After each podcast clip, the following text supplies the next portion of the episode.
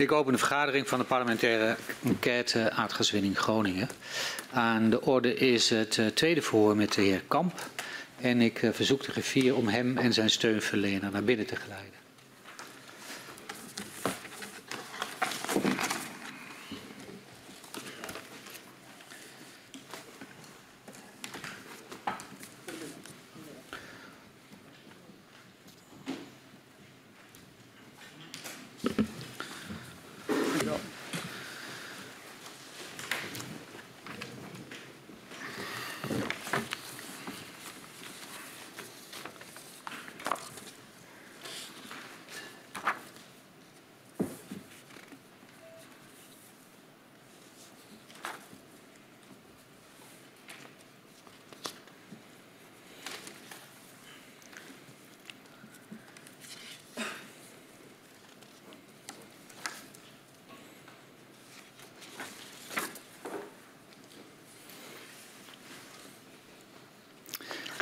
Wederom uh, welkom, meneer Kamp. En dat geldt ook voor u, meneer Damen, bij de parlementaire enquêtecommissie Aardgaswinning Groningen.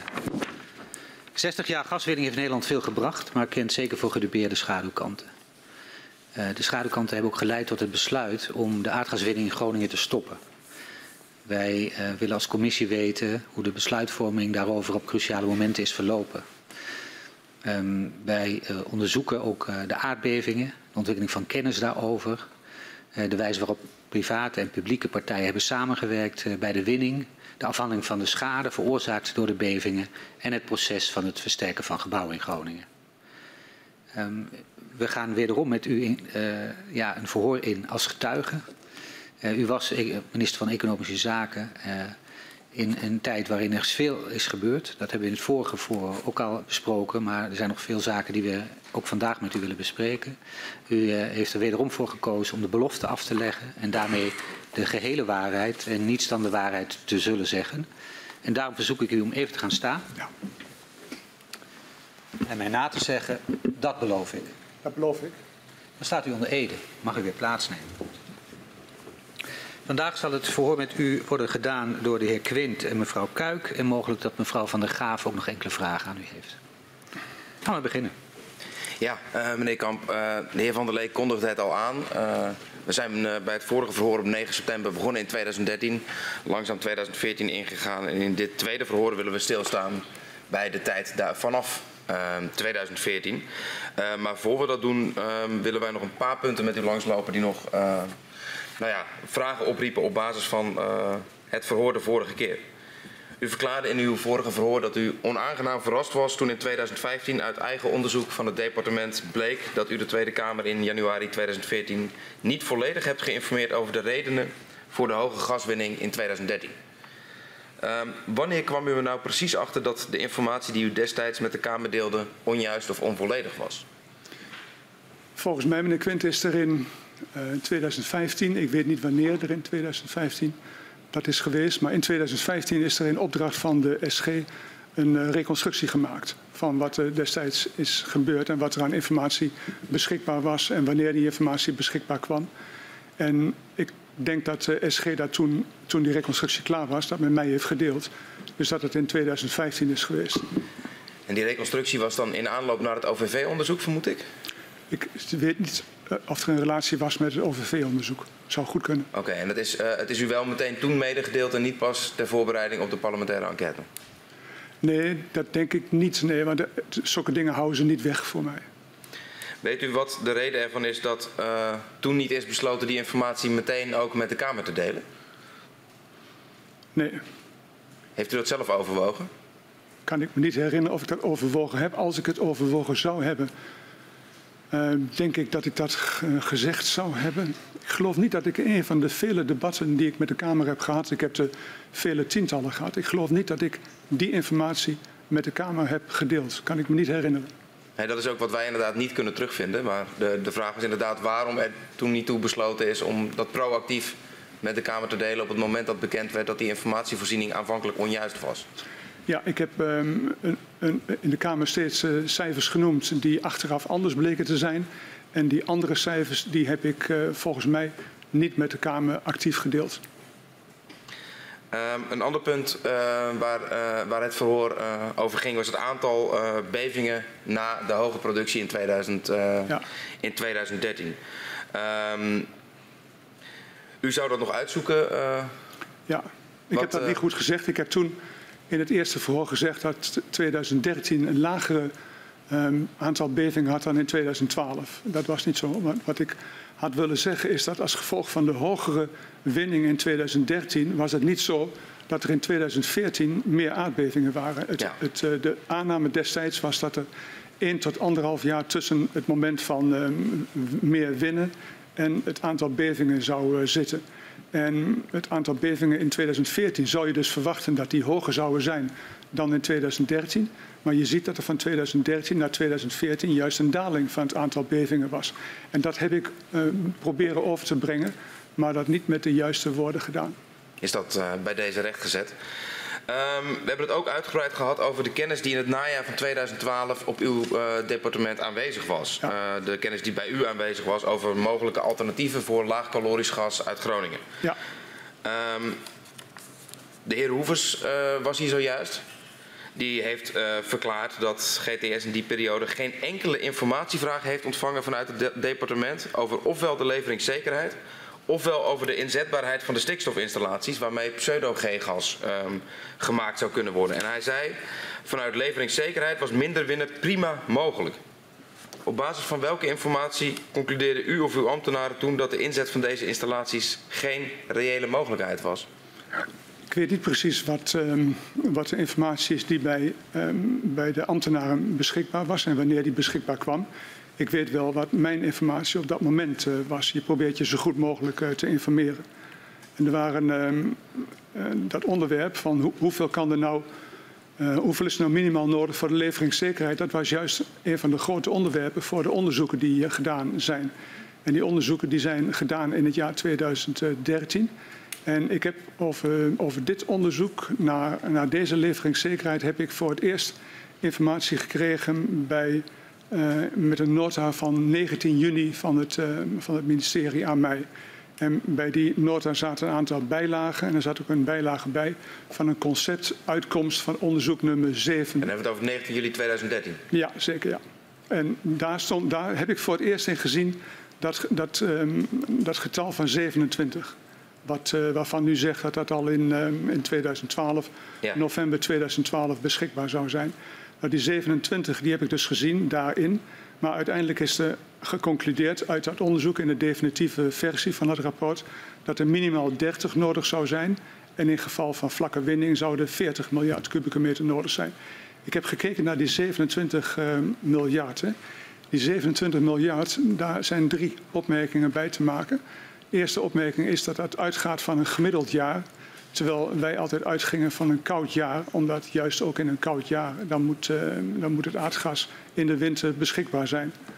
Um, het tweede punt wat, um, wat daar speelde, is dat um, de, de conversieinstallaties, werd, werd mij gezegd, en ik neem dus aan dat dat zo is, de conversieinstallaties, Wieringenmeer en Ommen. Ja. Dat waren installaties die nooit um, permanent ingezet waren. Integendeel, die werden af en toe gebruikt. En het was uh, onzeker. En, en, en uh, er, moest, er moest twijfel zijn, er was gereden twijfel of die installaties wel ineens 100% zouden kunnen draaien het hele jaar door. Door wie dus dat was dat? het. Wie, wie deelde u dat mede? Ambtelijk werd, werd mij dat gezegd. Oké. Okay. Uh, weet u op, op, basis waarvan zij hun informatie, uh, zeg maar, dit met u deelden? Nee, maar het is natuurlijk zo dat, kijk, ik ben zelf niet in staat om, om al die informatie die nodig is van de NAM en van de SODM en van, van GTS en van Gasterra en, en van, van deskundigen van buiten.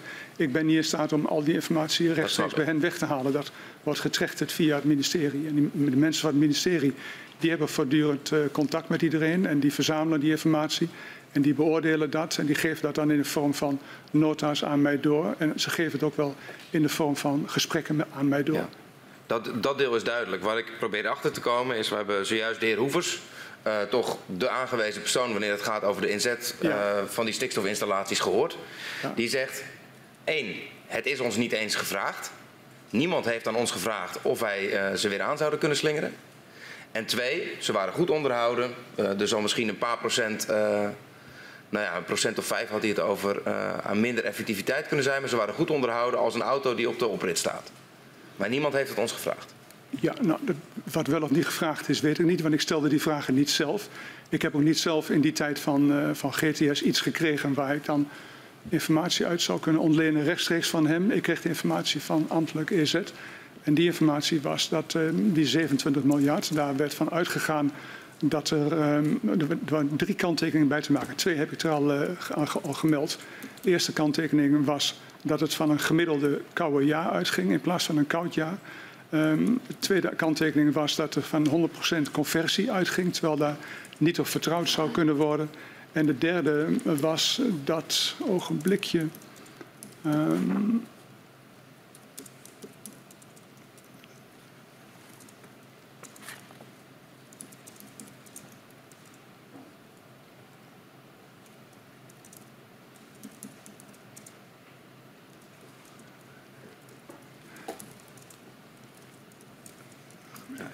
was nog een derde reden. Ik krijg hem zo wel.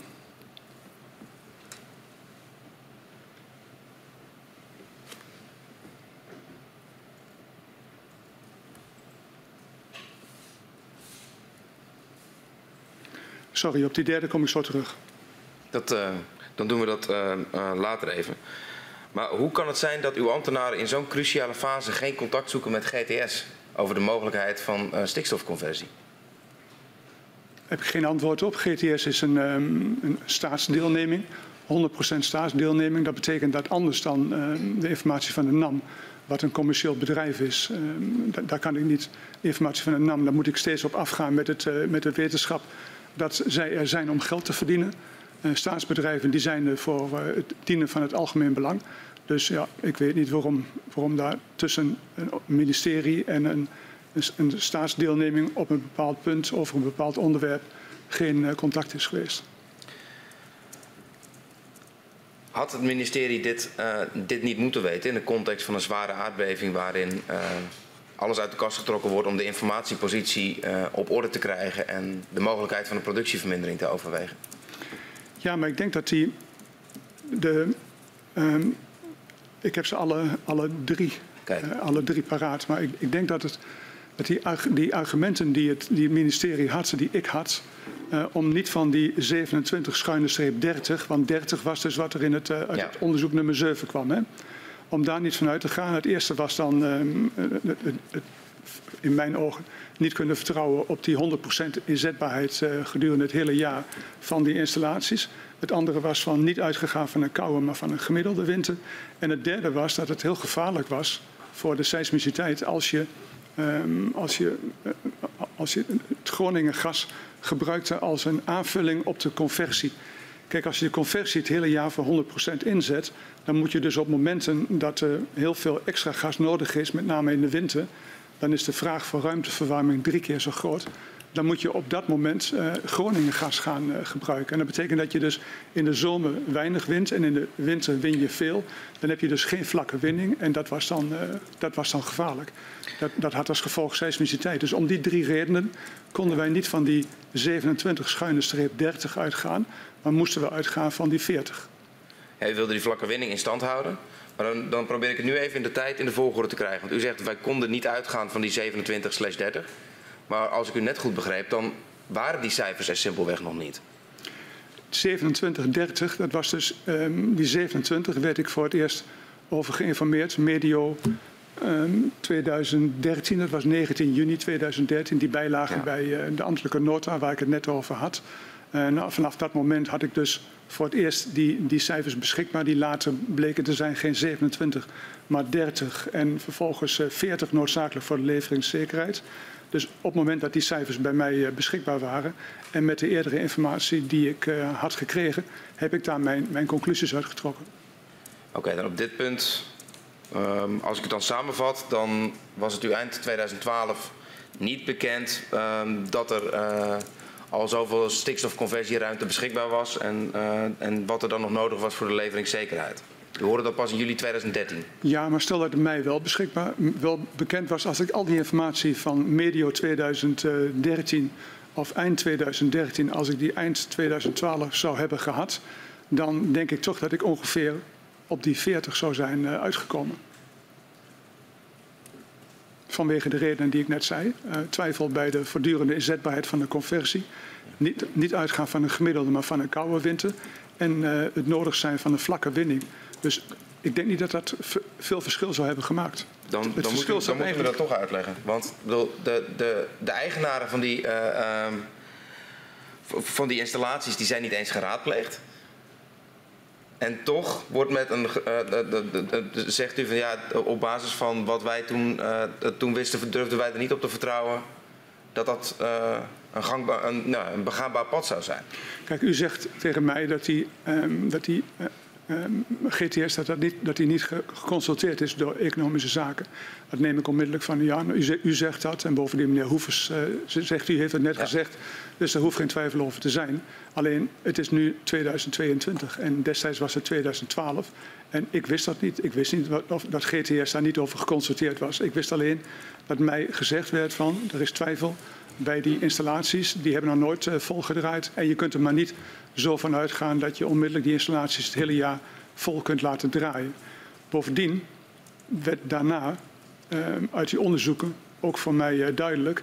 En uit, uh, ik zal over die vlakke winning zo nog iets zeggen over SODM, die mij ja. kort daarvoor al geïnformeerd had dat die vlakke winning noodzakelijk was. Um, kort waarvoor? Kort voordat dit speelde eind 2012. U spreekt, u spreekt nu over eind 2012. Ja. En in 2012 kreeg ik ook een, ehm, een, een conceptadvies van SODM onder ogen. En dat uh, conceptadvies dat bevatte vier punten. En een van die vier punten was dat uh, de NAM vlak moest winnen. Was dat toen al? Ja. Dus in, in 2012 um, berichtte de SODM, uh, SODM al met, nou ja, een van hun adviezen was natuurlijk zo snel en zo realistisch als mogelijk de gaswinning naar beneden. Ja. Maar zij, uh, zij adviseerde u toen al om ook over te gaan tot een zo vlak mogelijke winning? Niet helemaal juist zoals u het uh, zegt, okay. omdat het, uh, ik kreeg dat onder ogen in de vorm van een conceptadvies van SODM. Ja. En zo'n conceptadvies, daar, dat laten ze uh, circuleren op het ministerie, krijgen ze reacties op. En vervolgens komen ze dan met hun uiteindelijke advisering. Maar dat, ik kreeg dus eind 2012 kreeg ik dat conceptadvies onder ogen. En daar trof ik vier aanbevelingen aan en een van die aanbevelingen was dat uh, de NAM vlak zou moeten winnen. Dus ik had dat idee van die vlakke winning al.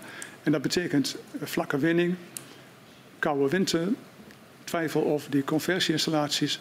Ja, en dat was voor mij de op dat moment relevante informatie. Was het u in uh, eh, 2013 bekend dat Gasterra een strategie toepaste waarbij laagkalorisch gas werd weggemengd in de hoogkalorische gasstroom om op die manier zoveel mogelijk Groningen gas te kunnen verkopen? Nee. Had u dat moeten weten?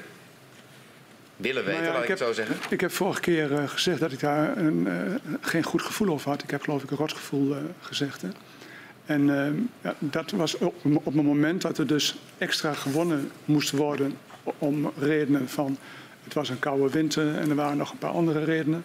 Maar wat in ieder geval geen noodzaak was, is om dat Groningse gas, om dat bij te mengen bij het hoogkalorische gas, waarbij de kwaliteit van dat hoogkalorische gas toch voldoende was om als hoogkalorisch gas te kunnen worden afgezet. Dus dat was gewoon een mogelijkheid om, om Gronings gas, laagkalorisch gas, om dat kwijt te raken, om dat te verkopen. Ja, en dat vind ik heel pijnlijk op een moment dat, je, um, dat er veel, uh, veel te doen is in Groningen. Of um, dat we niet onmiddellijk hebben besloten, maar dat we eerst onderzoeken wilden laten doen. Um, we hadden een planning van 49 miljard. Ze komen daarboven. En dan ga je ook nog extra gas verkopen eh, terwijl het niet nodig is. En nou, daar had ik een rot gevoel over, heb ik nog steeds. Maar het is in principe een logisch gevolg toch van de businessstrategie van Gasterra op dat moment in de tijd. Businessstrategie is toch niet om meer te, meer te, meer te verkopen dan je gepland hebt? De businessstrategie was, voor zover wij me hebben kunnen begrijpen, uh, kunnen begrijpen, om binnen het plafond zoveel te verkopen als mogelijk. Ja, maar er was een planning gemaakt voor het jaar 2013. Eh, en dat was een planning van 49, misschien 49,1 miljard. Maar daar wil ik af zijn. 48,9. Sorry. Uh, dat, uh, dat doet er niet toe verder. Uh, maar dat was geen planning, dat was de prognose. Dat was niet de doelstelling of het maximum, dat was de prognose. Waarvan Gasterra op basis van de inschatting verwacht had dat dat het, de hoeveelheid te verkopen gas zou zijn. Maar goed, zoals we later in het jaar hebben gezien, um, Het was ook niet meer dan dat. Nou, ik had in mijn hoofd een planning. Het was zo dat uh, 48 miljard gewonnen was afgerond in het jaar 2012. Um, mijn, planning, mijn idee was een planning voor het jaar 2013 van 49 miljard. En daar ging ik vanuit. Dus op het moment dat er meer dan die 49 gewonnen werd, ja, kwam daar natuurlijk ook, uh, ook, ook gedoe over, terecht ja. gedoe over. Uh, en werd, heb ik dus ook gevraagd van ja, wat is dat? En toen werd er dus gezegd, ja, die cijfers die ik u vorige keer gegeven heb, hè, voor um, de, de, de, kleine velden die leverden minder op. Um, er was een koude winter en nog enkele redenen.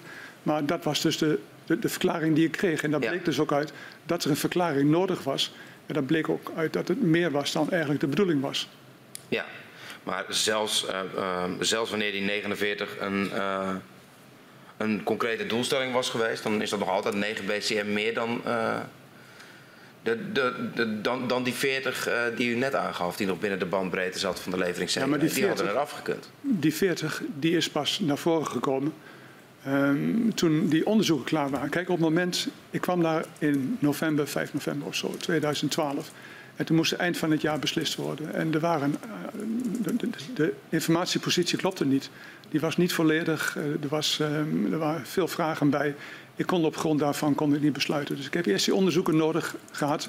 De resultaten van die onderzoeken om daarna een besluit te kunnen nemen. Dus op, op dat moment dat die onderzoeken liepen, ja, kon ik niet tot 40 besluiten, want ik moest eerst wachten tot die onderzoeken klaar waren. En vanaf dat moment had ik kunnen besluiten tot 40 en toen hebben we besloten tot 42,5. Ja, daar uh, gaan we het ook nog over hebben. Um, in eerdere verhoren is verklaard dat u in mei of juni 2013 door uw ambtenaren geïnformeerd wordt uh, over de bijgestelde verwachting en de boodschap dat de gaswinning uit het Groningenveld richting de 53 miljard uh, kubieke meter gaat. Ja, ik heb gehoord dat, uh, dat er gezegd is mei of juni. Ik denk dat. Uh, ik heb vorige keer ook al gezegd dat ik in, in januari 2014 14. dat ik een, een, nota kreeg waarin stond, of een redeneerlijn was dat geloof ik, in de vorm van een redeneerlijn, waarin stond dat we eind van het jaar 2013 geïnformeerd waren over dat meerdere.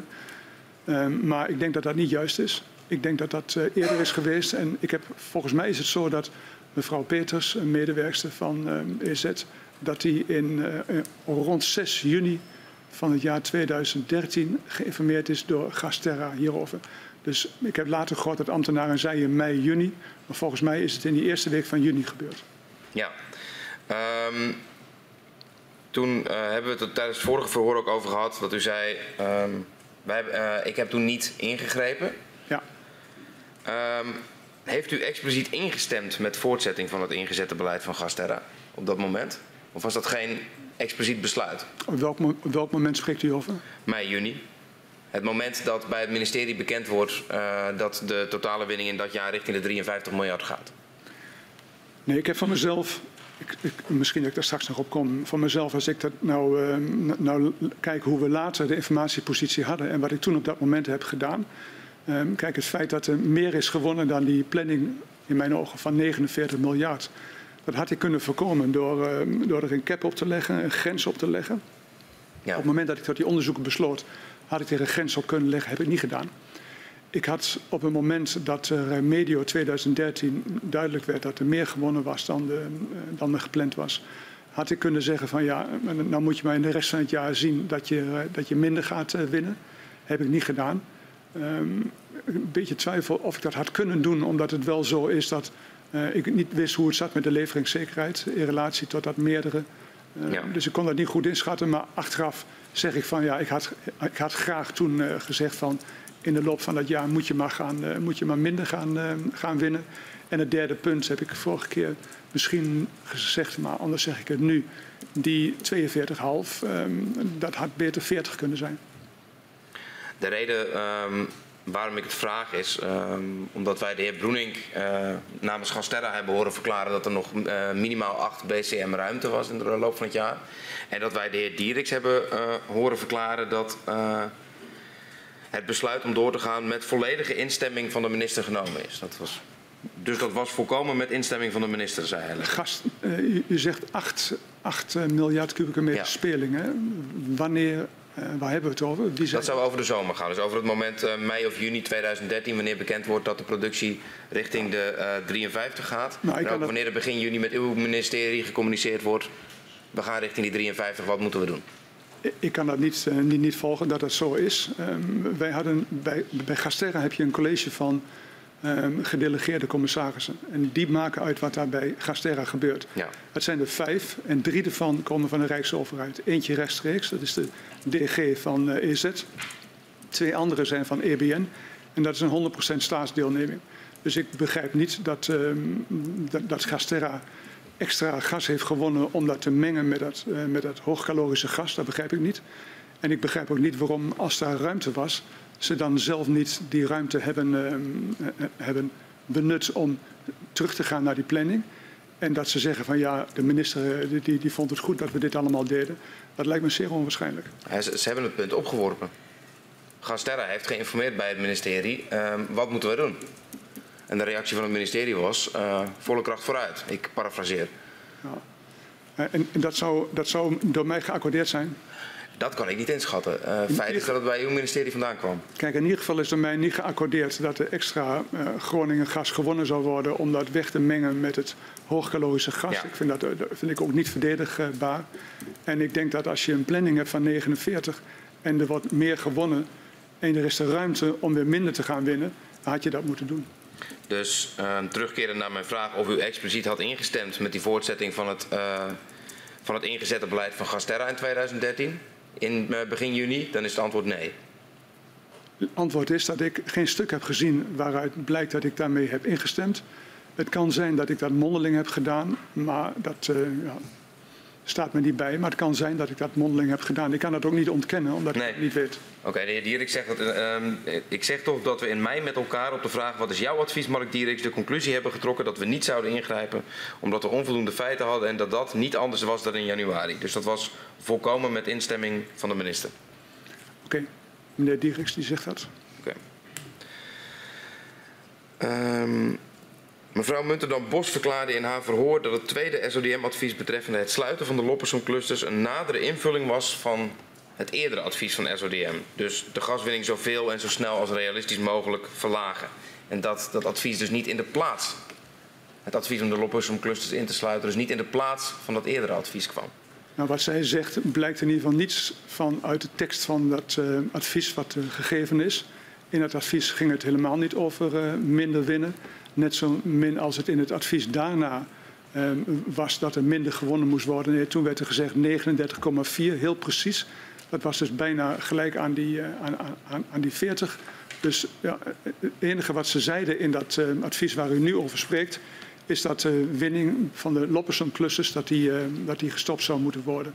Nou, wij hebben dat nagegaan. Ja. En als je die winning helemaal zou stoppen, dan zou je in een koude winter niet voldoende capaciteit hebben om toch het gas te leveren wat je zou moeten leveren. En om dat wel te kunnen doen, heb je dan een, een soort waakvlam nodig. En die waakvlam die zou ongeveer 2,8 miljard kubieke meter per jaar moeten uh, zijn. En uh, toen is vervolgens besloten om die winning van die Loppersum clusters van 13 naar 2,8 uh, terug te brengen. In mijn hoofd zijn dat de cijfers. Maar uh, het beeld van mevrouw Muntendam-Bos, namelijk uh, dit advies, uh, dus bovenop het advies om zo snel en zoveel mogelijk terug te gaan in het gehele Groningenveld? Dat blijkt dus niet uit de tekst van het advies. En bovendien het volgende advies, dat hield in heel precies, gaan 39,4 miljard winnen. Ja, en behalve dat het niet bleek uit de tekst van het advies, is dat ook niet iets wat in, voor zover u weet, mondeling is toegelicht op het ministerie? Of? Misschien nog even op het punt um, waar uh, de heer Quint het net had uh, over uh, met volledige instemming van de minister kon Gasterra door met zijn ingezette beleid. Um, u gaf al aan, het is zeer onwaarschijnlijk dat, dat, dat u had ingestemd met um, doorgaan terwijl er 8 BCM terug had kunnen worden gedrongen. Dat laatste niet... wist ik niet hè? Dat laatste wist u niet. Oké, okay, maar dan is dat helder. Maar ik vind het zo onwaarschijnlijk dat um, als drie van de vijf van de Rijksoverheid zijn en we hebben een groot probleem vanwege de onrust die er in het gebied is, dat je dan niet alleen die, die, die 4 miljard of zo, 4, 5 miljard die extra gewonnen is, dat je dat niet uit jezelf corrigeert, Ja. maar dat je zelfs iets doet wat, wat totaal onnodig is. Dus ik, ik kan me daarbij, wat daar gebeurd is, kan ik me, dat kan ik niet goed verklaren, kan ik niet goed, recht, goed praten. En het is niet erg waarschijnlijk dat ik dat destijds allemaal maar zo liet lopen, terwijl ik uh, zou hebben geweten dat het anders is. Oké, okay. nee, maar dan hebben we dat uh, uh, helder. Dan ga ik naar 30 september 2014. dan vindt er een aardbeving plaats bij Ten Boer. Met een kracht van 2,8 op de schaal van Richter. Op 16 december 2014 geeft Staatstoezicht een advies met vier regionale productieplafonds. Met deze deelplafonds komt de maximale productie op 39,4 miljard kubieke meter. Wat vond u ervan dat staatstoezicht een expliciet getal noemde in plaats van zoveel mogelijk terugbrengen van de winning of sluiting van een cluster? Ja, dat was voor mij een gegeven. Weet u, we komen er straks nog over te spreken, maar op een gegeven moment hebben ze ook gezegd van 24 miljard, maar misschien kan het straks nog weer 27 worden. En op een gegeven moment hebben ze ook gezegd van blijf bij die 24 miljard. En toen ben ik zelf daar 10% onder gaan zitten. Dus ja, dat zij uh, precieze aantallen noemden, dat, uh, nou ja, dat was voor mij een gegeven gedurende die hele periode. Ja, want uh, de, de, de, de, het jaar daarvoor uh, was het eigenlijk veel breder. Namelijk zoveel als mogelijk terugbrengen, als realistisch mogelijk terugbrengen. Wanneer spreekt u dan over? dan hebben we het over 2000, eind 2012, 2000, begin 2013. En dan is het nu een jaar later en komen ze met een getal. Verbaast u dat? Nee, ik heb dat, ik heb dat voor als een gegeven aangenomen. Ja. Het is zo dat zij, uh, zij waren er voor de veiligheid, GTS was er voor de leveringszekerheid. En ze deden daar zelf allerlei onderzoek uh, voor. Ze lieten onderzoek doen en ze bevroegen de NAM. En ze hadden contact met het ministerie. Uiteindelijk kwamen ze dan met een, uh, met een advies. En dat advies, ja, dat was dan waar ik dan vervolgens wat mee moest gaan doen. Um, ik, ik, heb niet tegen hen gezegd van, nou, weet je wel zeker dat je dat goed adviseert? Of is dat wel aan jou om een getal te noemen of zo? Dat soort dingen niet. Het is ook, de, nee. ook niet de manier waarop je met SODM omgaat. Hè. SODM is onafhankelijk mm -hmm. en die hebben een eigen verantwoordelijkheid en die komen met een advies en dat heb je te respecteren dan. Ja. Uw uh, ambtenaren schrijven in een nota van 5 december 2014 aan u. Doordat SODM expliciet vier productieplafonds oplegt, gaat SODM indirect steeds meer in detail meesturen in de operationele verantwoordelijkheid van NAM in het Groningenveld. De vraag is of dit een gewenste situatie is.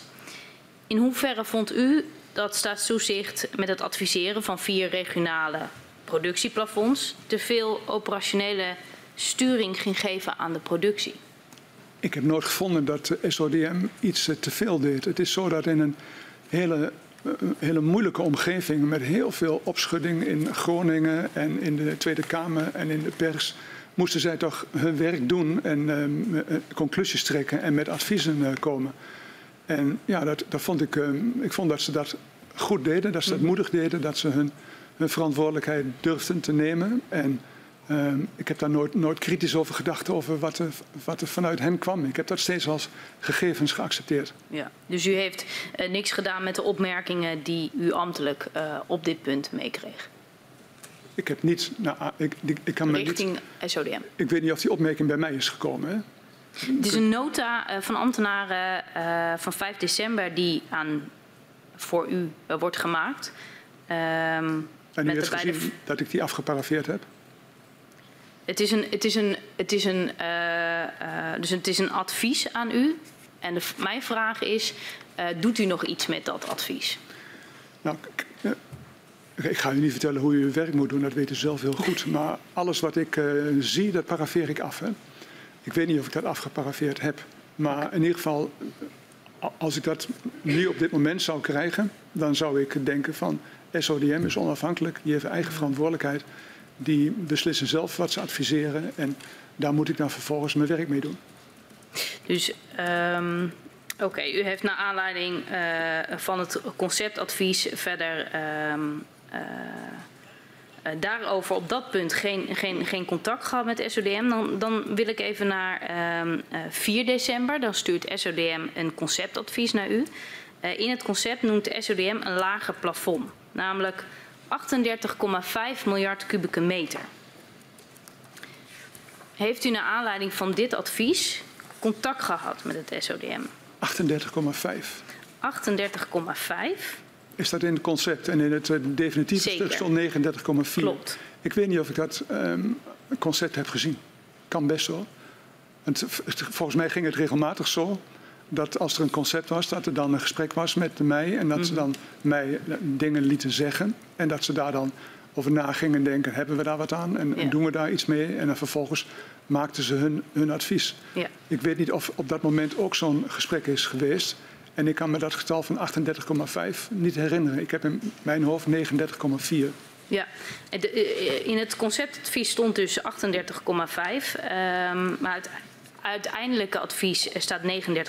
En de heer Van der Meijden verklaarde in zijn verhoor uh, dat u een fout zag in de histogrammen, in de conceptreportage, waardoor het pro productieplafond kon worden verhoogd van 38,5 kubieke meter naar 39,4. En mijn vraag is dan, klopt dat? Ja. Maar dat is niet verkeerd dan dat ik de stukken uh, goed, goed, gelezen had op dat moment. Zeg me zo niks hoor, maar ik, nee. het is wel de manier van doen hoor. Dat, het zal heel, heel goed kunnen als meneer Van der Meijden dat zegt. Dan zal dat gewoon zo zijn. Dus dat, meneer Van der Meijden had een conceptadvies. Uh, um, praat daarover met mij, met een paar ambtenaren. Want ik, ik heb nooit gesprekken alleen maar uh, in mijn eentje. Altijd, er zijn altijd ambtenaren bij. Hè? Ja. Um, dus ik heb dat gesprek met meneer Van der Meijden en ik zeg wat hij, hij, vertelt hoe hij er tegenaan kijkt. Mm -hmm. Ik maak een paar opmerkingen uh, van mezelf of van, vanuit ambtelijk uh, advies. En hij gaat dan weg en hij kijkt wat hij daarmee doet. Ja, dus het is voorstelbaar dat u een rekenfout uh, ontdekte in de histogrammen? Ik ben er gek genoeg voor. Ik heb het vaker gedaan. We lezen in een mail ten tijde van, de concepten, van het conceptrapport um, dat minister Dijsselbloem geen voorstander was voor verdere verlaging van de gaswinning.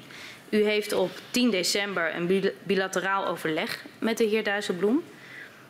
In hoeverre hielp deze meevaller uh, ten opzichte van, de van het conceptrapport ervoor dat minister Dijsselbloem wel akkoord ging met verdere daling? Volgens mij is dat niet aan de orde geweest. Ik, weet niet, ik denk niet dat meneer Dijsselbloem geweten heeft van 38,5. Als ik het dan niet weet, denk ik dat hij het. Uh, dan heeft dat uh, op dat moment geen rol gespeeld. Dat denk ik niet. Oké. Okay. Herinnert u zich die discussie met uh, minister Dijsselbloem nog wel? Ik herinner die mailwisseling. Hij zat toen in Singapore en ik zat in Nederland. En toen hebben we een mailwisseling gehad. En ik denk dat ik daarna ook een gesprek heb gehad met hem, maar dat weet ik niet. Want het is niet ongebruikelijk hoor. Want ik heb je verteld hoe die besluitvorming gaat. Hè? Ja. Ik doe mijn eigen ding, dan praat ik met de meest betrokken ministers erover. Dan hebben we een onderraad van de ministerraad. En dan hebben we de ministerraad zelf. En zo gaat het getrapt. En het uiteindelijke besluit wordt door de ministerraad genomen. Singapore is een, uh, is een, uh, een jaar later, dat, of eerder, excuus. Dat gaat over uh, de discussie tussen 40 en 42,5. Um, nu zijn we een, een, jaar verder, eind 2014. Heeft u, heeft u gelijk 40, 42,5? Dat was toch de discussie waar ik over met hem gesproken heb. De vorige Zeker. keer zei u tegen mij... Um, je hebt toen gezegd dat je eigenlijk vindt dat 40 genoeg is. Zeker. En Dijsselbloem zei toen dat hij 42,5 wilde. Um, spreken we daar nu niet over? Nee, het is nu één jaar verder. En dan zitten we in... Eind 2014, dus dan nemen we de beslissing over 2015. Ogenblikje. Geen probleem.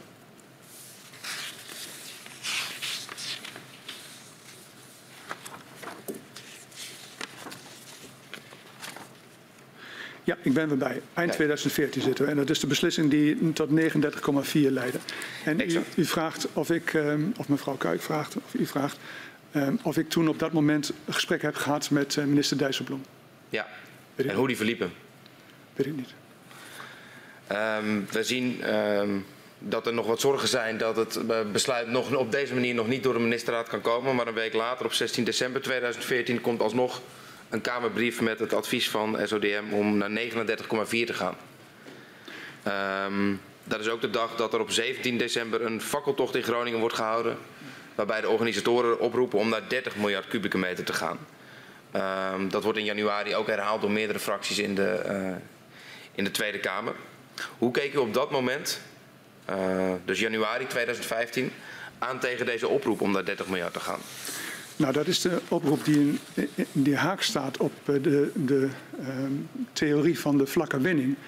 En het is misschien toch goed, uh, meneer Quint, dat ik daar even aangeef hoe daar door de, in de loop van de jaren dat ik daar zat, hoe daar tegen die vlakke winning aan werd gekeken. Ik zal niet herhalen wat ik net zei, Ja. namelijk uh, dat er al in december 2012 een, conceptadvies was van SODM waar dat in stond, die, uh, die, die vlakke winning. Uh, maar ook in dat advies van 39,4 Kijk, die 39,4 die komt vrijwel overeen met die 40 uit uh, onderzoek nummer 7. En die 40 was gebaseerd op vlakke winning. Dus ook SODM ging in, die, in dat advies van 39,4 uit van de vlakke winning. Dan hebben we in mei 2016 nog een keer een um, advies van SODM gekregen waarbij ze weer benadrukten dat er zo vlak mogelijk over het jaar uh, gewonnen moest worden om fluctuaties ja. in de winning te voorkomen. De Mijnraad in juni 2016 heeft ook nog weer gezegd van uh, vlakke winning. En SODM in april 2017, april 2017 heeft nog een keer gesproken over het belang van uh, vlakke winning. Dus dat is eigenlijk in mijn hele periode is dat um, een, een, gegeven geweest, die vlakke winning. Ik moet zeggen, op het allerlaatst um, werd dat wat anders. Want er was op, uh, op een gegeven moment ook een uitspraak van de Raad van State... Ja. waar we nog op, op terechtkomen. Zeker. En die zei van ja, je moet niet uitgaan van een koude winter... maar van een gemiddelde winter. En op het moment dat je van een gemiddelde winter uitgaat... dan accepteer je dus, deed ook de Raad van State... dat je in een koude winter 6 miljard extra bij moet gaan uh, winnen. Ja. Dus dan heb je het hele jaar gewonnen en dan is het koud... En dan moet je de, de normale winning die je dan hebt met 6 miljard verhogen. En het verhaal was altijd van ja, dat is, uh, dat is uh, gevaarlijk vanwege uh, de extra seismiciteit die je dan uitlokt. Nu u het toch over de, de vlakke winning hebt, teruggaan tot het concept van SODM in eind 2012, denk ik dan. Ja, eind 2012. Heeft u ooit kunnen achterhalen waarom dat advies niet in het definitieve advies van SODM is opgenomen. Want we zien de, de vlakke winning wel terug in het concept, maar niet in het definitieve advies. Nee, nee het is uh, zo gegaan dat ik dat niet spontaan als herinnering had. Maar ik heb de voorbereiding van de gesprekken ja. met u geprobeerd mijn herinnering zoveel mogelijk op te frissen. Heb ik dus heel veel stukken gelezen. En een van die stukken die ik las was een ambtelijke nota waarbij dan dit uh, als bijlage was gevoegd. En als we dan teruggaan naar de discussie in januari 2015, dan was het uh, naar uw inzicht op dat moment niet mogelijk om allebei te doen. Om terug te gaan naar 30 uh, BCM gaswinning en om aan de vlakke winning te voldoen. Nee, als je, op het moment dat je teruggaat naar 30 miljard winning, dan gebruik je de conversiecapaciteit en de, en de opslag die je hebt en, en, een deel wat je uit Groningen had, dat gebruik je als basis. Maar op het moment dat het dan, dat het dan heel, heel koud wordt, dan moet je dus meer gaan winnen. Um, en dan krijg je dus het verschil tussen zomer en winter. En dat leidt dus tot, tot seismiciteit. Dus ik ben er in mijn periode steeds van uitgegaan, op het laatst minder. Maar in die vijf jaar, het overgrote deel van die periode, ben ik ervan uitgegaan dat die, die vlakke winning dat dat iets was wat, ja, wat gewoon moest. Op grond van SODM, op grond van mijn raad en op grond wat, van wat mijn eigen ambtenaren Ja. zeiden. Die benadrukten dat ook. Um, in, die, uh, in diezelfde periode, in januari 2015, verkent het ministerie van Economische Zaken of de gaswinning verder uh, omlaag kan. Uh, GTS geeft dan desgevraagd aan dat het mogelijk is om de gaswinning te verlagen naar 33. Ze hanteren daarbij zelfs nog een bandbreedte die nog een stuk verder naar beneden loopt, namelijk in de 20. Um, dus van 21 tot 33 miljard kubieke meter. Welke periode spreekt u nu? dat gaat nog steeds over januari 2015. Januari 2015. Ja. En mijn vraag is waarom het ministerie toen verkende of de gaswinning nog verder omlaag kon. Uh, kijk, in januari 2015 zaten we dus in de voorbereiding van welk besluit. Dat was het besluit van 39,4 waar we steeds over spreken. Ja. ja. Um, nou ja, weet je, op het moment dat de SODM zegt 39,4 en op het moment dat um, GTS aangeeft dat je uitgaande van vlakke winning en uitgaande van een koude winter, dat je in die orde van grootte het nodig hebt, ja, dan, dan is dat de basis voor het besluit wat genomen is. Mijn vraag is juist, uh, er gaat een verzoek uit om te, uh, vanuit het ministerie om te informeren of het lager kan. Um, En daar komt dan uh, uit dat GTS aangeeft dat het bijvoorbeeld mogelijk is om de gaswinning te verlagen naar 33 miljard kubieke meter. En dat zelfs, zit dan zelfs aan de bovenkant van de bandbreedte die zij, die zij aangeven.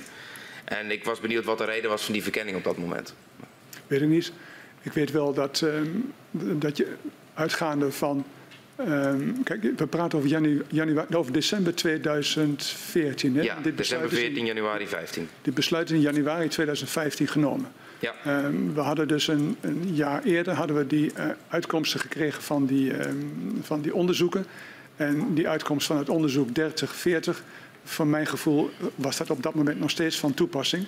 En dat werd dus ook bevestigd door wat SODM daarover zei. Dus ik, ik ben. Ik, ik, ik, weet niet dat, we daar, uh, dat er toen ook iets speelde wat betreft GTS. Anders, um, anders dan wat ik nu zeg, namelijk die 30, 40 kwam ook van GTS. Ja. Economische Zaken is op dat moment ook in onderhandeling met de regio over een aanvulling op het bestuursakkoord van januari 2014. Um, in hoeverre werd het winningsniveau betrokken bij die onderhandelingen? Niet. Kijk, ik, ik, ik wist dat die winningsniveaus um, dat die heel discutabel uh, waren. En je kunt daar de regio niet, niet verantwoordelijk voor maken. Ook, uh, ook, de maatschappelijke organisaties niet verantwoordelijk voor maken. Het was mijn taak om daar, om, om daar, uh, om daar besluiten over te nemen en voorstellen te doen aan de ministerraad. En ik ging uit van SODM, GTS, mijn raad, mijn eigen ambtenaren. Dat waren mijn adviseurs. En op het moment dat ik daarover ga onderhandelen met anderen, ja, als je onderhandelt, moet je ook iets, iets uh, bereid zijn uh, uh, toe te geven, weg te geven. En ik vond dat, ik, dat het mijn verantwoordelijkheid was om dat, om dat moeilijke besluit te nemen. En dat ook bij mezelf te houden. Um, herinnert u zich dat op dat moment de bestuurders in de regio um, productiebeperking als een voorwaarde zagen om uh, überhaupt tot een herziening van het bestuursakkoord te komen? Nee. Maar er is um, die herziening van het bestuursakkoord, die is volgens mij wel tot stand gekomen. Zeker. En aan die voorwaarden is, dacht ik, uh, op dat moment niet voldaan. Later wel, want we zijn natuurlijk al, al die tijd bezig geweest om die gaswinning terug te dringen. Uh, ik heb vorige keer al gezegd van uh, het laatste jaar voor ik kwam was het 48 en toen ik wegging was het 20. En dat is een, een, een, een baan naar beneden geweest, een worsteling naar beneden die voortdurend er is geweest. Dus later kwam dat wel aan de orde, maar op dat moment van die 39,4 um, was dat niet zo. Um, u heeft in die periode op, uh, op 2 februari ook een gesprek met de bestuurders en de aandeelhouders uh, van NAM. Um, in de gespreksverslag lezen we echter dat u aangeeft juist vast te willen houden aan de 39,4 uh, kubieke meter. Hoofdzakelijk vanwege de, de inkomsten voor de overheid. En dat u in ruil daarvoor hoopt dat er iets anders voor de regio kan gebeuren. Herinnert u zich dat gesprek? Nou, ik weet dat ik gesproken heb met uh, Shell, met ExxonMobil, met NAM. Uh, heel vaak met NAM, veel minder vaak met uh, Shell en met Exxon. Ja. En wanneer dat precies geweest is, dat weet ik allemaal niet.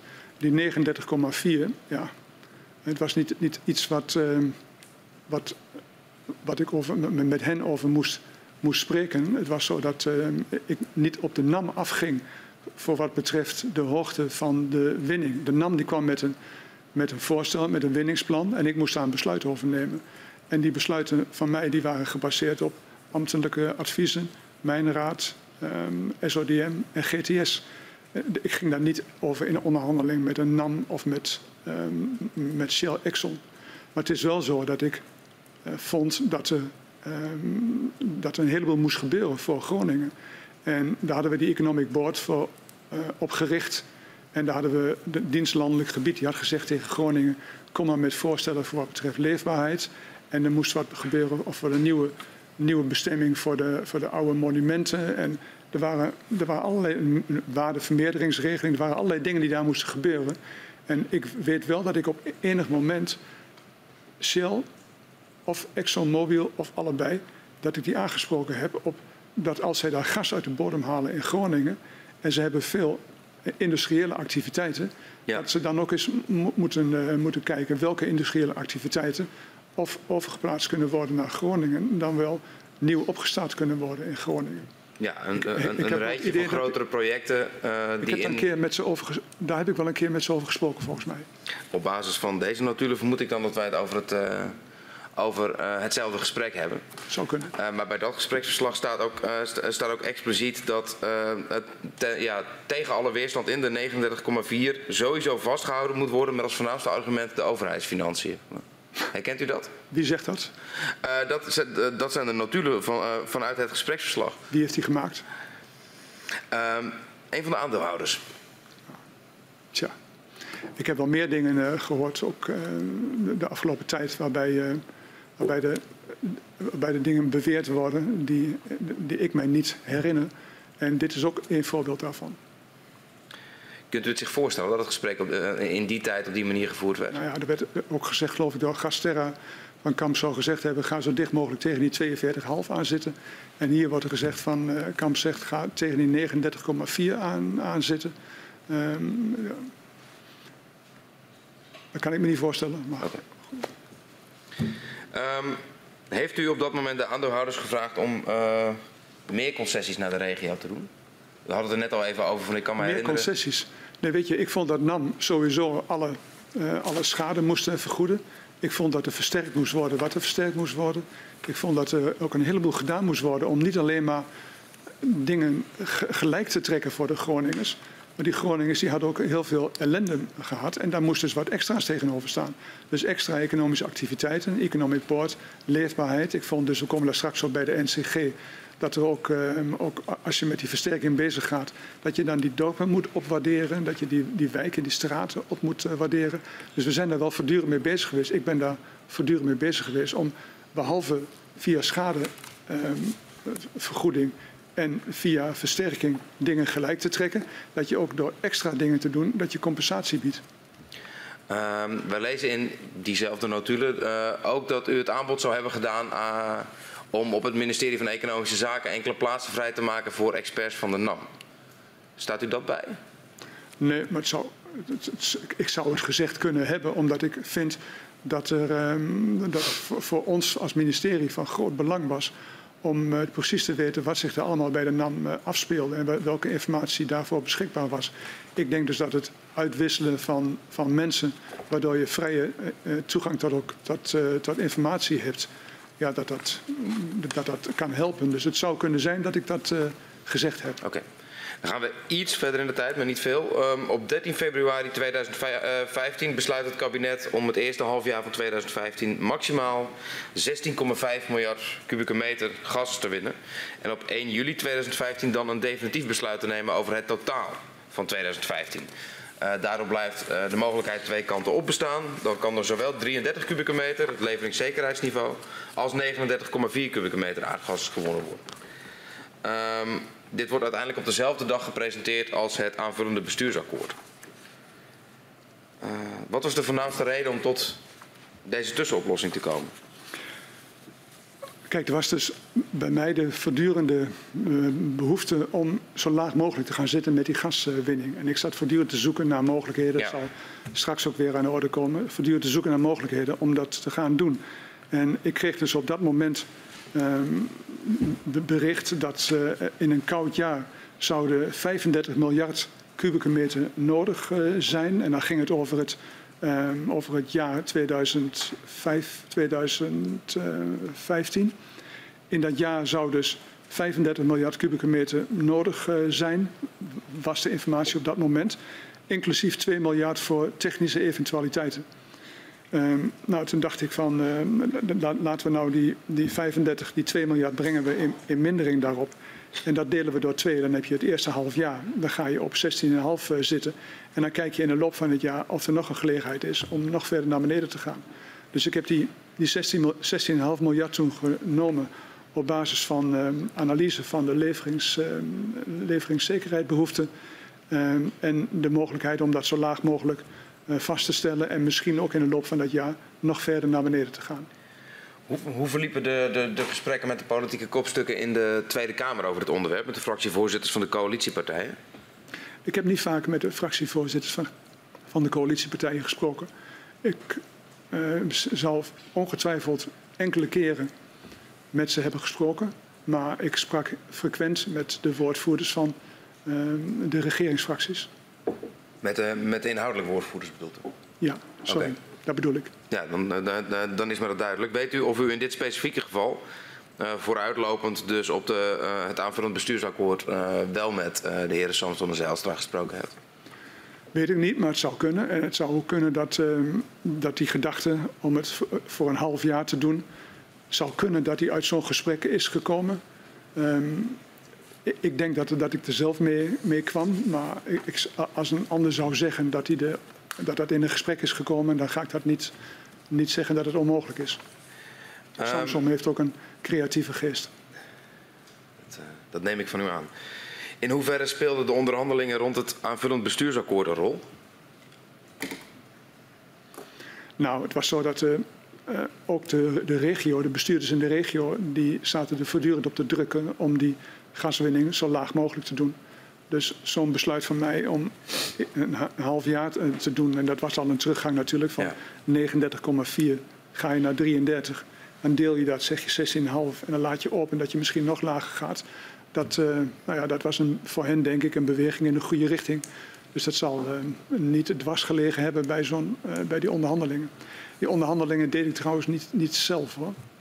Nou, de, de, de, de reden dat ik het vraag is omdat u net eh, zo expliciet zei van ja, maar met, met de regio onderhandel ik niet over, eh, over winningsniveaus. Nee. Dat is mijn eh, verantwoordelijkheid als minister. Daar dien ik een verantwoordelijkheid voor te dragen en daar hoef ik anderen niet mede verantwoordelijk Ja. voor te maken. Maar wat ik nu ook, ook zeg is dat het niet dat ik erover onderhandeld heb. Maar ik, heb, ik zeg het zal zeker geholpen hebben. Als, de, als zij, zij willen dat je minder doet, als ze zien dat ik minder doe, dan, zal dat, dan heeft dat geen blokkade opgeleverd voor die, voor die onderhandelingen.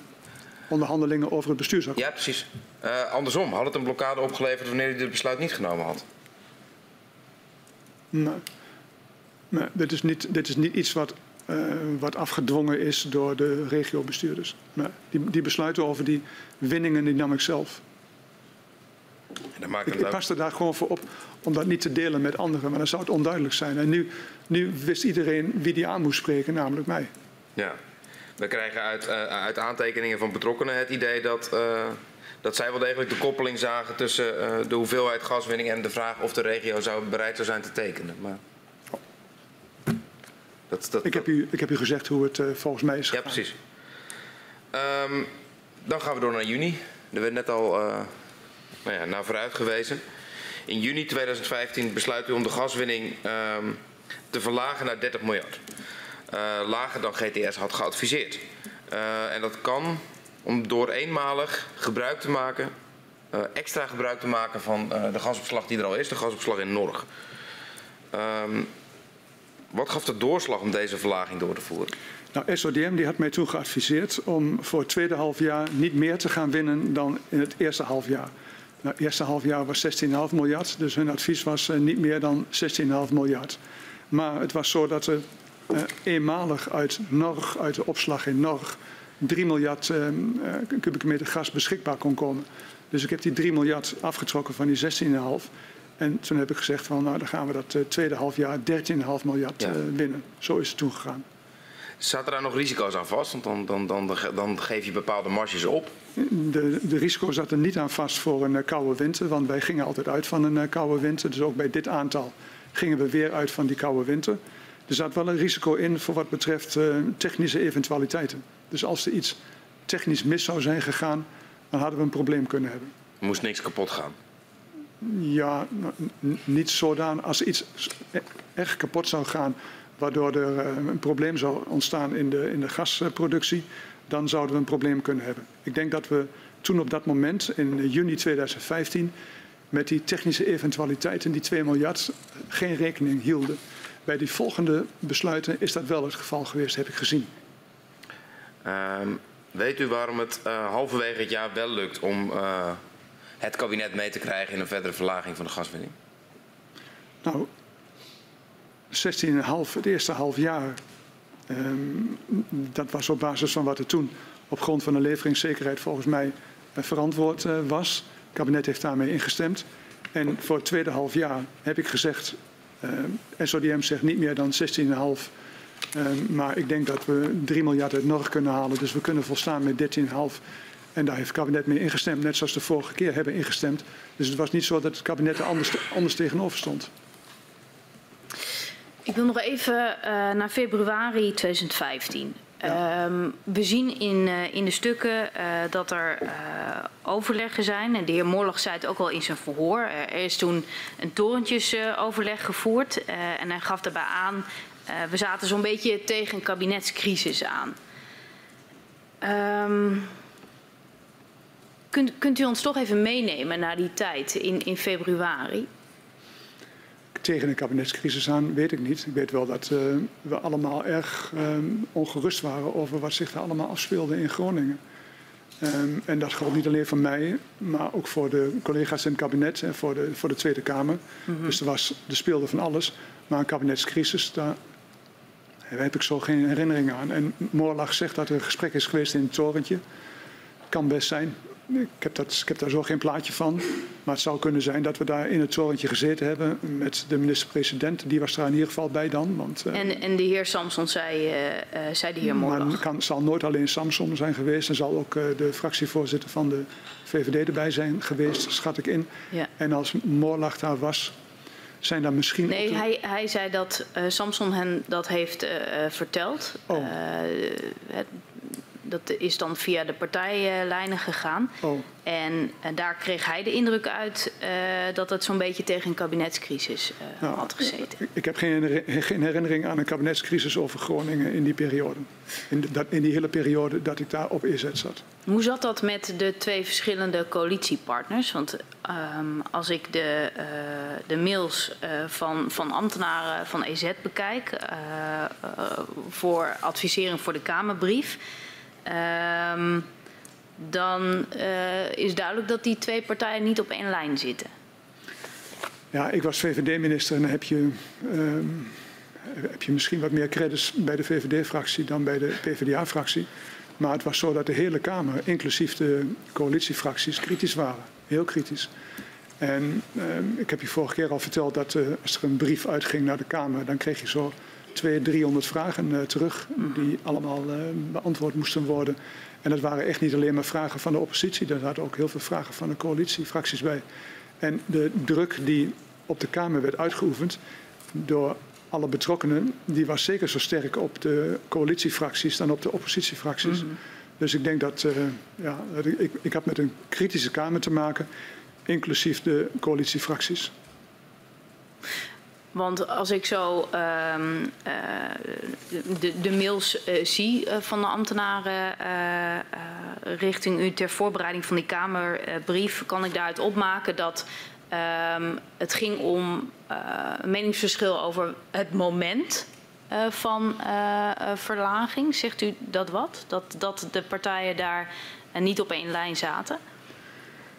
Nee, ik denk dat, zoals ik al zei, dat ik zelf erop uit was om zo min mogelijk te winnen. En vandaar ook van die 48 op die 20 ben uitgekomen. Maar dat gold zeker ook voor, uh, voor de Kamer.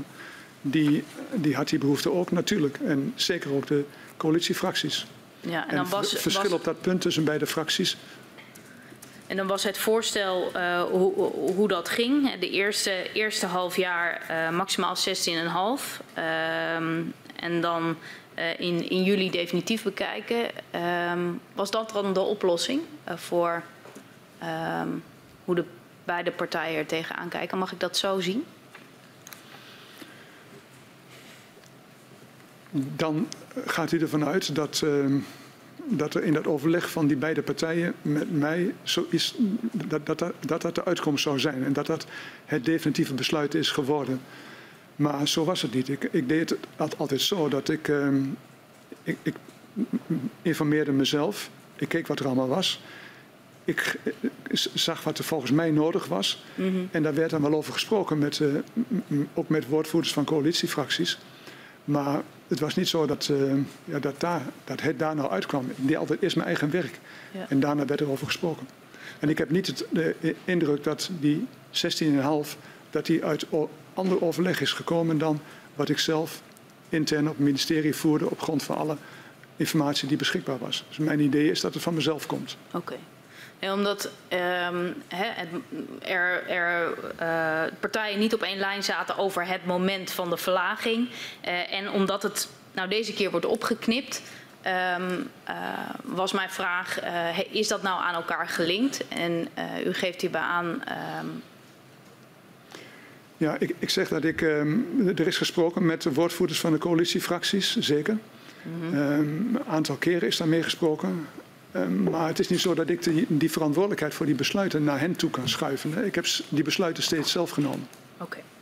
Op uh, 18 november 2015, u had het er al over gehad, vernietigt de Raad van State zowel het instemmingsbesluit van januari 2015 als het wijzigingsbesluit van juni 2015. De Raad van State vindt dat er ten onrechte uh, is uitgegaan van een koud jaar. Wat betekende deze uitspraak van de Raad van State? Dus eerst misschien goed om met elkaar even vast te stellen dat dat de enige uitspraak is van de Raad van State in die vijf jaar dat ik daar op EZ zat, die op de hoogte van de winning betrekking had. Hè. Dus al die besluiten die ik genomen heb, die, dat, dat waren besluiten die we zelf namen. En dit is een besluit van de Raad van State geweest. We hadden dus al besloten tot 30. Dat was die optelsom van die 16,5 en die 13,5. Ja. Toen kwam de Raad van State met uh, 27. 27 is twee keer 13,5. Dus wat ik voor het laatste half jaar van 2015 had, mm -hmm. dat zij je zei, dan moet je nou voor een heel jaar gaan uh, doen. Dus dat was daarmee in overeenstemming. Ja. Zij zeiden van, daar kan 2 miljard bij komen in geval van technische ev eventualiteiten. Mm -hmm. En daar kan 6 miljard bij komen in geval van een koude winter. Dus wat zij eigenlijk deden, is ze, ze lieten dat concept van die koude winter los. Ze, zij gingen naar een gemiddelde winter toe. Precies. En dat betekent dat zij dus ook op de koop toenamen dat je dan in de loop van een koude winter 6 miljard extra moest winnen. Met alle gevolgen volgens mij uh, voor de seismiciteit. En ik heb al ge gezegd dat op dat moment was de informatie onder andere van de Mijnraad, van, uh, in ieder geval van SODM, was dat je vlak moest winnen. Ambtenaren zeiden vlak, je moest vlak winnen. Mijnraad zei het een, een half jaar later nog een keer. SODM zei het een jaar later nog een keer.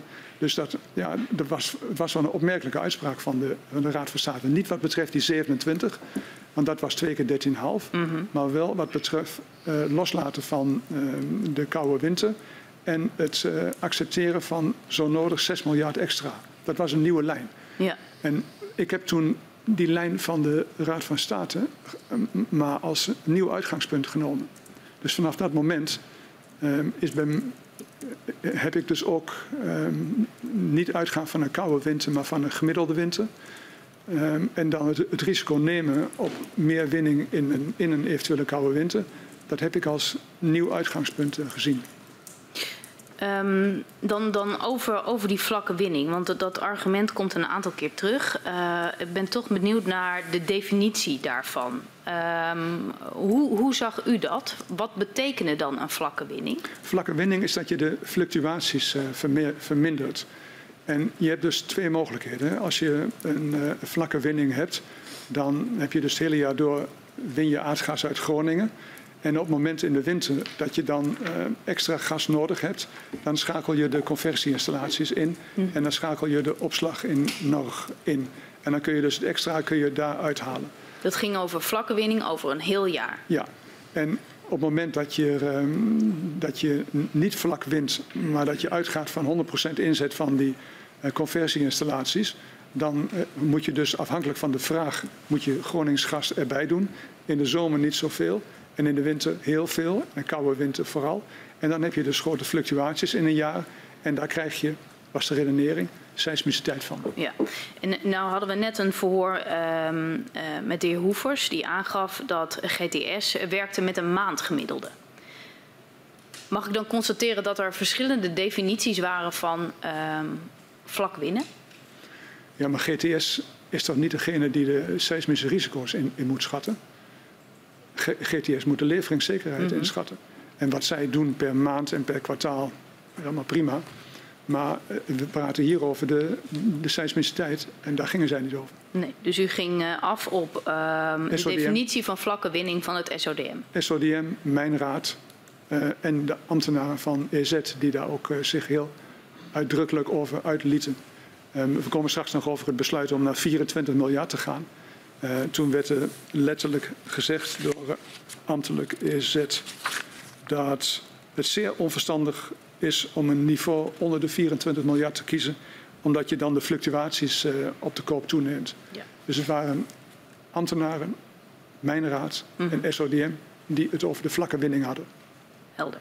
Um, dan ga ik toch even terug naar het punt uh, dat, dat uh, economische zaken uh, nu standaard uitgaat van ehm, een gemiddeld jaar in plaats van een koud jaar. Um, is dat puur en alleen omdat de Raad van State dat aangaf of ook voortschrijdend inzicht inhoudelijk? Nee, we hebben dat toen gedaan vanwege wat de Raad van State zei. De Raad van State die, die zei jullie gaan altijd uit van een koude winter. Je moet uitgaan van een gemiddelde winter en in een koude winter maximaal 6 miljard extra. Mm -hmm. nou ja, dat stond, stond haaks op de, op de theorie van de vlakke winning. Ja, maar u ging. Vond ik wel dat... een probleem hoor. Vond ik wel een groot probleem. Ook omdat u, u praat hier over november 2015. 15. En de Mijnraad die zei nog in juni 2016 uh, vlak winnen. Ja. Dus ik zat daar met een uitspraak van de Raad van State die uh, anders was dan wat ambtelijk mijn raad eh, SODM tegen mij werd gezegd. Ja. Maar ja, we leven in een rechtsstaat. Hè?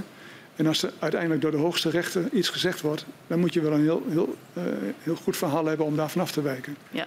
En dan is dat, dat gewoon het volgende uitgangspunt waar u mee gaat werken. Um, het ambtelijk advies van 4 december 2015 over deze uitspraak van de Raad van State uh, houdt in dat het onverstandig is. U gaf het al aan dat u daar vraagtekens bij had. Om de productie verder te verlagen dan 27 miljard kubieke meter. Uh, productieniveau genoemd door de Raad van State.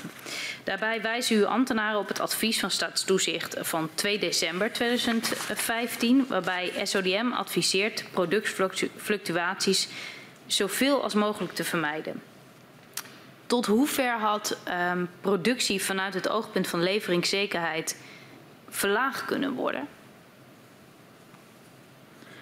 GTS die zei toen op dat moment um, dat er nodig was 31,5 miljard, 31 miljard kubieke meter plus 1,5 miljard voor technische eventualiteiten. Dat was wat GTS zei in die tijd van december 2015, waar u over spreekt. En toen kwam er een ambtelijke nota bij mij.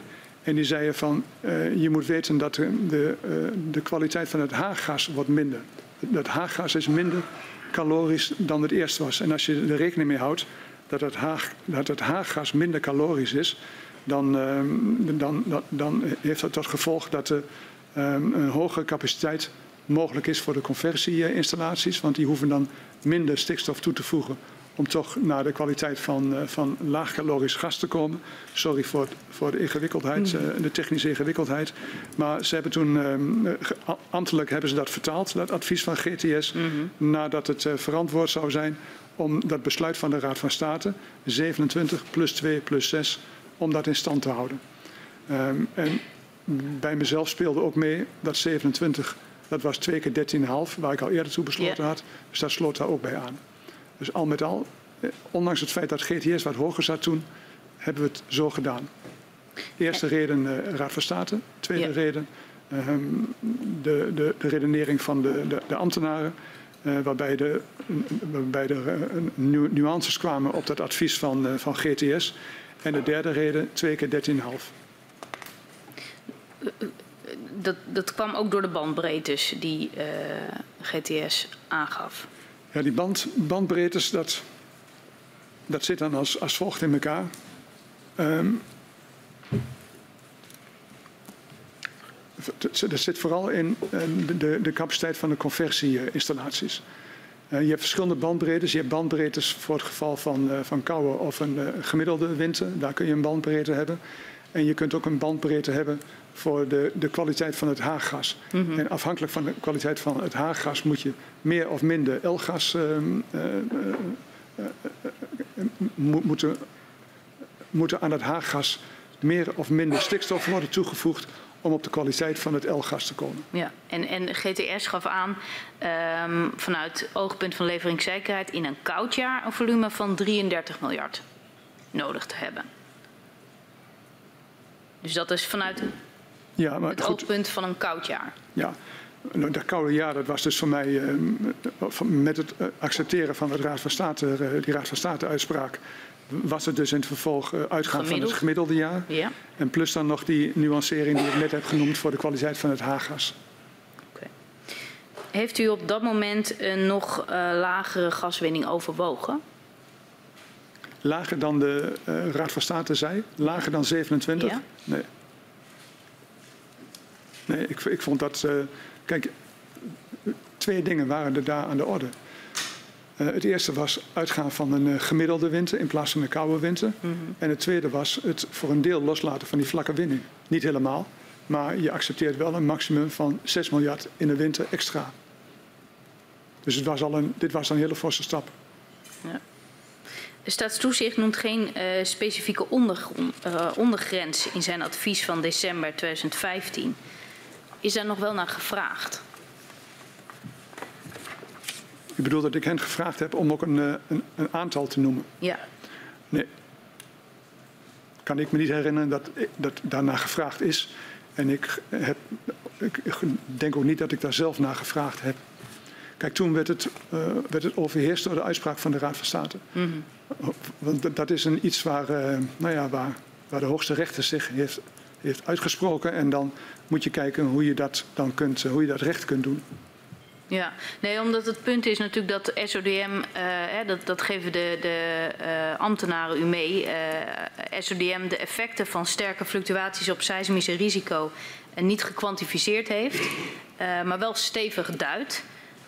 Lijkt het in ieder geval ambtelijke EZ onverstandig om ehm, het niveau nog lager dan 27 miljard te brengen. Dus vandaar mijn vraag, is SODM nog gevraagd om ehm, nou ja, een, een specifieke ondergrens eh, daarbij aan te geven, maar dat is niet het geval.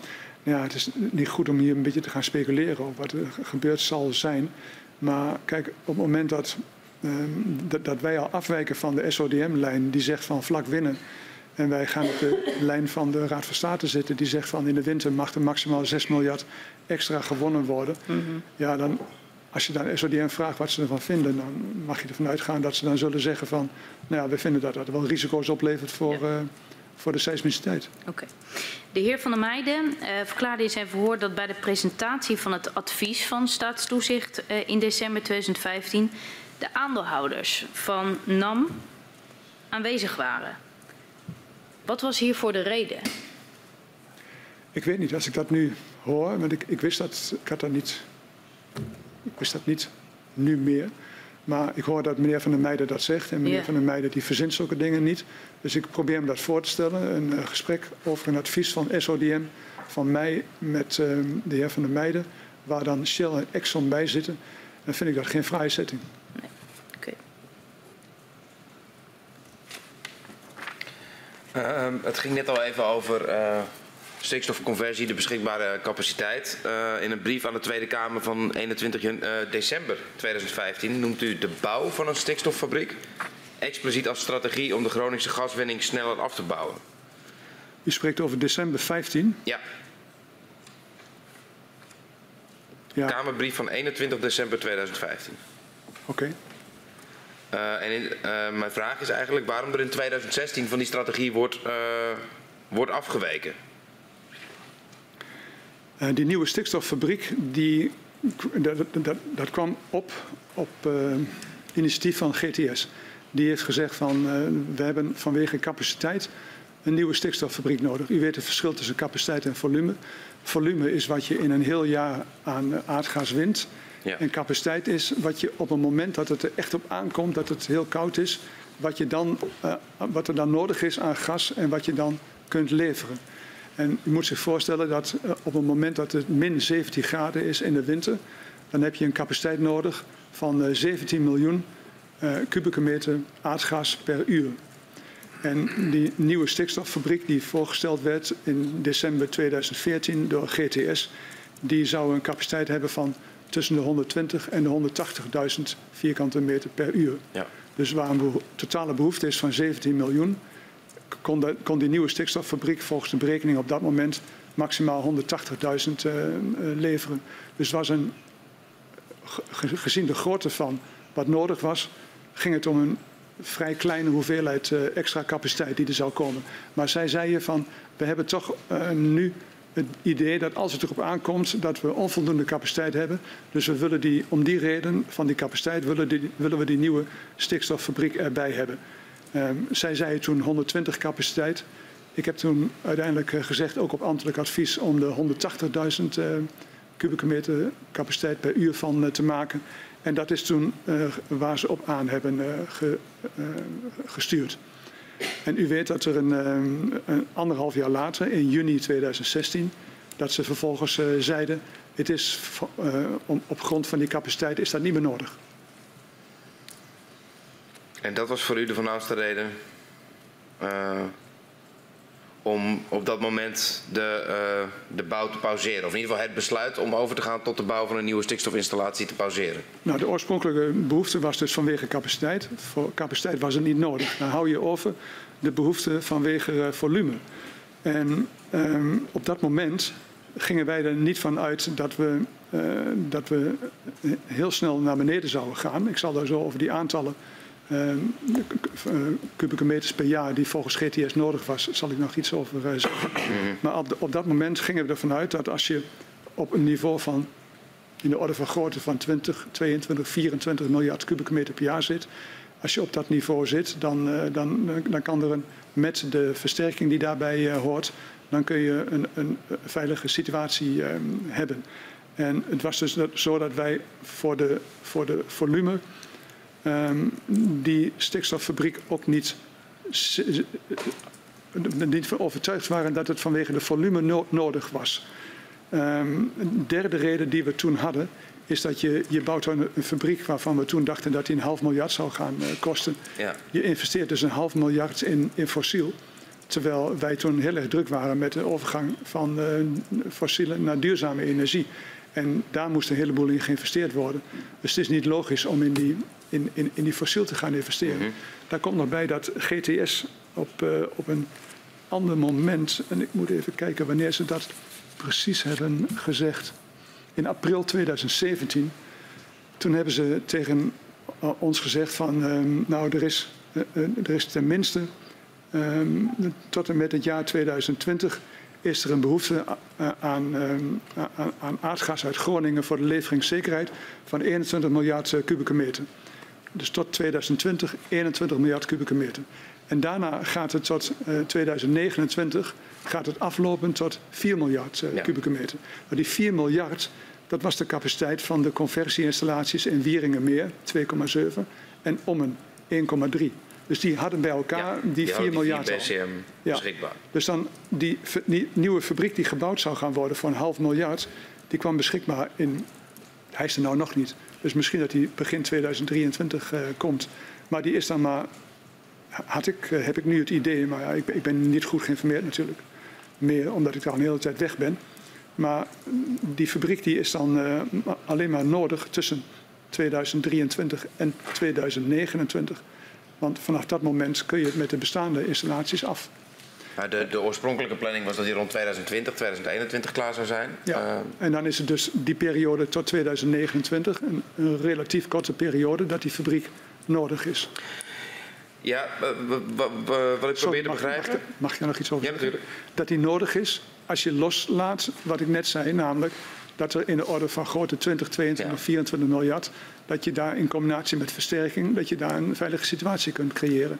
Dat was wat, uh, wat ja. op dat moment gedacht werd. Maar uh, het afgelopen uh, ruim uur hebben we het meermaals gehad over uw zoektocht naar extra ruimte. Ja. Naar extra ruimte om de, de, de, noodzaak aan Groningen gas te verkleinen, om de gaswinning in Groningen naar beneden te kunnen brengen. Ja. En uh, wij, wij, begrijpen uit het verhoor van de heer Hoevers dat de kritische grens uh, voor die stikstofinstallatie op 24 um, BCM uh, ligt. Daaronder heb je hem nodig uh, om, om, om, extra capaciteit te kunnen leveren. Voorzag u dan niet dat juist vanuit het oogpunt van die wens van teruglopende productie ehm, je in die overgangsperiode wel degelijk een, een stikstoffabriek nodig zou hebben? Nou, we hadden dus om die redenen die ik net noemde, het idee, ik had het idee dat dat een discutabele investering zou uh, zijn om dat te gaan uh, doen. uh, mogelijke niet noodzakelijke investering zou zijn. Ja. Het ambtelijk advies was uiteindelijk ook uh, negatief. Uh, en ik heb toen gedacht van dit is niet goed om nu aan het eind van, een, van de kabinetperiode, want we spreken over wanneer precies. Dat is um, Even kijken hoor, 21 december. Um... Augustus 2016. Ja, exact. December kon het u aan wel te bouwen. In, in maart zouden de verkiezingen zijn en dan krijg je een nieuw kabinet. En ik dacht dat het niet goed zou zijn om die stikstoffabriek af te blazen. Omdat, uh, omdat een nieuw kabinet zou daar misschien anders over ja. denken. Dus we hebben toen niet, niet het besluit genomen om hem af te blazen. Maar het besluit genomen om na een jaar daarover te gaan beslissen. In de gedachte van na een jaar is er een nieuw kabinet. En die kan dan uh, doen wat ze denken dat goed is. Welke rol speelde een eerdere toezegging aan de Kamer daarbij? Welke bedoelt u? Uh, de toezegging dat er een stikstoffabriek zou komen. Welke rol die toezegging speelde bij het besluit om hem niet definitief uh, niet ja. te gaan bouwen, maar het toen, besluit een jaar uit te stellen? Toen we dus tegen de Kamer zeiden van er wordt een stikstoffabriek gebouwd. Uh, wij denken dat het nodig is. Toen ging het ervan uit dat die vanwege capaciteit nodig ja. was. Dat was de reden. Maar dat bleek later weg te vallen. Um, over de volume is er dus gecommuniceerd met de Kamer. U heeft dat net gezegd. Maar uiteindelijk in augustus hebben we die afweging uh, gemaakt. Dat, uh, dat er geen capaciteitsprobleem is. Dat er voor wat betreft volume een natuurlijke daling optreedt tot 29, 30. Dat er uh, nog maar 4 miljard nodig is. Um, en dat het misschien niet verstandig was om nou zo'n groot bedrag in fossiel te investeren in plaats van in duurzaam. Dus dat was het complex van afwegingen wat we maakten om het besluit op te schoten met een jaar. Herkent u het, uh, het rekensommetje van uh, GTS waarin ze zeggen ja, die kritische grens zit op 24. Als je minder dan 24 BCM gaat winnen, dan heb je die fabriek wel nodig. de heer Hoevers verklaarde van ja, onze ons advies om de bouw uit te stellen was gebaseerd op de veronderstelling dat er nog gedurende langere tijd 27 tot 30 miljard kuub per jaar gewonnen zou worden? Nou, ik heb net gezegd dat GTS um, in, in, april 2017 uh, zei dat er tot 2020 21 miljard nodig zou zijn en dat het daarna af zou lopen tot uh, 4 miljard. En u zegt minder dan 24 miljard Groningen gas en dan heb je die fabriek nodig. Ja. Ik geloof dat er op dit moment 2,7 miljard uh, gewonnen wordt. Hè? En die fabriek staat er niet. Dat is een ding wat zeker is. Ja. Maar het verschil tussen 2,7 en de 24 die u noemt is wel heel groot. Ja, dat ligt in de orde van grootte van ruim boven de 20. Um, het ministerie van Algemene Zaken werpt uh, tegen dat een stikstoffabriek ook een verzekeringsproduct kan zijn. Om uiteindelijk flexibiliteit in capaciteit en volume uh, te verkrijgen. Ja, nou, we hebben erover gesproken met uh, minister-president, met de vicepremier, met de minister van Financiën. En toen zijn natuurlijk allerlei argumenten gewisseld. En uiteindelijk is toen besloten om niet te zeggen van we bouwen hem wel, niet te zeggen we bouwen hem niet, maar we schuiven hem een jaar vooruit. Eh, in hoeverre speelde um, de vrees dat de toezichthouder die investering als ondoelmatig zou bestempelen uh, mee in de afweging? Nou, niet zo. Weet je, daar ging het over, uh, over ACM. Ja. ACM die, die heeft een bepaalde taak en op grond van die taak komen ze met dit soort adviezen en die zijn heel belangrijk. Maar weet je, de, de de leveringszekerheid in Nederland um, na de veiligheid van de mensen in Groningen ja, is toch van een zodanige grootte dat als het er echt op aankomt dat ik over dat soort problemen die ACM maakt, dat ik denk dat daar overheen gestapt uh, kan worden. Dan um, ga ik door naar april 2017. Uh, dan brengt Staatstoezicht een nieuw advies uit, waarin het advies is om 24 miljard kubieke meter te handhaven met een eventuele reductie van 10% als de signaalwaarden voor seismiciteit uit het meet- en regelprotocol worden overschreden. U besluit op 24 mei 2017 de productie voor het nieuwe gasjaar dat ingaat per oktober 2017 bij voorbaat te reduceren met 10%. Waarom nam u het besluit om voordat de grenswaarden waren overschreden um, dit al te reduceren met 10%? Volgens mij zegt u dat niet goed, mevrouw Kuik. Volgens mij is het zo dat het besluit van 24 miljard, dat is genomen in september 2016. En toen is er gezegd door staatstoezicht um, 24 miljard. En als er aan uh, voorwaarden wordt voldaan, mm -hmm. dan kan er meer worden gewonnen. Dan kunnen we tot 27 miljard gaan. En april van het jaar erop, april 2017. Toen zeiden ze van uh, het moet uh, 24 miljard blijven. Maar als grenswaarden overschreden worden, dan zou je met 10% moeten verminderen. Dus wat u nu net zei, dat ging niet vooraf aan het besluit van 24 miljard, maar dat ging vooraf aan het besluit van 21,6 miljard, wat we in mm, april, mei 2017 hebben genomen. Maar staatstoezicht op de mijnen, dan moet ik het even uh, goed scherp hebben. Uh, die geeft uh, in april. Van welk jaar? Uh, van 2017. Ja, maar dan slaat u dus even 2000. Zeker, ik spring even in de tijd. Klopt, ik spring, uh, u, u, bent scherp, ik spring in de tijd uh, in april 2017. dan brengt Staatstoezicht een nieuw advies uit. Ja. Um, en, en daarbij geven ze aan, nou, handhaven die 24 miljard kubieke meter met een eventuele reductie van 10% als signaalwaarden worden overschreden. Ja.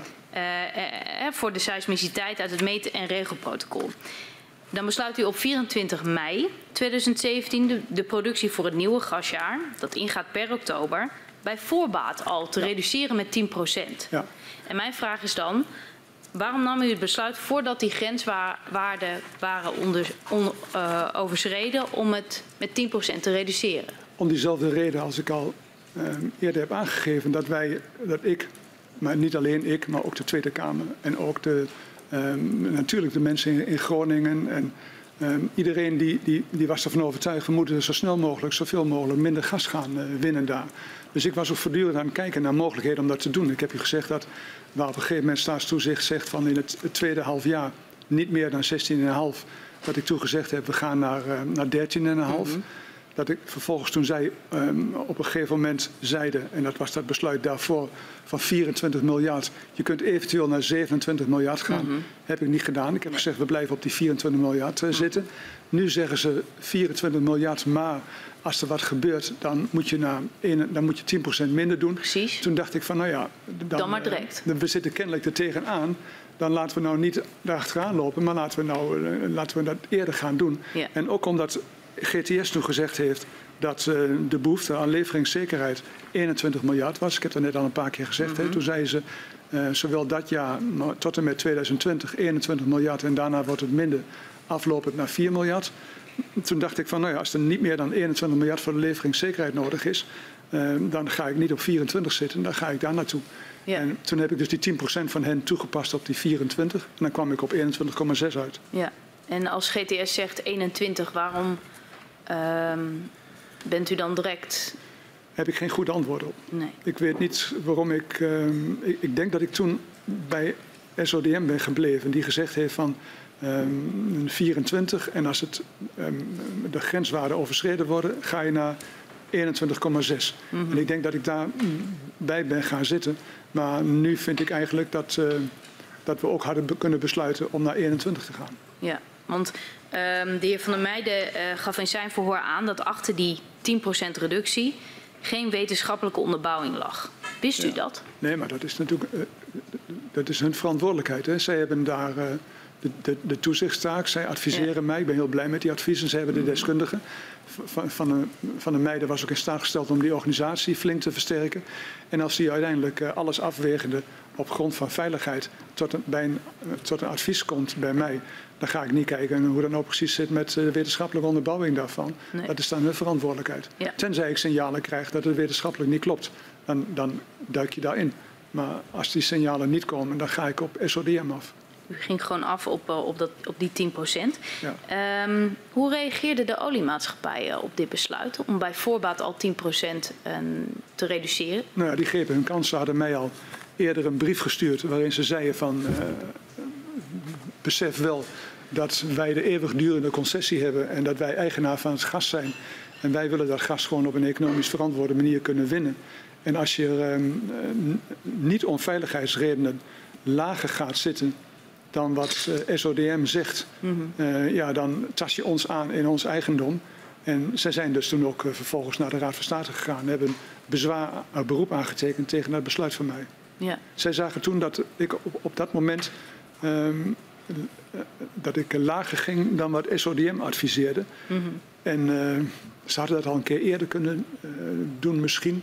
Maar toen op dat moment hebben ze de conclusie getrokken van nu gaan we naar de Raad van State toe.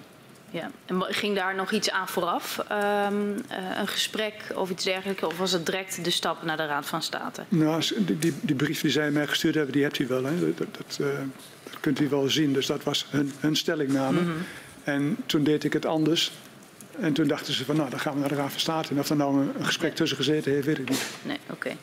Ehm, op 27 mei, eh, dus u heeft het besluit genomen om met 10% te reduceren. Op 27 mei komt GTS met haar advies over leveringszekerheid. Eh, hierin adviseren ze productievolume van 21 miljard.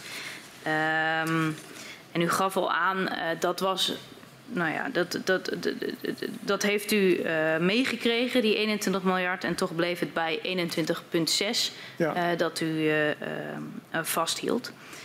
En u weet niet waarom u bij de 10% eh, bent gebleven en niet naar 21 miljard bent gegaan.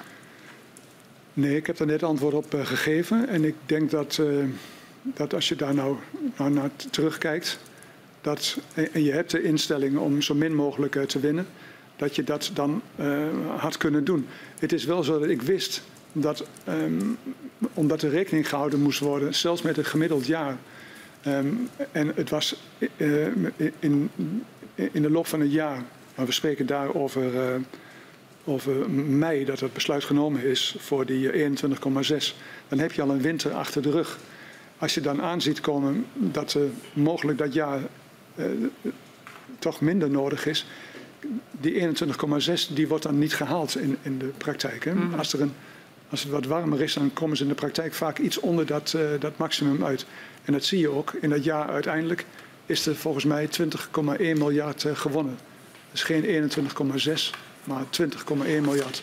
En in hoeverre ik daar toen al over dat inzicht eh, beschikte. En dat dat meegewogen heeft bij het besluit om aan te sluiten bij de 10% minder van, eh, van SODM, dat weet ik niet. Bij, de, bij, de, eh, bij, deze, bij dit productievolume is eh, 50% van de temperatuurprofielen eh, van de leveringszekerheid eh, eh, geborgd. Ja. Ehm, dan mijn vraag, hoe betrouwbaar achter u de leveringszekerheidsprognoses eh, van GTS? GTS was een, eh, een staatsdeelneming. Ik heb nooit een signaal gehad van de, van de ambtenaren dat er twijfel is over de deskundigheid en de kwaliteit van de adviezen van eh, GTS. Eh, dus ik twijfelde daar ook niet aan. Ik heb daar nooit een eh, reden voor gezien. Ik heb wel gezien dat het eh, in de loop van de jaren natuurlijk steeds naar beneden ging. Hè, wat er volgens hen voor leveringszekerheid nodig was. En ze hadden daar ook verklaringen voor. Eh, een verklaring heb ik al gezegd, dat was die, die wisselende kwaliteit van dat haargas. Als dat haargas minder hoogcalorisch is, dan, ja, dan heb je ook minder Groningengas nodig, omdat je daar meer conversie kunt doen. Ehm, een andere reden is dat er eh, energiebesparing was, met name isolatie. Daar werd veel aan gedaan. En dat leidde dus ook tot minder vraag. Ja. En dan was het zo, ik was een groot deel van mijn tijd ook bezig met eh, zonneparken op zee. En, eh, of zonneparken op, ehm, op, op, in, op land, in Groningen en in Drenthe en op andere plekken. En met, wind, met herstel. Ik was een groot deel van mijn tijd bezig met windmolenparken in Groningen, Drenthe, andere delen van het land en vooral heel veel op zee. En ik was ook bezig met, om met, de, eh, met de SDE Plus regeling om zonnepanelen heel erg te stimuleren. En die werden ook in, in grote aantallen in het land neergelegd. Dus vanwege de, vanwege de overgang naar duurzame energie was er ook minder behoefte aan, Ja. eh, aan gas en aan Groningen gas. Ehm, u heeft eh, DNV eh, GL, een klassificatiebureau voor eh, de olie- en gasindustrie, gevraagd om een onafhankelijke review te geven op het GTS-advies. Zij geven aan dat meer interactie tussen GTS en andere partijen leidt tot een betere inschatting van de aannames en dus een betrouwbare leveringszekerheidsniveau. Zijn naar aanleiding van het advies nog acties ondernomen om dat te realiseren? Ik heb geen herinnering aan het, aan het advies. Ben ik daarbij betrokken geweest? Ja, u heeft eh, DNV-GL eh, gevraagd om een onafhankelijke review. Volgens mij was dat naar aanleiding van een motie. Oh, ik heb daar geen herinnering, herinnering aan. Nee, oké. Ik wilde graag eh, even met u stilstaan eh, bij de relatie met de toezichthouder. En dan deze keer niet ACM, maar eh, SODM, het Ja. staatstoezicht op, eh, op de mijnen. Ehm, in, in diverse verhoren is de afgelopen weken de relatie tussen het uh, staatstoezicht op de mijnen en het ministerie al langsgekomen. Um, onder andere de heer De Jong uh, heeft een aantal interviews kritiek op de manier waarop het ministerie van Economische Zaken omgaat met adviezen van het staatstoezicht. En hij waarschuwt voor de risico's van de Groningse gaswinning. Uh, Ik heb je vorige keer al gezegd, hè? De Jong heeft ook gezegd dat het een meedogenloos besluit was van, uh, van mij in zijn uh, tijd. Maar ik heb je ook verteld dat hij na dat besluit van, uh, van 39,4 dat hij dan een, een mail stuurt waarin hij zegt dat het een heel goed besluit is waar hij zich prima in kan vinden. Ja, dus, en, en hetzelfde was ook dat eerste besluit om die onderzoeken te gaan doen in plaats ja. van. Toen, toen, zei hij ook van dat de minister het heel goed gedaan had in de Kamer toen hij dat uitlegde. Dus daar zit toch wel een groot verschil, vind ik, tussen wat hij in interviews zegt en wat hij naar mij toe zegt. Ik wilde u inderdaad net vragen wat zegt het over de relatie, maar volgens mij neemt u daar al een voorschot op. Ja, ik denk dat u dat aan hem moet vragen. Ik, ik, ik heb uh, Jan de Jong gerespecteerd. Volgens mij was dat een goede inspecteur-generaal die in moeilijke uh, omstandigheden toch uh, de, de, de, de, moed had om met adviezen te komen, met concrete adviezen te komen. Die als eerste de kattenbel aangebonden heeft na de, na, de, na de aardbeving in Huizingen, augustus 2012. Dus ik respecteerde hem als uh, inspecteur-generaal en ook zijn, zijn instituut, staatstoezicht op de mijnen. En ik vond wel dat dat staatstoezicht op de mijnen versterkt moest worden. En zijn opvolger kreeg ook die opdracht uh, ja, mee. Het toekomstbestendiger maken van het staatstoezicht. Ja, maar ik vond toch wel dat je, terwijl je organisatie niet ideaal is, dat je dan toch uh, adviezen, duidelijk adviezen durft te geven. Dat vind ik wel te waarderen. En ik kon ook persoonlijk, dacht ik, goed met hem vinden. Ik ben ook bij zijn afscheid uh, geweest en heb ik ook een afscheidsspeech ja. gehouden. Dat heeft hij ook verklaard inderdaad. Ja, dus ik, ik, had, ik had geen probleem met hem, maar ik vind wel het verschil tussen wat je in de pers zegt en wat je tegen mij zegt, vind ik uh, heel groot. Toch klonk het niet alsof u geen probleem met, uh, met dat punt heeft? Hij of ik? U? Nee, maar ik heb een dikke huid. Um, worden er acties vanaf, vanaf het ministerie ondernomen op het moment dat dat soort interviews gegeven worden? Nee, want het is niet zo dat je uh, een inspecteur-generaal tot de orde roept. En hij was toen, uh, ik weet niet of hij toen nog inspecteur-generaal was of net weg was. Maar ik vind ook niet dat je een gepensioneerd iemand tot de orde moet roepen. Dus ik denk dat we dat geïncasseerd hebben. Dat is niet wat de heer De Jong in, uh, in zijn verhoor, verhoor verklaart. Hij uh, verklaart dat hij meerdere keren direct na een interview uh, het ministerie aan de lijn had... of hij diezelfde dag of de dag daarna nog langs wilde komen. Niet mij. Ik weet dat niet. Ik heb dat ook niet geantameerd. Uh, ik heb het ook niet zelf gedaan. En ik vind dat ook niet nodig. Um, in januari 2014 um, komen wij een e-mailconversatie tegen tussen uh, u en uw ambtelijke top. En, waarin het gaat over een terugkoppeling van een gesprek dat met de heer De Jong gevoerd is juist over uh, een interview dat hij, uh, dat hij gegeven heeft. Een mail van mij aan de ambtenaren of andersom? Een mail van de ambtenaren aan u. Oh. Um, waarin een terugkoppeling van een gesprek komt. Uh, nou ja, en waarvan de eindconclusie in ieder geval is dat het ministerie hem duidelijk heeft gemaakt dat interviews zoals hij die heeft gegeven ja, alleen maar tot, tot onrust leiden en dus eigenlijk vermeden moeten worden. Uh, en dat uh, het SODM ja, daar begrip voor toont. En zelfs uh, de inbreng voor, die, ja, voorafgaand aan een ronde tafel in de Tweede Kamer wil afstemmen met het ministerie. Ja, misschien dat hij zelf ook zich afgevraagd heeft of dat wel redelijk is. Dat je aan de ene kant tegen het ministerie zegt van heel goed besluit, ik kan me er prima in vinden. En dat je dan in de pers zegt dat het een meedogenloos besluit is. Misschien dat hij daar zelf ook door getriggerd is. En dat dat in een gesprek met de ambtenaren aan de orde is geweest, dat kan best. Ja, dit ging, als ik me goed herinner, over een ander interview dan het interview waarin het ging over een meedogenloos besluit. Oh. Um, dat ging over uh, het risico op zwaardere bevingen. Dat, uh, dat is toegenomen als gevolg van een hogere gaswinning uh, in 2013. Dus de, de, deze wisselingen hebben zich vaker voorgedaan. En wat, is, wat, was het, wat was het tijdstip van die mail? Wat is dat datum? is januari 2014. Januari 2014. En die mail waar ik het over heb. Die zal begin 2013 geweest zijn, gok ik op basis van wat u daarover zegt. Ik weet niet wanneer dat uh, geweest is, maar ik heb dus twee, twee mails van hem. Uh, het ministerie heeft twee mails van hem gehad. De eerste was in januari 2013. van de minister deed het heel goed in de Kamer. En, en, en de andere was 2014 een prima besluit.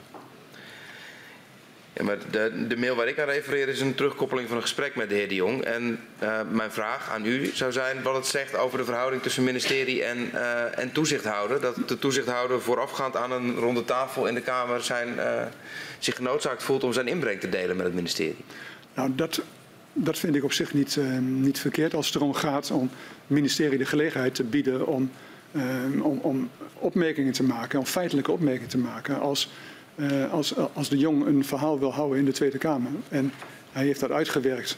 En hij vraagt aan het ministerie van uh, kijk daarnaar en als je inhoudelijke opmerkingen hebt, laat me weten. En dan gaat hij vervolgens zelf bepalen wat hij ermee doet en wat hij de Tweede Kamer zegt. Vind ik niet verkeerd. Ik vind dat je dat, dat valt onder de norma normale communicatie.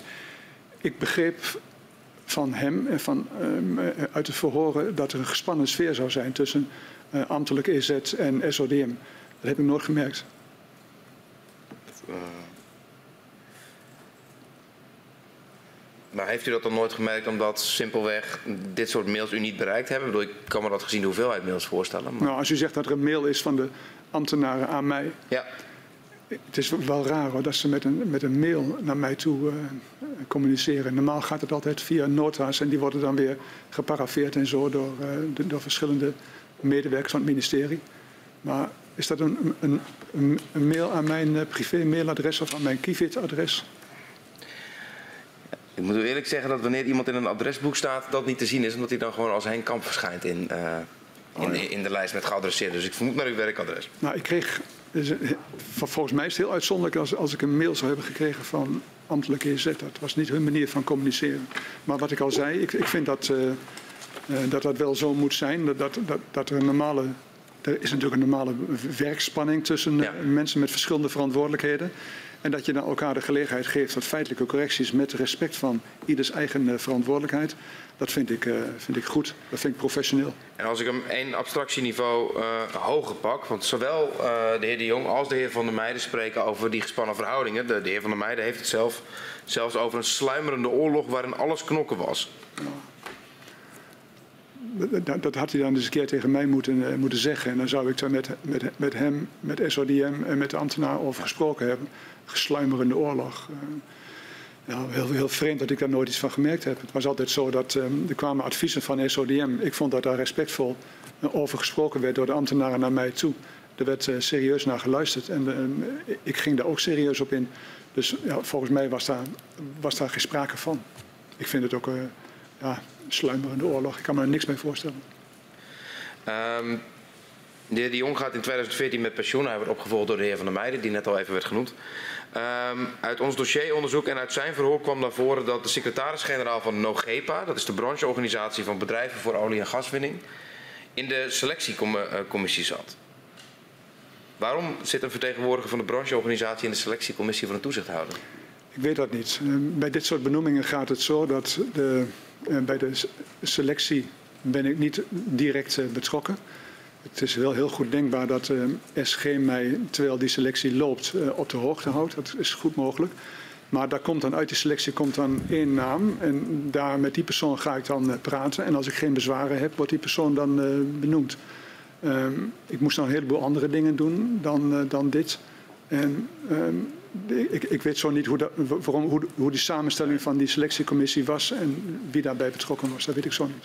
Nou, hij is door een, door, u, eh, door een van uw topambtenaren opgesteld. Maar uh, mijn vraag was meer, wat, zou, uh, wat vindt u ervan? Dat, dat een, ja, de secretaris-generaal van een brancheorganisatie in een selectiecommissie zit voor uh, de selectie van een toezichthouder?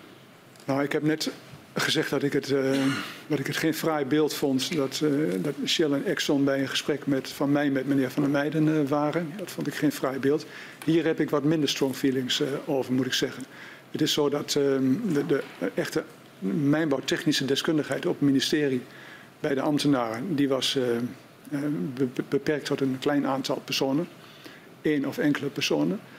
bij de NOGEPA zat veel van die deskundigheid. En dat je dan op zo'n moment van die deskundigheid in zo'n selectieprocedure gebruik maakt, vind ik niet per definitie verkeerd.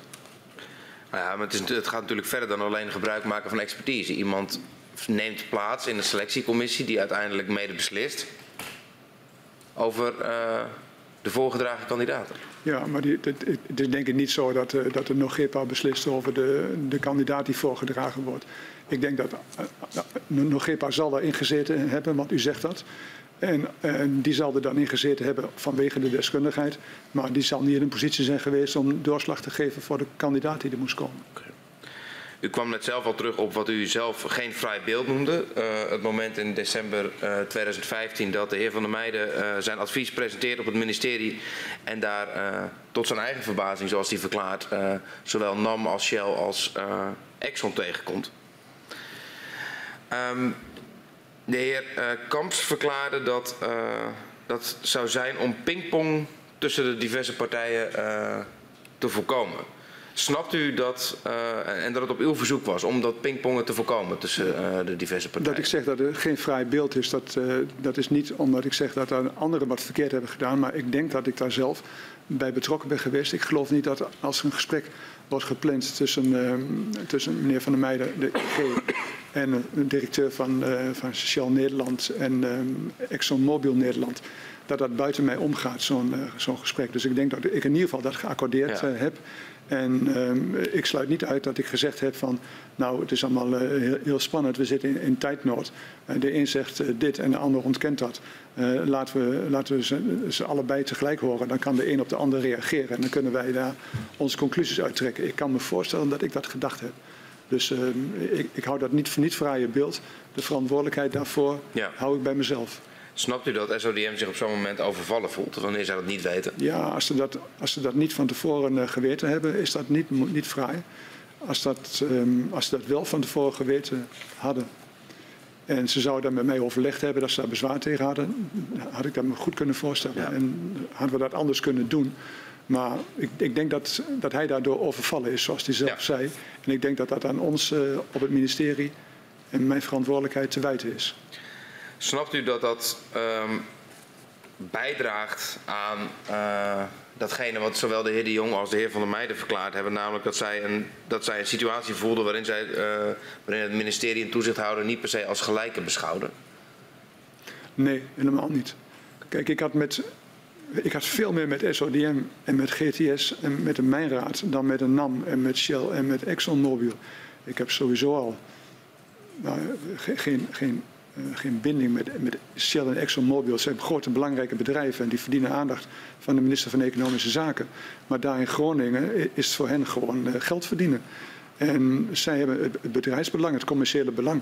En ik stond voor het algemene belang. Dus ik, ik had wat dat betreft uh, veel meer een boodschap aan SODM en aan de Mijnraad en aan de GTS dan aan NAM en Shell en Exxon. Toch zijn er twee opeenvolgende inspecteurs-generaal die aangeven dat zij zich niet als gelijke partner behandeld voelen. Wat, uh, hebben ze dat ooit bij u aangekaart? Dat kwam nee. net al in één specifiek geval terug, maar meer in bredere zin. Nee, maar ze waren ook geen gelijke partners. Ze waren voor mij veel belangrijker. Ja, toch kreeg ik de stellige indruk dat de reden van hun opmerking niet was dat ze zichzelf belangrijker gevoelden dan uh, een gelijke partner. Nou, dat is dan jammer, want ik, ik heb altijd gezegd dat SODM voor mij de belangrijkste adviseur was. En ja, daarnaast had ik zeker de Mijnraad, maar ook de TCBB, Technische Commissie Bodembeweging. Ja. En natuurlijk de ambtenaren van EZ die daar dag en nacht mee bezig waren en het uiterste best deden om mij goed te adviseren. Dus dat, dat was voor mij belangrijk. En, en Shell en Exxon en NAM is ook belangrijk, maar wel met in de wetenschap dat zij daar geld willen verdienen. Beide inspecteurs-generaal hebben op geen moment bij u gekla nou, geklaagd, uh, de, hun positie aangekaart. Dat uh, nee. SODM miskend voelde. Nee.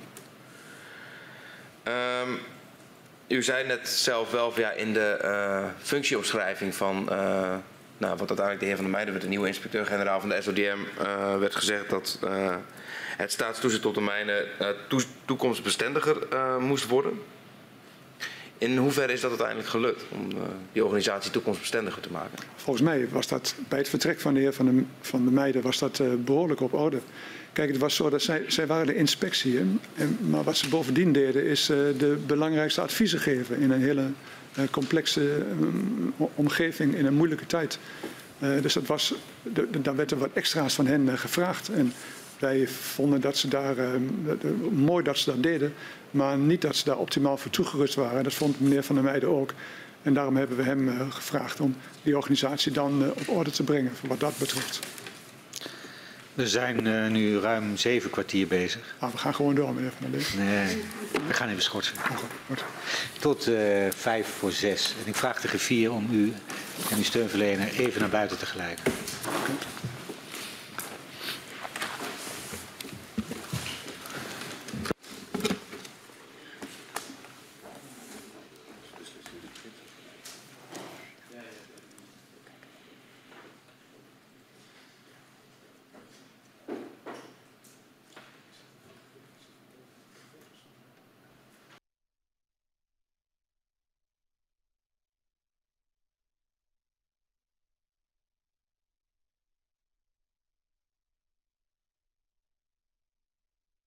Okay. Ik heropen de vergadering van de parlementaire enquêtecommissie aardgaswinning Groningen.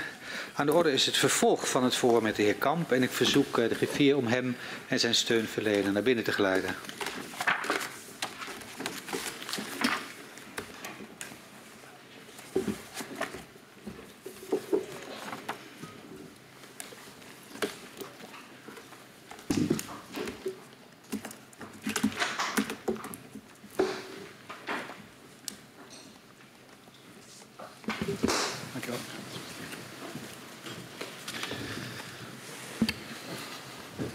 We gaan weer verder. En ik geef het woord aan de heer Quint. Ja, ik wilde uh, even met u stilstaan bij de gasbaten. Uh, in juni 2014 roept uh, de Tweede Kamer bij motie het kabinet op om een deel van de gasbaten te storten in een toekomstfonds. Gericht op duurzame economische groei. wat vond u van die gedachte? Ja, ik vond dat er veel gedaan moest worden. ik heb al in, bij het eerste deel van dit tweede verhoor gezegd dat het uh, zo was dat schadevergoeding en versterking allemaal moet, maar dat niemand daar uiteindelijk beter van wordt. Maar dat men er wel beter van moet worden vanwege alle ellende die daar aangericht is in Groningen. Dus daar moesten dingen gebeuren en die hadden we verwerkt in dat um, uh, akkoord wat we gemaakt hadden met uh, de bestuurders staan. Dat er een, bedrag gelijk aan wat de lijn was van de commissie Meijer beschikbaar kwam voor leefbaarheid, voor, voor, uh, voor, de monumenten, voor, voor, de, voor de economische, economische ontwikkeling van het gebied, voor, voor opwekking van energie daar in het gebied, ook voor de slimme netwerken voor energie en voor telecommunicatie daar in het gebied. Dus daar, daar moest geld naartoe. Dat vond ik heel belangrijk en dat kon op verschillende manieren georganiseerd worden en een van die manieren was dat. Um, u maakt een toekomstfonds. U schrijft dan een brief aan de Tweede Kamer waarin u zegt dat de meevallers in de gasbaten worden belegd in staatsobligaties en dat dan uh, met het toekomstfonds, zoals dat dan beoogd wordt, een deel van het gasvermogen wordt behouden voor toekomstige generaties. Wanneer was dat, meneer Quint? Dat was 16 september 2014. Oh. De vraag was of het gelukt is. Maar het ging vooral om de manier waarop het toekomstfonds uiteindelijk is vormgegeven.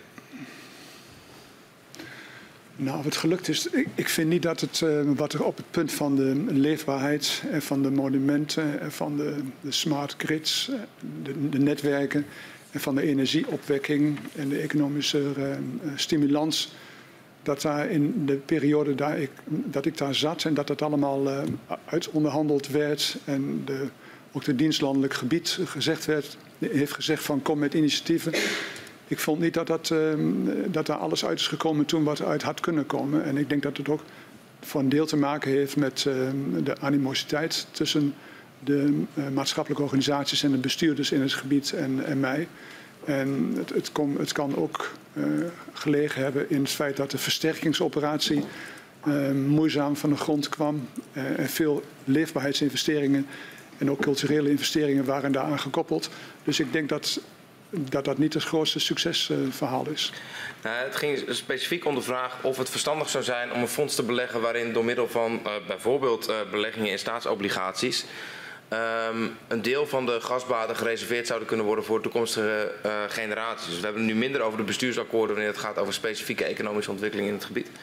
Maar meer de vraag um, om via nou ja, het, het, beleggen van de overwinsten in staatsobligaties voor een langere termijn uh, te kunnen nou ja, profiteren van de gasbaten. Van de Rekenkamer lijn... adviseert dat vervolgens ook in oktober. Van die lijn is eigenlijk afgestapt. Hè? De, de, de lijn van daar geld verdienen en dat dan vervolgens in een fonds stoppen en dat dan voor de toekomst doorgeven. U weet hoe het zit. Volgens mij is er nog een winbare reserve daar in, in Groningen van 400 miljard, volgens een miljoenennota. die net is verschenen, gaan ze uit van een, een, prijs van het gas van 1,22 euro per kubieke meter. Dus dan zit je aan een half biljoen. En er is besloten om, om, om dat gas er niet uit te halen, maar het erin te laten zitten. Dus als je het gas er niet uithaalt, dan kun je het ook niet vervolgens in een fonds stoppen. Nee, maar uh, de, deze motie waar ik uh, aanvankelijk mee begon, die is aangenomen in juni 2014. Dat ja. was wel geruime tijd voordat uh, dat besluit genomen ja, werd. Zeker. Maar goed, het is, ook op dat moment waren we bezig om, om, om die, die winning van gas uit Groningen zo snel en zoveel mogelijk te verminderen. Um, en uiteindelijk de, de, de, de, aansporing zoals die door zowel de Kamer als de Rekenkamer gedaan wordt, die, die heeft toen niet doen besluiten om via staatsobligaties een deel van de gasbaten op lange termijn opzij te zetten? Nee, de lijn die ik had was wat ik net heb gezegd, wat we ook met, in het bestuursakkoord met uh, de bestuurders in Groningen hadden afgesproken. Dat was wat ik wilde doen. Um, ook de oliemaatschappijen komen met, met plannen voor een andere aanwending van de gasbaten. De heer Benschop verklaart dat hij in 2015 um, met zijn plan, wat hij een New Deal noemde, meerdere bewindspersonen heeft gesproken, waaronder u. En een belangrijk onderdeel van zijn plan was om deel van de gasbaten naar de regio te laten stromen. Om op die manier uh, draagvlak te behouden voor de gaswinning. Ja, ik heb dat gehoord dat hij dat gezegd heeft, maar er staat mij niet bij dat, uh, dat hij daarmee bij ons is geweest. Wat ik me wel herinner is dat we een brief hebben gekregen van, van, van Shell, waar ik uh, in het eerste deel van dit verhoor al over sprak. Ja. Waarbij ze ons aan, aanspoorden om toch vooral hen in de gelegenheid te stellen om zoveel mogelijk gas te uithalen. En um, in die relatie is misschien ook de New Deal langsgekomen die dan de draagvlak zou kunnen behouden voor de gaswinning. Maar dat, dat, staat u niet bij dat u daar met de heer Benschop over gesproken hebt. Nee. Um, ik denk ook niet dat. Ik, ik, kan, kan, me ook niet herinneren bij alle stukken die ik heb uh, doorgenomen ter voorbereiding van deze verhoren. Kan ik me ook niet herinneren dat er een stuk bij zat wat over een gesprek ging wat ik met hem zou hebben gehad.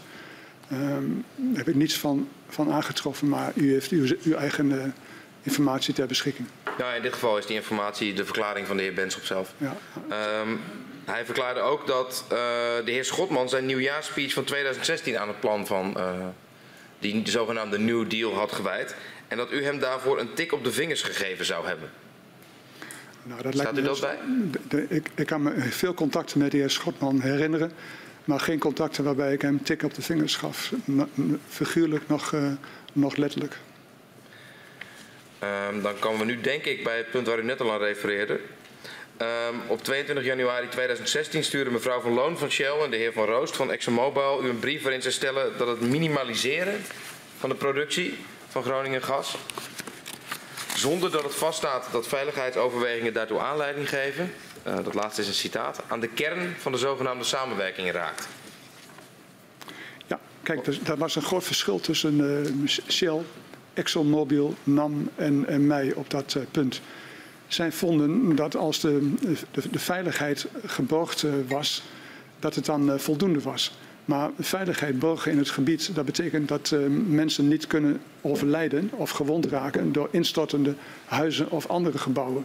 Maar er was meer dan dat. Als je dat geborgd had, dan was het niet allemaal uh, koek en ei. Uh, ook het feit dat de aardbevingen bleven komen met schade en met alle onrust en onzekerheid die dat voor de bewoners tot gevolg had. Ja, dat, dat, was ook een belangrijke factor waar we rekening mee moesten houden. En zij vonden dat als je, als je, als je nu maar doet wat SODM zegt voor wat betreft de veiligheid, dat je dan, um, dat je dan daar niet beneden kunt gaan zitten. En ik ben daar op een gegeven moment wel beneden gaan uh, zitten. En daar, daar, daar, zagen ze aankomen en daar hebben ze zich met die brief tegen verzet. En vervolgens zijn ze naar de Raad van State gegaan. Um, u, nam kennis van de bezwaren. Van, van, uh, ze, ze doen uiteindelijk ook het verzoek om uh, ja, ervan af te zien om maatregelen te nemen die ertoe kunnen leiden dat de winbare reserves, het ging er net al even over, niet meer economisch gewonnen kunnen worden. Heeft u nog specifieke acties ondernomen naar aanleiding van deze brief? Ik zelf um, geloof niet dat ik met hen heb gesproken naar aanleiding van die brief. Ik heb me voor kennisgeving aangenomen.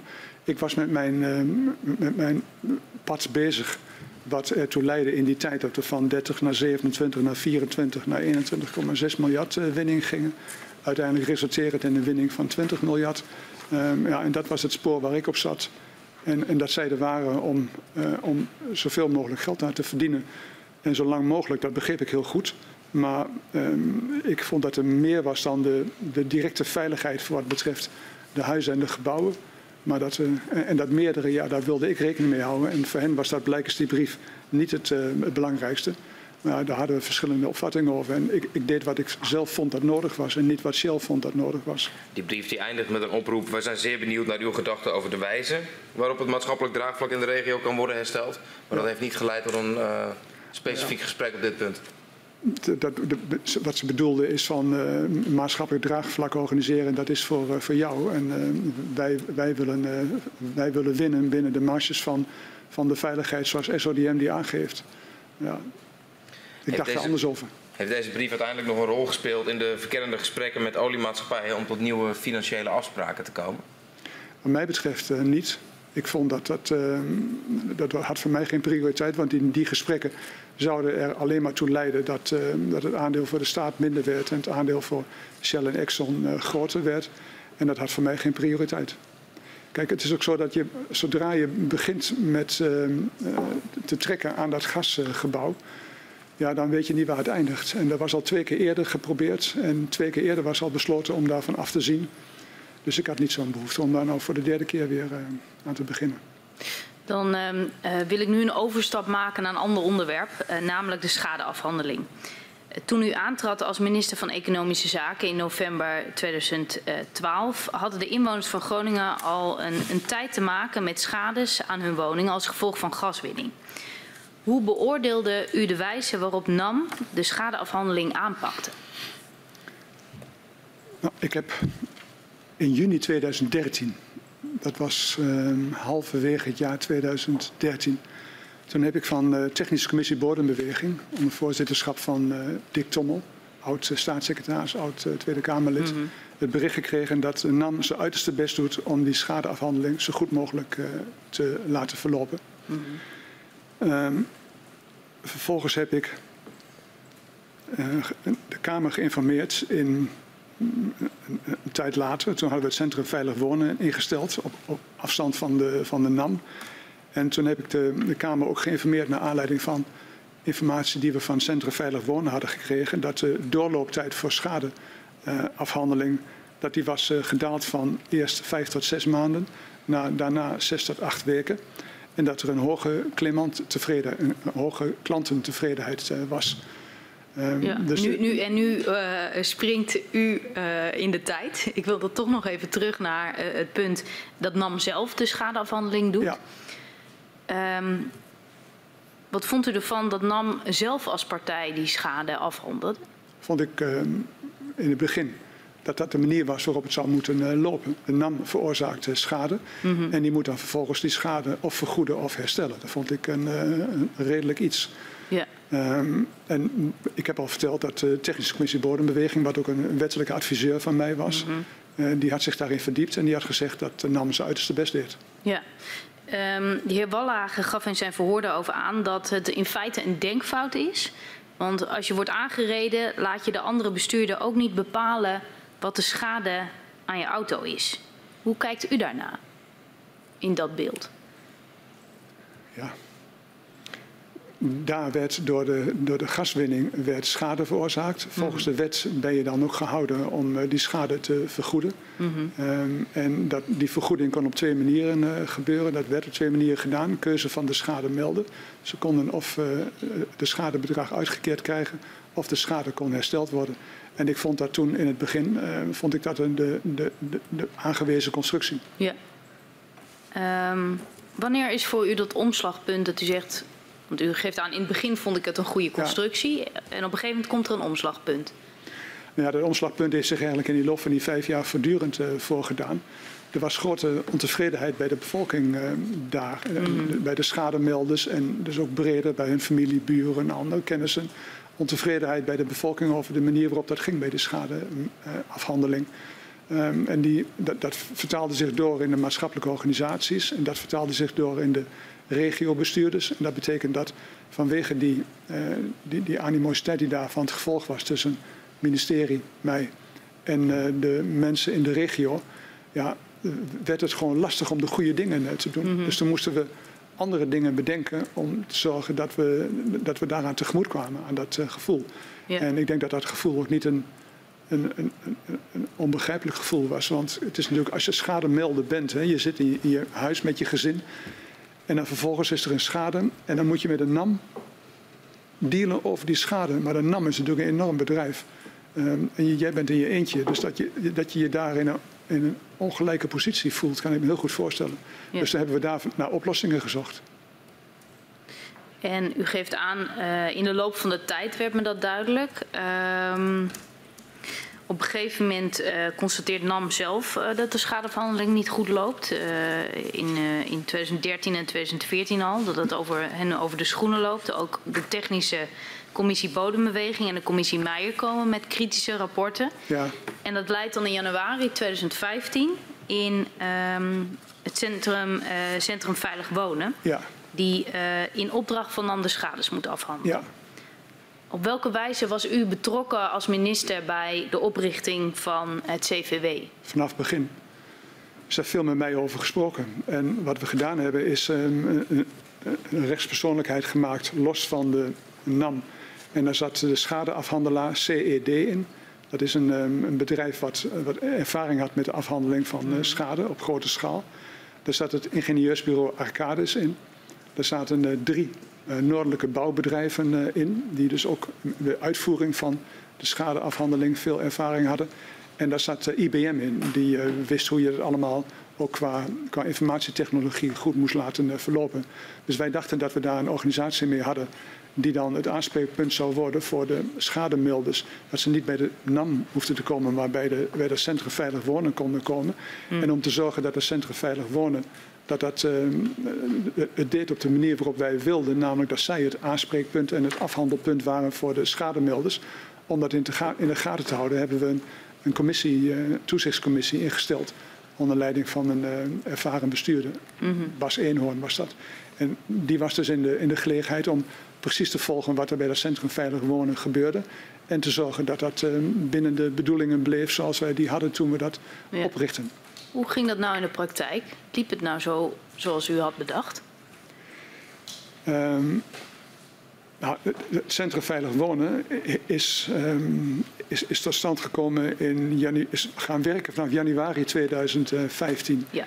En die zijn al vrij snel uh, gegroeid naar 150 uh, formatieplaatsen mensen uit Groningen die daar werkten. Net zo goed als bij de GasUnie zijn mensen uit Groningen, bij de NAM zijn mensen uit Groningen, bij de, bij de NCG zijn mensen uit Groningen. Dat zijn allemaal duizenden arbeidsplaatsen. En heel relevant voor die afhandeling van alles wat daar gebeurt.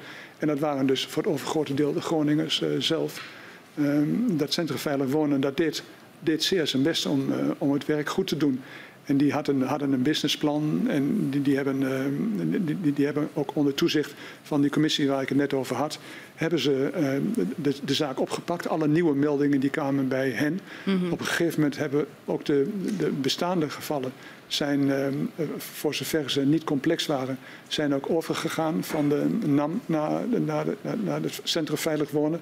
Dus zij kwamen echt in de positie om hun werk goed te doen. En ze hebben ook wat ik net al zei, uh, hebben ze ook mij laten weten dat de afhandelingstijd dat die flink uh, terugliep. En dat, die, uh, dat het ook zo was dat de klanttevredenheid groot was. En misschien mag ik even een, vooruitkijkje maken naar 2017. Zo'n beetje tegen het eind van de periode dat ik daar op EZ was. Toen kreeg ik bericht dat er in totaal 80.000 schademeldingen waren geweest. Waarvan de 64.000 waren afgehandeld met instemming van de schademelder. En dat was een percentage van 84 wat, uh, wat daarmee gehaald was. Dus ik, ik weet dat er een heleboel beter kon en dat er een heleboel zorgen zijn over die schadeafhandeling. Maar het is ook wel zo dat er een heleboel schades wel afgehandeld zijn en ook met instemming van de schademelders. Als u kijkt naar deze constructies, uh, stond de NAM dan voldoende op afstand? Ik denk uiteindelijk niet, maar dat, ik heb al gesproken over die animositeit die er was tussen uh, de, de, de, mensen in de regio. En niet alleen de, de, burgers, maar ook de maatschappelijke organisaties en de bestuurders en EZ. Wat denk ik een, een, slechte uitwerking heeft gehad op wat we daar met elkaar hadden kunnen bereiken. Uh, maar ik denk dat die animositeit die het, het wantrouwen richting EZ en mij was dat die op een gegeven moment ook er bestond richting Centrum Veilig Wonen. En vervolgens kwam die ook richting eh, de NCG. Dus iedereen die op een gegeven moment de verantwoordelijkheid had en in de uitvoering verantwoordelijkheid droeg, ja, daar, daar kwam, kwam verzet tegen. En heel begrijpelijk, maar dat heeft het bereiken van resultaten niet, niet bevorderd. En als u nou kijkt, u zegt vanaf het begin bent u betrokken bij de oprichting van het Centrum Veilig Wonen. Zag u toen ook nog een rol voor ehm, de overheid zelf weggelegd bij schadeafhandeling?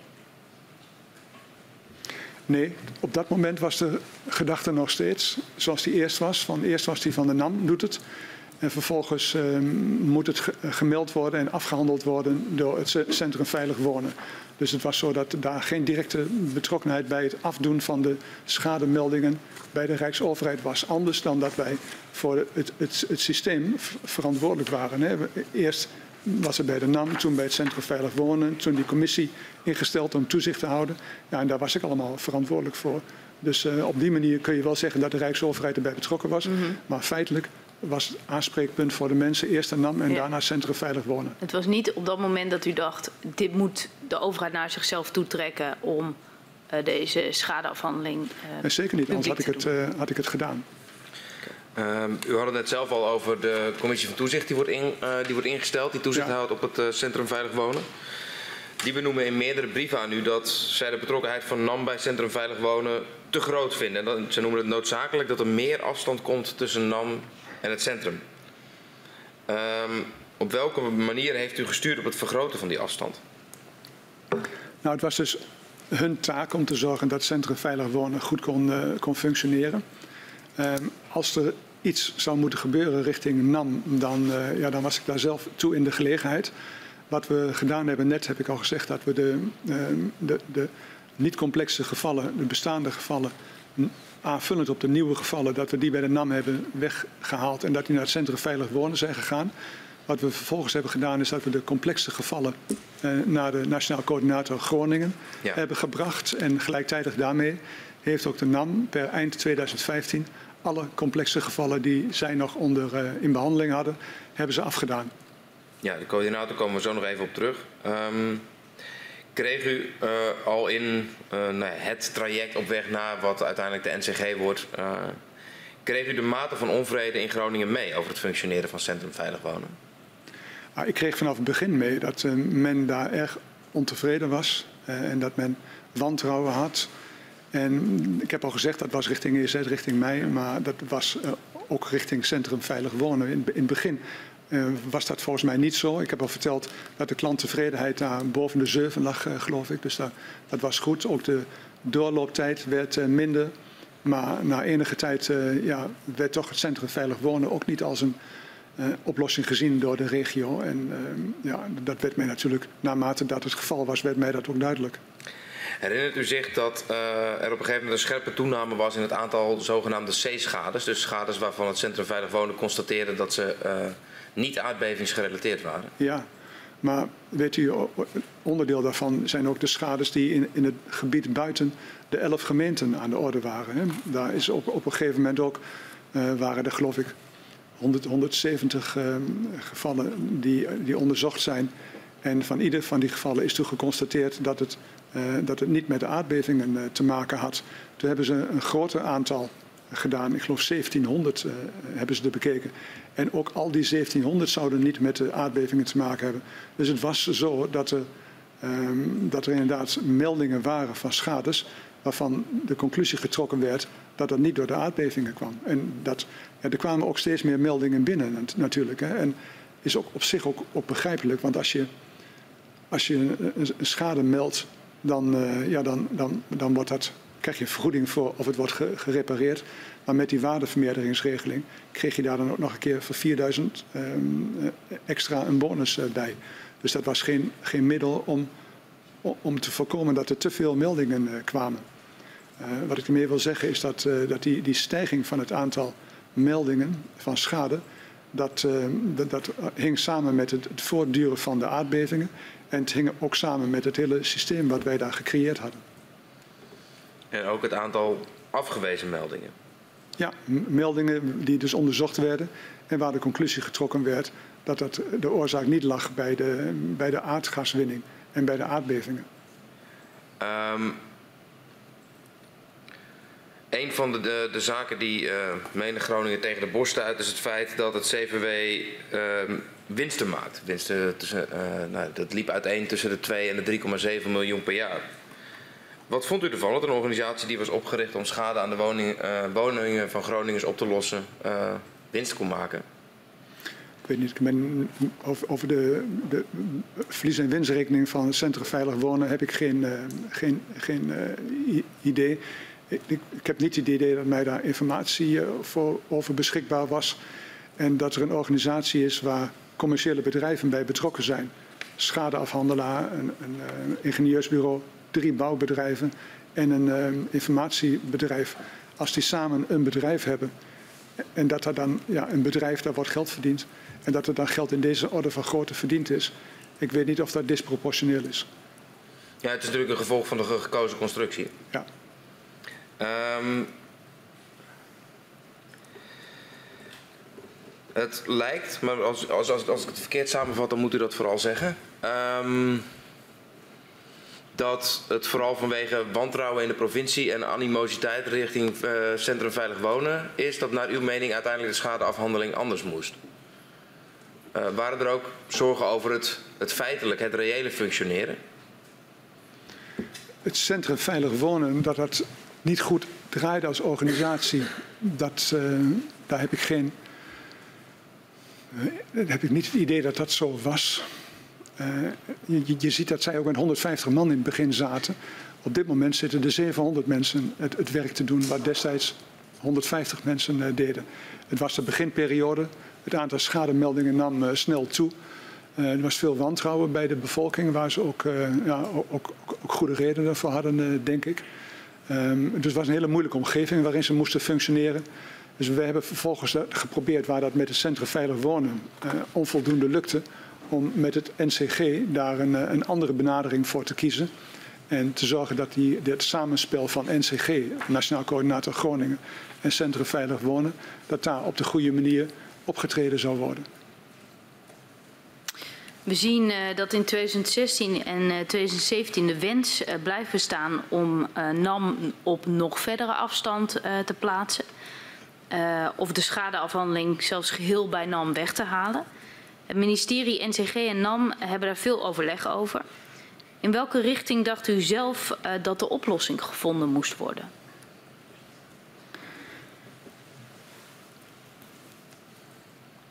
Eerst dacht ik dat het met, het Centrum Veilig Wonen zou uh, kunnen. Toen bleek dat dat niet zou kunnen vanwege wat ik al, de omstandigheden die ik al geschetst heb. Heb ik gedacht, dan moeten we zorgen dat we iets nieuws op gaan zetten. En ik, zal daar nu even op vooruit moeten lopen als het gaat om een oplossing. Kijk, ik, ik, dacht het moet niet meer zo zijn dat het ministerie van EZ daar uh, aan, aan, de bal is. Maar we moeten zorgen dat er een uh, aparte overheidsdienst komt in het gebied van de provincie, van de gemeente en van het ministerie, die, die daar in dat gebied als overheid optreedt. Dus niet bij EZ, maar die, die nieuwe overheidsdienst. En ik dacht, we trekken dat uit elkaar. We laten dat deel betrokkenheid van EZ, dat laten we in Den Haag plaatsvinden. Dan maken we een interdepartementaal deel voor die nationaal coördinator, voor die overheidsdienst waar dan verschillende departementen, waaronder EZ, uh, in actief waren. Mm -hmm. En in het gebied zelf, daar zijn het de mensen van de provincie en de gemeenten die in die overheidsdienst zitten onder leiding van een nationaal coördinator die daarop gaan uh, treden. En ik dacht dat als we dat gaan uh, doen in combinatie met dat centrum veilig wonen, dat we dan op een adequate manier zouden kunnen doen wat nodig was voor de mensen in Groningen. Wanneer was, was dit idee bij u, uh, nou ja, kreeg dat vorm en, en met wie deelde u dat? Nou, dat, liep voor, dat ging vooraf aan dat we kwamen tot de instelling van de nationale coördinator. Um, het was echt nodig om daar tot goede resultaten te komen. Dat mhm. de overheden gingen samenwerken. Um, als daar de gemeente en de provincie aan de ene kant en het Rijk aan de andere kant het met elkaar niet eens zijn en uitleggen waarom de ander het niet uh, goed doet, ja, dan, dan boek je niet de resultaten die nodig zijn voor de mensen in Groningen. Dus ik dacht van, dan moeten we het zo doen dat we daar uh, iemand neerzetten die met een eigen overheidsdienst met het accent in het gebied bij de provincies en de gemeenten. Die vullen die overheidsdienst Als we die daar laten eh, functioneren en die nationale coördinator die kan zowel de gemeenten als de provincie als het Rijk aanspreken op wat ze moeten doen. Ik, ik dacht van ja, als we dat voor elkaar kunnen krijgen, dan, uh, dan doen we een, een, grote stap, een belangrijke stap vooruit. En dat was de basisgedachte waarop vervolgens die nationale coördinator uh, geselecteerd is en waarop ook de overheidsdienst tot stand is gekomen. En um, voor de helderheid, um, uh, hebben we het dan over de NCG als persoon, de heer Alders, of als instituut? De organisatie. Hè? Het gaat dus om de, de organisatie. Um, het gaat om de overheidsdienst, dat is ja. echt. Hè? Die overheidsdienst die moeten alle dingen die daar in het gebied moeten gebeuren. Uh, het, het, gaat om schademeldingen. Het gaat om uh, versterking, maar het gaat ook om als je versterkt, dan uh, ben je bezig in straten, en wijken en dorpen. Dan moet je kijken hoe je daar wat moois van kunt maken. Um, er moet ook naar de, naar de mensen toe opgetreden worden door een overheid waar de mensen vertrouwen in stellen. En ik dacht van als we daar een aparte overheidsdienst neerzetten, mm -hmm. en dan komt natuurlijk bij dat daar iemand die daar het gezicht van is, dan moet ook degene zijn die dat kan, die dat kan leiden. Ja. Dus het begint bij de overheidsdienst en daarna komt ook zeker die persoon van die nationaal coördinator in beeld. En dit was nog uh, in de tijd voordat uh, de heer Alders uh, werd ingesteld? Ja, was de, dit was de basisgedachte. dit was de basisgedachte en de uitvoering was toch net even wat anders toen de heer Alders... nee, die is, zo is het geworden. Meneer Alders die kwam daar. Toen hebben ja. we die overheidsdienst opgericht met een interdepartementaal deel en een interbestuurlijk deel. En dat interbestuurlijke deel zat in Groningen. Het interdepartementale deel zat in Den Haag. En de nationale coördinator die ging over het geheel. Ja, oké. Okay. Dan komen we later op het, het, punt dat de NCG toch ook weer een andere vorm krijgt. Uh, maar blijf ik eerst even bij uh, het punt uh, dat er uiteindelijk overeenstemming wordt bereikt over het plan om NAM helemaal op afstand te zetten. Mede daarom kondigt NCG Hans Alders op 31 maart 2017 aan dat het schadeproces wordt stopgezet omdat er een nieuw publiek schadeprotocol zal komen. En dat nieuwe protocol moet liggen, in, moet liggen op 1 juli 2017. Ja. Vond u het stilleggen van het schadeprotocol op dat moment, 31 maart 2017, een goed idee? Ja, is ook met mij overlegd. Um, en de nationaal coördinator, ik weet niet of hij helemaal de bevoegdheid had om dat te doen op dat moment, maar zeker met mijn instemming. Mm -hmm. En uh, ook met betrokkenheid van de SG van het ministerie van EZ kon hij dat doen. En ik neem ook zelf de verantwoordelijkheid voor. Hij vertelde mij toen dat uh, 70% van alle schademeldingen, dat het niet bleef bij dat er een schade-expert kwam, die vervolgens ging kijken wat de schade was. En dan werd die schade vergoed of gerepareerd. De gemiddelde grootte van die schades was 1250 uh, euro. Um, 70% van die gevallen koos men voor een, een, een tweede expertise, een contra-expertise. Dus dat betekent dat je, ja, eerst gingen de schademelders er naartoe voor de eerste expertise. Hmm. En daarna gingen ze naartoe voor de tweede expertise. En vervolgens hadden we een arbiter ingesteld. En die arbiter die kwam met uitspraken die voor de schademelder uh, niet bindend waren. Dus die kon na die uitspraak van die schademelder nog een keer weer naar de rechter toe. Maar die arbiter die deed uitspraken die wel bindend waren voor de, voor de NAM. Maar dat geheel van goede bedoelingen, uh, dat leidde ertoe dat uh, de, de, NCG zei van ja, het, het, loopt volkomen spaak. We kunnen dit absoluut niet aan. De schademeldingen die, worden, uh, die kunnen op deze manier niet snel en goed worden afgedaan. We moeten naar een andere constructie toe. En ik, ik zet het stop. Um, en we gaan kijken hoe we dat zo kunnen doen dat we het helemaal, helemaal in de, in de publiekrechtelijke sfeer met een door mij NCG vast te stellen protocol gaan afdoen.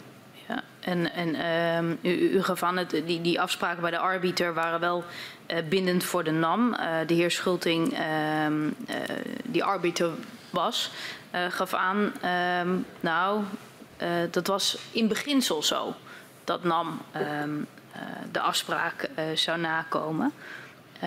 maar zo, zo stevig als ze moeten het nakomen, was niet overeengekomen, maar in begin. Ben ik niet met u eens, uh, mevrouw. Het was uh, zo en ik heb dat ook zelf zo besloten en ik heb het ook in de Kamer gemeld ehm, en ook in de debatten met de Kamer erover gehad. De arbiter die komt er, de arbiter die mm -hmm. doet een uitspraak. Als de, de, de schademelder het er niet mee eens is, heeft hij het recht om naar de rechter te gaan. Maar die uitspraak van de arbiter is bindend voor de NAM. En als de arbiter een uitspraak doet en de NAM die accepteert dat niet en die komt dat niet na. Nou ja, dan moeten ze naar de NCG of naar mij gaan en dan zullen we de NAM corrigeren. Oké, ja, ik pak even ehm, eh, bij wat eh, de heer eh, Schulting in zijn verhoor eh, ga- aangaf. Die zei met betrekking tot de NAM was bepaald dat de NAM in beginsel de uitspraak zou nakomen. In En- beginsel, En u zegt dat is eh, het was gewoon bindend. Het was gewoon bindend. Ja. Oké. Ehm, het schadeprotocol, de stilligging daarvan, is dus met u besproken. Ehm, was u, in hoeverre was u betrokken bij eh, het vormen van een nieuw schadeprotocol? Nee, dat was in eerste plaats de NCG die daar, eh, die daar ontzettend hard aan, eh, aan trok. Hij was degene. Kijk, je moet, moet zich ook voorstellen dat in het begin ehm, was ik het aanspreekpunt. Maar met het instellen van die overheidsdienst en de nationaal coördinator was hij degene die daar ehm, eraan werkte om de drie verschillende overheden gezamenlijk op te laten trekken in belang van de, van de mensen in, eh, in Groningen. Dus hij was daar ook voor dat schadeprotocol, wat een van de dingen was die daar een middel voor was. Daar was hij degene die daarmee bezig was. Ehm, de bedoeling is dat er 1 juli een nieuw schadeprotocol komt te liggen.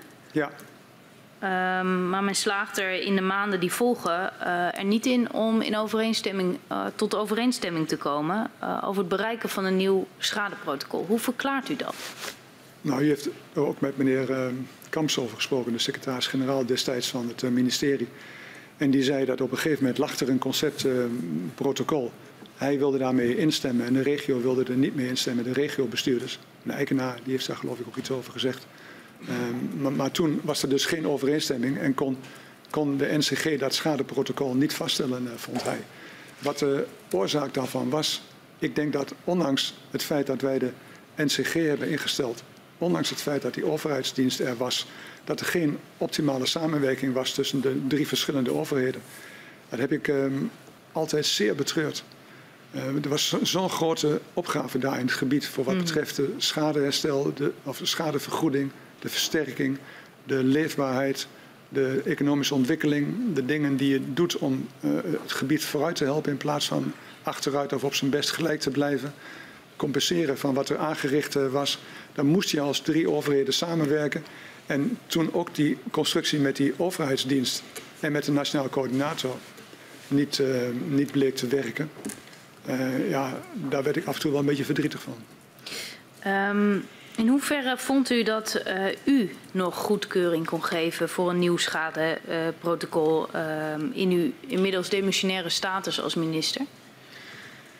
Ja, ik vind niet dat je als je demissionair bent dat je dan moet duiken. Het is zo dat je dan toch de verantwoordelijkheid hebt om de lopende zaken eh, naar behoren af te wikkelen. Je kunt niet met nieuwe initiatieven komen, maar ik denk niet dat iemand er mij kwalijk genomen zou hebben als, eh, al- als daar een nieuw protocol met mijn betrokkenheid tot stand was eh, gekomen. Ik denk dat de Kamer dat eh, gewaardeerd zou hebben. Ja. Dus ik, ik denk dat dat geen, geen beletsel was. Hoewel natuurlijk wel naarmate die demissionaire periode langer duurde, dat het allemaal. Nou, iedereen dacht wel van. eh, ja, er komt een nieuw kabinet. Kamp heeft een half jaar geleden al gezegd dat hij eh, met pensioen gaat na zijn 65ste. En die, dus die is ook weg. En dan krijg je straks een, een nieuwe start. Dus het kan heel goed zijn dat anderen gedacht hebben van laten we even wachten tot het nieuwe kabinet er is. Ja, want eh, we hebben in verschillende verhoren ehm, ook naar voren gekregen, eh, bijvoorbeeld de heer Alders eh, gaf het aan, dat Rijksambtenaren in die periode niet beschikbaar waren voor het overleg. Hoe, hoe, hoe- ja, hoe verklaart u dat? heb ik geen verklaring voor. Ik denk dat wij voldoende ambtenaren hebben om aan belangrijke overleggen deel te nemen. En volgens mij moet dat altijd gebeuren. En ik wist niet anders dan dat dat ook altijd gebeurde. Ja.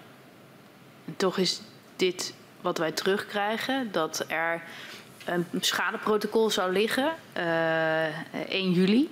Dat ligt er niet. Eh, ondertussen eh, is het kabinet demissionair. En lijkt het alsof Rijksambtenaren ook niet meer bereikbaar zijn voor dat overleg. Ik geloof het niet dat dat, dat, dat is. Zo was dat niet. Kijk, dat nieuwe schadeprotocol dat kwam van de NCG met zijn overheidsdiensten Groningen. Die NCG die zou dat schadeprotocol vaststellen.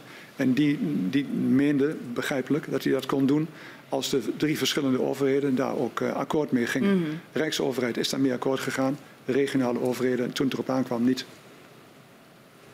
Oké. Ehm, wat heeft u zelf gedaan om het vastgelopen proces eh, nou ja, recht te trekken. Bedoelt u het proces om tot, die, om tot een schadeprotocol tot een te nieuw komen? eh, schadeprotocol te Kijk, wij komen. hebben geen NCG aangesteld om, ehm, om, om vervolgens mij buiten de NCG om dingen te laten doen. Dus ik had vrij frequent eh, overleg met de NCG. Hij had zeer frequent overleg met eh, de ambtenaren op het ministerie van Economische Zaken. En onze inbreng, die hadden wij ehm, op die manier. En onze inbreng die leidde er ook toe dat wij met het, het concept wat de NCG voorstelde voor het nieuwe schadeprotocol, dat wij daar ook mee hebben ingestemd. Eh, ondertussen komt het proces van schadeafhandeling tot stilstand. Eh, men kan wel schades melden bij het CVW, maar die worden niet in behandeling genomen. In hoeverre was u daarvan op de hoogte? Wist ik. Dat wist u. Ja. Vond u dat een acceptabele situatie? Nee, dat is natuurlijk een heel ongelukkige situatie. Want normaal is het zo dat als er een schade is, dan moet die vlot eh, vergoed worden. Maar op het moment dat dat schadeafhandelingsproces na het oordeel van de NCG, waar ik het met hem eens was, helemaal vastgelopen was, omdat iedereen naar de, eh, dat 70% van de mensen contra-expertise aanvroegen en dat er volgens veel meer mensen naar die arbiter gingen, even over die arbiter nog, hè, die hadden een, een capaciteit om, om zeven schouwen, noemen ze dat, per eh, week te doen. Ze gingen dus eh, na- naar de schademelder toe om te kijken wat nou eh, de kwestie was en daar dan geïnformeerd te worden te plaatsen. En dan konden ze daar een uitspraak over doen.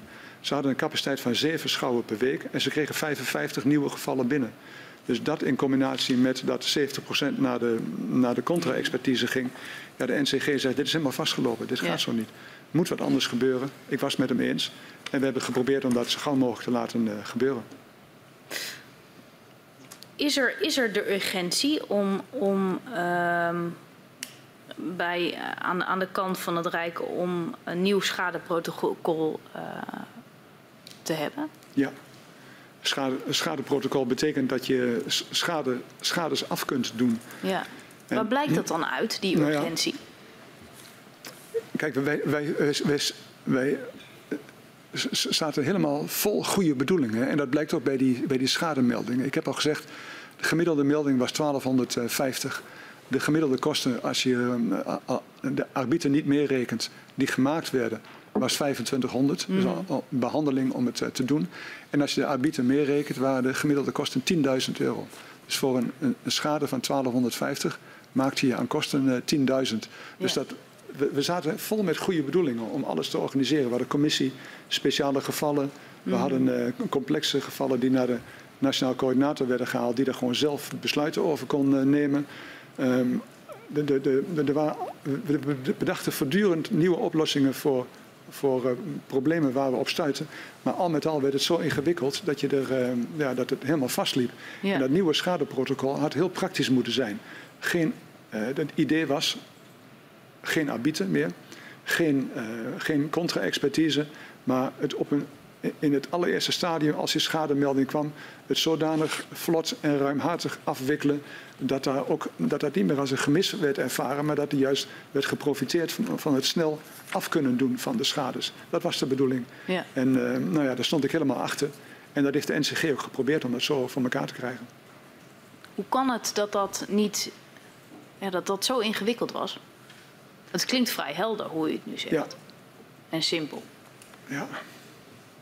Nou, die, die noodzakelijke eh, samenwerking tussen gemeenten, provincie en Rijk, die, die is er niet gekomen. Je, je ziet het ook als je zo'n verhoor met, met Eikenaar hebt en een verhoor met, eh, met Moorlag.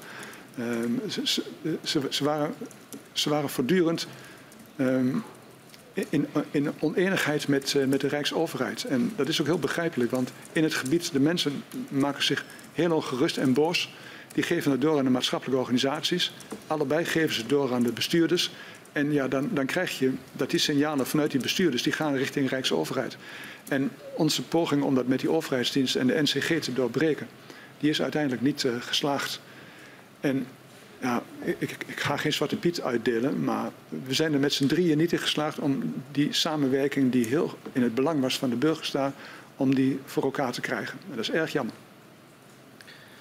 Toch nog even terug naar eh, wat collega Kuik vroeg van waar blijkt die urgentie bij het schadeprotocol dan uit? Eh, er werd net al even stilgestaan bij de opmerking vanuit de regio dat eh, zij de indruk kregen dat het kabinet zich verschuilde achter de demissionaire status dat in ieder geval het demissionair zijn van het kabinet het vinden van een oplossing in de weg stond. Maar wij gingen toch akkoord, meneer Quint, met het, eh, met het concept van de NCG? Ja, maar hier, hier volgt uh, mijn vraag nog, want zowel de heer Eikenaar um, als de heer, uh, uh, even kijken hoor, ja, de heer Alders, die geven allebei aan het protocol zoals het er lag voldeed niet meer, daarom is het ook opgezegd. Uh, maar uiteindelijk uh, komt men er onderling niet uit. Ja, maar dat, dat is net wat ik zeg. Hè? Dus het nieuwe protocol ja. wat de NCG had voorgesteld, dat was een conceptprotocol, daar kwam een vergadering. Uh, kunnen de overheden daarmee instemmen? Rijksoverheid zegt ja en de regio zegt nee. Nou, en dan heb je geen nieuw protocol. Dat is toch geen antwoord op de vraag waarom er uiteindelijk niet... Men wordt het niet eens over een concept. Nee, het concept is bedoeld om vervolgens in die vergadering allemaal te zeggen van ja. En dan is het concept het protocol geworden. En dan kan, de, uh, dan kan ermee gewerkt worden. Maar op het moment dat de een ja zegt en de ander zegt nee, dan, uh, dan kun je niet, heb je geen nieuw protocol. En dan kun je daar dus niet mee werken. Ja, en dan is dus de vraag waarom er dan de logische vervolgstap niet is om daar een gesprek verder over te voeren. Ja, maar die, die NCG die, die houdt niet op. Die is daarna gewoon doorgegaan. En die heeft weer geprobeerd om, om toch eruit te komen. En toch tot een protocol te komen. Ja, op, op, een gegeven moment, uh, in, september was het nog niet uh, gelukt. Het had op 1 juli moeten, uh, er moeten liggen. In juli niet, augustus niet. September was het er nog niet. Nou ja, en, en, en toen op een gegeven moment, toen, toen, toen, liep dat vast. En toen kwam de, de, conclusie van, nou dat lukt in deze kabinetsperiode niet meer. Ik had ook de indruk dat ze daar gewoon zaten te wachten op het nieuwe kabinet. En toen is, het, toen is het vooruitgeschoven naar het nieuwe kabinet. Ja, maar dan is de vraag waarom ze zaten te wachten op een nieuw kabinet. Want als wij het inwerkdossier van uh, minister Wiebes erbij pakken, dan, dan, dan zien we daar dat uh, de regio iets wilde wat EZ demissionair wel degelijk niet kon leveren. En dat ook het argument dat het kabinet demissionair was uiteindelijk het, het vormen van een nieuw schadeprotocol ja, in de weg heeft gestaan. volgens mij is dat niet juist. Volgens mij is juist wat ik net heb gezegd. En volgens mij heeft de SG Kampstad ook uh, gezegd. Er kwam een vergadering van de, de drie overheden onder leiding van de NCG waarbij het, het, protocol zou kunnen worden vastgesteld. Het stuk wat op tafel lag werd geaccordeerd door het Rijk en werd afgewezen door de regio. Dat, is, dat, is weer, dat, is, toch geen weerlegging van dat de demissionaire status komt van een nieuws. Als, als de regio iets in het schadeprotocol wilde waarvan het Rijk zegt, ja, dat kunnen wij niet leveren in demissionaire status, dan, dan, dan kunnen die twee toch prima naast elkaar bestaan. Nou, maar wat, eh, wat er redelijk was daar, wat vanuit de overheidsdienst Groningen kwam onder leiding van de NCG, dat was het concept wat aan de orde werd gesteld en waarmee wij hebben ingestemd. Ja, maar dat is toch nog steeds geen antwoord op mijn, uh, op mijn vraag dat het wel degelijk zo kan zijn dat de regio een wens had waarvan uh, het ministerie vond dat men daar niet aan kon voldoen in demissionaire status. Ja, en dat daarmee de komst van een schadeprotocol onmogelijk was in demissionaire staat. Welke wens uh, spreekt u over? Ik heb geen concrete wens in gedachten. Dat zou bijvoorbeeld kunnen gaan over, u had het net over de, uh, de ruimhartige schadeafhandeling. Hoe ruimhartiger je wordt, hoe verder je afstapt van de, nou, bijvoorbeeld de wettelijke aansprakelijkheid. Nou, wat de schadeafhandeling betreft heb ik al gezegd dat door de NCG gekozen was voor een opzet waarbij er in het begin ruimhartig en snel en, en, zonder bureaucratische romslomp gereageerd werd op, op, op de schademelding. En op die manier dacht hij dat, wij, dat de, de, de, het vastlopen wat gebeurd was, dat dat opgelost zou kunnen worden. En waarop er in de toekomst op een betere manier vlotter de schades afgehandeld zouden kunnen worden. Dat had hij verwerkt in zijn conceptprotocol en daar hebben wij mee ingestemd. En dat de andere dan daar niet mee instemt. Ja, u zegt, uh, wij wilden niet tegemoetkomen. Ik weet niet wat u bedoelt. Uh, en ik weet wel dat naarmate het kabinet langer demissionair was, ja, kan ik, had ik de indruk dat men ook zat te wachten op het, op het volgende kabinet. Omdat men daar dan ja, dacht wel met elkaar het eens te kunnen worden. Zou bijvoorbeeld de komst van een schadefonds iets zijn waarvan u denkt dat vind ik te ver gaan in demissionaire staat? Of had u daar prima mee akkoord kunnen gaan? Nou, ik heb me nooit principieel verzet tegen een schadefonds. Um, kijk, het, het, schadefonds, het geld moet dus komen van de NAM. Hè? En het geld wat van de NAM komt, dat komt voor, uh, voor, voor, meer dan de helft, komt dat van de Rijksoverheid ja. uiteindelijk. Um, de, de, de, Rijksoverheid heeft nooit tegen de NAM gezegd van doe terughoudend met schadevergoeding. Integendeel, we hebben erop aangedrongen om schades vlot en, en ruimhartig af te handelen. Dus wij, dat, dat geld kan wat mij betreft rechtstreeks van de NAM naar de schademelder gaan. Als dat via een fonds moet lopen, ehm, heb ik daar geen bezwaar tegen. Maar het, het, is geen principieel verschil. Het blijft nog steeds geld van de NAM wat naar de schademelder gaat. Maar het was in ieder geval geen, volgens u geen beletsel geweest in die tijd om uh, tot een... Nee, we hebben, ik heb mij nooit principieel tegen een schadefonds uh, verzet. Uh, dat zou wat mij betreft mogen. Alleen, kijk, iedere keer dat soort dingen, zoals dat schadefonds en zoals die arbiten... en er zijn nou, nou, vijf, zes, zeven, acht andere voorbeelden te noemen... Dat zijn telkens oplossingen die je aan vergadertafels bedenkt, omdat je denkt dat je daar een praktisch probleem mee op kunt lossen. Maar in, in, de, in de praktijk bleek dat zo niet te werken. In de praktijk maakte je het alleen maar nog ingewikkelder en, en de ontevredenheid bij de bevolking over de gang van zaken die bleef. Dus die, die, die, die vergadertafeloplossingen, dat heeft niet tot, tot tevredenheid bij de bevolking geleid. En daarom dat ook de NCG bedacht heeft om, uh, om tot een zo, zo simpel, snel mogelijke invulling van dat schadeprotocol te komen. En daar was ik het zeer mee eens. Dan over uh, de arbiter waar u het net uh, over had. Uh, mijn collega Kuiken haalde net al het verhoor met de heer Schulting aan. Ik weet niet of u dat verhoor hebt kunnen, hebt kunnen volgen. Nee. Ehm, maar los van dat hij erop wijst dat de NAM in beginsel de uitspraak zou nakomen, wijst hij er ook op hoe dat in de praktijk zijn uitvoering had, die uh, discussie over het inbeginsel. Uh, hij zegt bijvoorbeeld in beginsel, ja, dat is een forse beperking gebleken in die zin dat het eigenlijk altijd als een zwaard van Damocles boven de arbiter uh, heeft gehangen. zo willen we het hebben en anders gaan we naar de rechter. Dat patroon heeft zich later naar het einde toe steeds vaker herhaald vanuit de NAM, dat er gewaarschuwd werd, pas op, we gaan naar de rechter. Ja, ik begrijp dat niet. Als, als wij zeggen dat, als, als ik zeg en ik zeg dat in brieven aan de Kamer. En ik wissel dat met de Kamer in uh, debatten. Uh, ik zeg, er is een arbiter en die is bindend voor de NAM en niet bindend voor de schademelder. Uh, en vervolgens zijn er arbiters en die zien dat daar iets niet gaat zoals ik dat gezegd heb. Um, dan neem ik aan dat ze dan naar mij toe komen en zeggen van het gaat niet goed. jij hebt dat gezegd, maar er gebeurt dat. Doe er wat aan. Ik heb ze niet gezien. Nou, ik, um, de, de, indruk die wij krijgen is dat uh, de arbiter wel degelijk bekend was met de formulering, maar dat het gewoon dat, dat ongeveer de opdracht was waarmee hij uh, zichzelf aan het werk gesteld zag. Dus we zien ook in uh, een lijst van vragen en antwoorden die door Kamerleden worden ingediend, ehm, dat daarin het ministerie zelf ook de formulering in beginsel bindend gebruikt. Hm. Overigens met een verwijzing naar de mogelijkheid om in uitzonderlijke gevallen de zaak toch aan het oordeel van de rechter over te laten. Jurisprudentie die daarmee kan worden opgebouwd, kan vervolgens weer zijn werking hebben in latere uitspraken van de arbiter. Ja, ik weet niet hoe het met, met uitzonderlijke gevallen zit. Het gaat er mij om de, de systematiek van de arbiter. En die systematiek is zoals ik die net heb uh, gezegd. En zoals ik dat ook naar de Kamer toe heb uh, gemeld en in debatten met de Kamer heb gewisseld. Ja. Maar de uitwerking van die juridische mogelijkheid die opengehouden werd, was dus volgens de arbiter zelf. Dat nam zich regelmatig uh, nou ja, aan de voorkant al er tegenaan bemoeid door te dreigen met een, uh, met een gang naar de rechter. Dat ook overigens in, uh, in één specifiek geval daadwerkelijk gedaan heeft. Nou ja, ik, ik, ik word er niet anders van als er in één geval terwijl er 80.000 meldingen zijn geweest tussen 2012 en 2016. Maar niet bij de arbiter? Dat er in, maar dat er in ieder geval naar de, naar de rechter wordt gegaan, daar word ik niet echt anders van.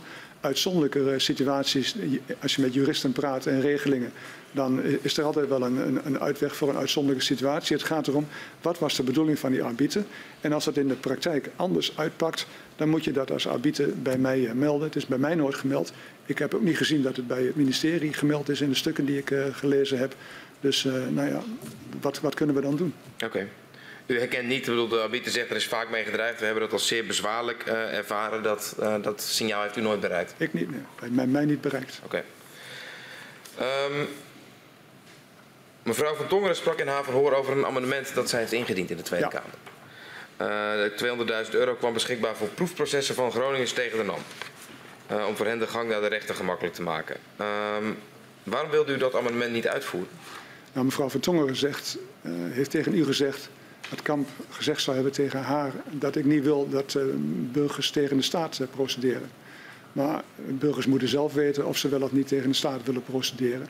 Waar het mij om gaat, ga je burgers subsidiëren om tegen de staat te procederen. Nou, dat vind ik niet dat je dat als, als staat moet doen. En daarom dat ik niet, uh, dat ik niet van zins was om dat amendement uit te voeren. Een amendement in een begroting, dat houdt in dat ik 200.000 euro in dit geval beschikbaar krijg om iets te doen. Maar wat ik zou moeten doen, dat vind ik niet juist om dat uh, te doen. En daarom heb ik het niet gedaan. Um, en wat gebeurt er dan met het budget? Is blijven staan. Uh, en u zegt zelf al, uh, ik heb niet gezegd dat burgers niet tegen de staat zouden moeten procederen, maar ik wil het, uh, ik wil het niet subsidiëren. Precies. Um, hoe kijkt u in dat licht naar de huidige situatie, waarbij burgers alsnog tegen een orgaan van de staat, namelijk het instituut Mijnbouwschade Groningen, moeten procederen? Nou, daar wil ik me niet over uitlaten, omdat ik toen ik wegging in oktober 2017 toen ben ik in de, uh, in, in, de ouderenzorgsector gaan uh, werken. En heb ik andere, andere dingen gedaan. En ik, vanaf dat moment beschik ik niet over, uh, over informatie waar anderen die daarna verantwoordelijkheid droegen wel beschikken.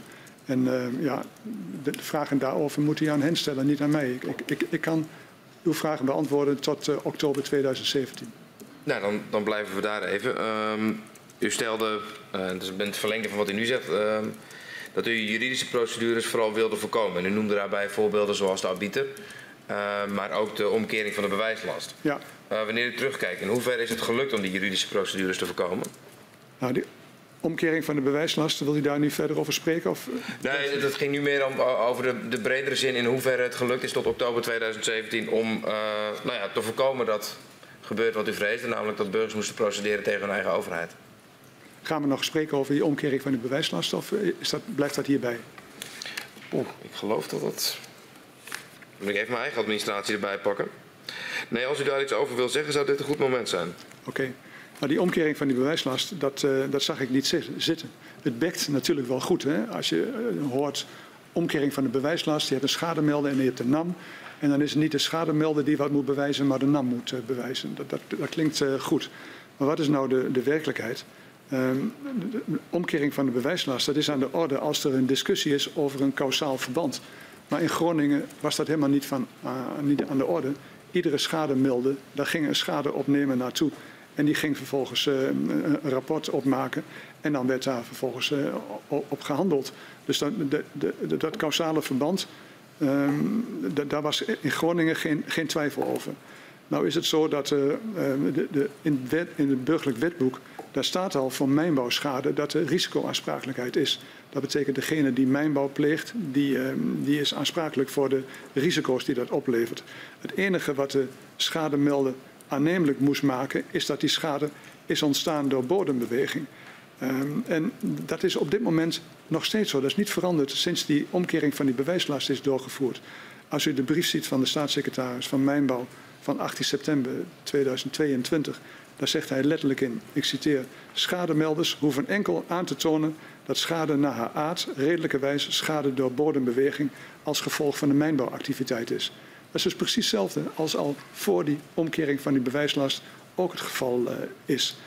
Uh, als de, bovendien is het zo dat als er in die tijd uh, dat er nog geen omkering van de bewijslast was, als dan de schade meldde, schade meldde en er was onduidelijkheid over uh, wat nou de oorzaak daarvan was, dan had hij gewoon het recht, hij of zij had het recht om een beroep te doen op de technische commissie bodembeweging en die kon dan vervolgens uitzoeken wat nou de oorzaak was van die, uh, van die, die schade.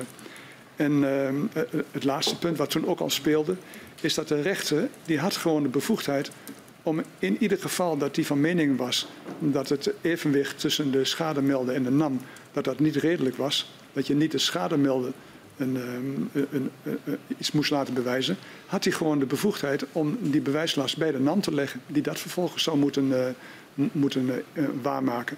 Dus ik denk dat dat hele complex van redenen wat er was om niet tot omkering van de bewijslast uh, over te gaan, dat dat een, sterk en overtuigend complex was. Vandaar ook dat ik in eerste instantie geen voorstander was van die omkering van die bewijslast. Um je ziet toch wel degelijk tegenwoordig, wanneer de, de omkering van de bewijslast uh, wel degelijk wordt toegepast, dat het uitgangspunt waar de rechter over oordeelt anders is. Namelijk de vraag bij wie het, uh, bij wie het ligt om aan te tonen waar schade vandaan komt, dat die wel degelijk anders is. Dat nou ja, het niet meer zo is dat de NAM kan zeggen er kan ook een zware vrachtwagen door de straat hebben gereden, maar dat je dan tenminste zult moeten aantonen dat er een zware vrachtwagen door de straat heeft gereden. Maar wat, wat staat er in die brief dan die ik net aanhaalde van de, de staatssecretaris van een, uh, van een, een, paar weken geleden? Schademelders hoeven enkel aan te tonen dat schade naar aard redelijkerwijs schade door bodembeweging als gevolg van de mijnbouwactiviteit is. Dat schade naar haar aard redelijkerwijs schade door bodembeweging als gevolg van mijnbouwactiviteit is. Dat is precies hetzelfde als het daarvoor ook al was. Kan zijn. Het schade dat kan zijn. Nee, er staat is. Ik wil even door. Brief van eh, 18 september 1902 eh, 2022. Kijk, ik wil dat niet wegpraten. hè. Ik snap dat verschil tussen de gewone vrouw-man en de NAM in een procedure snap ik heel goed. Die vrouw NAM, of die, die vrouw-man die heeft wel of niet een, eh, een, een, een, eh, verzekering voor, eh, voor rechtsbijstand. Die NAM met Shell en Exxon daarachter, die, die kan de beste advocaten eh, inhuren. Dus daar is gewoon, dat, dat zit gewoon niet lekker, dat snap ik wel. Maar omkering bewijslast is makkelijk gezegd. Maar als je nou kijkt hoe de positie al was eh, en wat er nou feitelijk veranderd is, ja, dan denk ik dat je daar ook heel anders tegenaan kunt kijken. Ik wil even door op het punt van, eh, van versterking. Want dat komt ook al vroeg eh, in uw eh, ministerschap eh, aan de orde als belangrijk onderwerp. In januari 2014 kondigt u in een Kamerbrief grootschalige preventieve versterkingen van gebouwen en infrastructuur aan. Wat was het op dat moment, januari 2014, uw beeld van wat grootschalige preventieve versterking voor de provincie Groningen zou betekenen? We wisten nog niet precies wat er, ehm, ehm, over, over welke aantallen het ging toen. Dat werd pas een jaar later, eh, in december 2014, werd dat, eh, werd dat duidelijker. Ehm, maar mijn beeld was dat daar veel huizen stonden die in de constructie die dingen hadden die niet, niet zo goed waren. Ook de uitvoering vergeleken met de, met de bouwvergunningen was vaak niet ehm, met elkaar in overeenstemming. Het waren vaak oudere huizen. Eh, iets in een eh, ander gebied waar dat geen enkel probleem zou zijn. Maar met aardbevingen is dat een heel groot probleem. En die mensen hadden nooit om die aardbevingen gevraagd. Dus daar, moest echt voor gezorgd worden. Op de eerste plaats dat ze niet meer onveilig in hun eigen huis eh, waren. En, ja, en, er moest ook, ook gezorgd worden dat, ze, dat, dat dat niet alleen maar een, een clean versterkingsoperatie was per huis. Maar dat, dat het ook uiteindelijk meerwaarde had voor de, de mensen in die huizen. Ehm, en de- ik, ik had dus de overtuiging van er, moet, er, moet, eh, er moeten veel huizen daar, daar moet wat aan gedaan Ja. worden. Wat ik toen vanaf Maar het begin Het niet beeld, het beeld was nog niet scherp. U had nog niet een inschatting van om hoeveel aantallen hebben we het dan? Nee, Nee. dat is, dat is later eh, gekomen. En eh, ik, ik moet ook zeggen dat ik vanaf het begin ook eh, me, of zeker in het begin me onvoldoende heb gerealiseerd dat het weinig zin heeft en niet realistisch is om over grote aantallen te praten als je over versterking praat. Maar het gaat om allemaal individuele huizen met mensen erin die allemaal hun eigen situatie hebben, die er op een eigen manier tegenaan kijken, die eigen wensen hebben. Ehm, die, je, de, de- je, je moet er eerst een inspectie op loslaten. Vervolgens wordt er, ik geloof, zes maanden lang gerekend om te kijken hoe je het aan de, aan de NPR zou kunnen eh, voldoen. Dan moet er een advies opgesteld worden van hoe dat dan, hoe dat, hoe dat dan moet gaan eh, gebeuren, zo'n eh, versterking. Maar dat, dat, dat kwam later dat u eh, dat inzicht kreeg. Dat was niet wil- op dat moment. Nee, wat ik ermee wil zeggen is dat ik in het begin dat- inzicht niet had en dat later duidelijk werd Ja. dat het niet realistisch is om zomaar over grote aantallen te praten, maar dat je je moet realiseren dat er in ieder, ieder geval dat er een geval op zichzelf was wat veel aandacht nodig heeft en dat het heel moeilijk is om die optelsom van die individuele gevallen, om die tot een totaal aantal te laten leiden wat eh, noodzakelijk is om de, de versterking waar we later van dachten, zo'n 10.000, 12.000 huizen, gebouwen in vijf jaar tijd, om dat voor elkaar te krijgen. Ja. Dus op dat moment ehm, realiseerde u niet dat het in de praktijk voor, een heel, veel, voor heel veel woningen zou neerkomen op sloop nieuwbouw. Dat was niet eh, wat u op dat moment ehm, scherp had. Nou, ik, ik dacht ook niet dat dat iets was wat je zou moeten nastreven, sloop nieuwbouw. Nee. Omdat, eh, kijk, huizen die niet, niet mooi of goed zijn en waar de bewoners zeggen van, nou ja, als er veel moet aan gebeuren, Ja. dan eh, zet er maar een nieuw huis neer. Dat lijkt me prima. Maar het is ook een heel mooi plattelandsgebied met mooie dorpen waar hele mooie huizen staan. En eh, om, om daar maar eh, te gaan slopen en nieuw te bouwen, dat lijkt me een enorme aantasting van het gebied. Dus ik denk dat, de, ehm, ik zal zo nog iets zeggen over grootschalige versterking. Maar met name voor die individuele panden denk ik dat eh, zomaar sloopnieuwbouw op grote schaal, dat dat niet het uitgangspunt kan zijn. Wanneer kwam dat inzicht wel, dat dat zo grootschalig zou zijn? Ehm,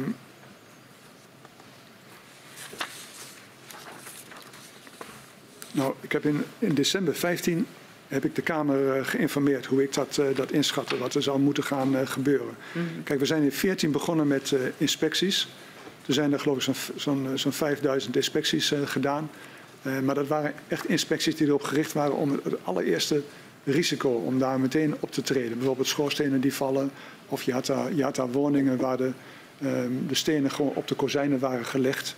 En dat was heel erg gevaarlijk. En, en Ja. andere dingen. Er waren Dat- de daar kleine elementen die... daar waren die eerste inspecties op Ja. eh, gericht. Vervolgens hebben we met, eh, met, met de woningcorporaties daarover eh, gepraat, ook wat we daaraan moesten doen. En toen kregen we op een gegeven moment die NPR eh, beschikbaar. En toen heb ik in, in, in december 2015 aan de Kamer geschreven dat eh, volgens mij het zo was dat er in totaal eh 3100 eh, gebouwen versterkt zouden moeten worden. En dat volgens deskundigen zou dat een factor 2,5, 3 meer moeten worden in de praktijk. Toen ben ik van 3 uitgegaan. En toen werd er ook gezegd van ja, en er komen per jaar 360 eh, huizen nog bij vanwege dat aardbevingen nog steeds eh, doorgaan. Dus uiteindelijk kwam ik erop dat er een aantal van 11 tot 12.000 wonen- gebouwen versterkt moesten worden. Ehm, voornamelijk woningen.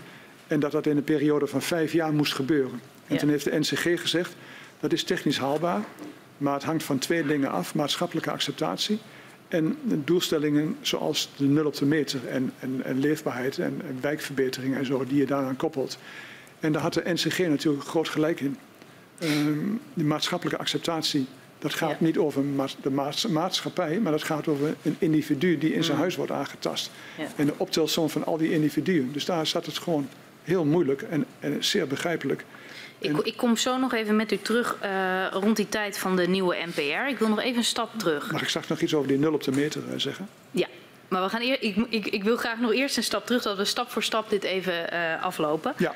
Ehm, we zien dat u in november eh, 2014 bij de NAM aandringt eh, op het verhogen van de capaciteit voor bouwkundig versterken. Eh, van 0 tot eh, 1200 huizen per jaar naar 3000 huizen per jaar. Van wie kwam dat getal, 3000? U zegt het eh, goed. Eh, uw voorzitter zei in, in het vorige, eh, een van de vorige verhoren dat ehm, de, de doelstelling was om 3000 huizen in 2015 te versterken en 5000 huizen in 2016. Het was iets genuanceerder. Het was zo dat eh, ik zei dat de capaciteit opgebouwd werd om in 2015 eh, 3000 huizen te kunnen versterken. En de capaciteit opgebouwd werd om in 2016 5000 huizen te versterken. Toen is er ook voor gekozen om een heleboel bouwvakkers eh, op, te, op te leiden en bij te scholen om dat te kunnen doen. En er is ook met heel veel kleine aannemers overlegd om dat werk allemaal te kunnen gaan eh, uitvoeren.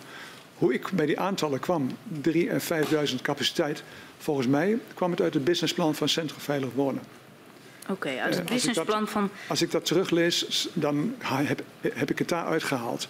Maar of, dat, of dat daaraan voorafgaand ook ehm, eh, gevoed is vanuit het ministerie, Dat Weet ik is, niet. Oké, want ik, eh, eh, we, we- zien toch dat, dat ehm, er over dat verzoek wel eh, vraagtekens zijn. Eh, onder andere bij ehm, eh, de heer Schopman. Ehm, we hebben in de verhoren ook eh, de heer Hut gehad van het Centrum Veilig Wonen.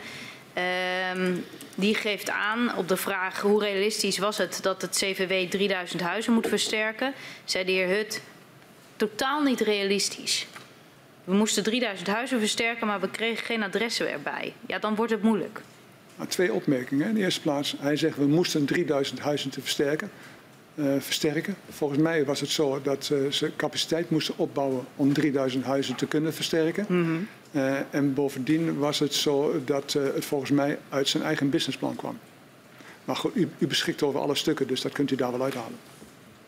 En als we dan kijken naar ehm, eh, de directeur eh, van de NAM, de heer, de heer Schotman. ehm, die geeft eh, eh, op 28 november 2012 reageert hij al eh, op. ehm, ik zou, dat zal 2014 moeten zijn. Reageert de heer Schotman eh, per brief op het verzoek. en die geeft aan wat de implicaties zijn van dit hogere ambitieniveau.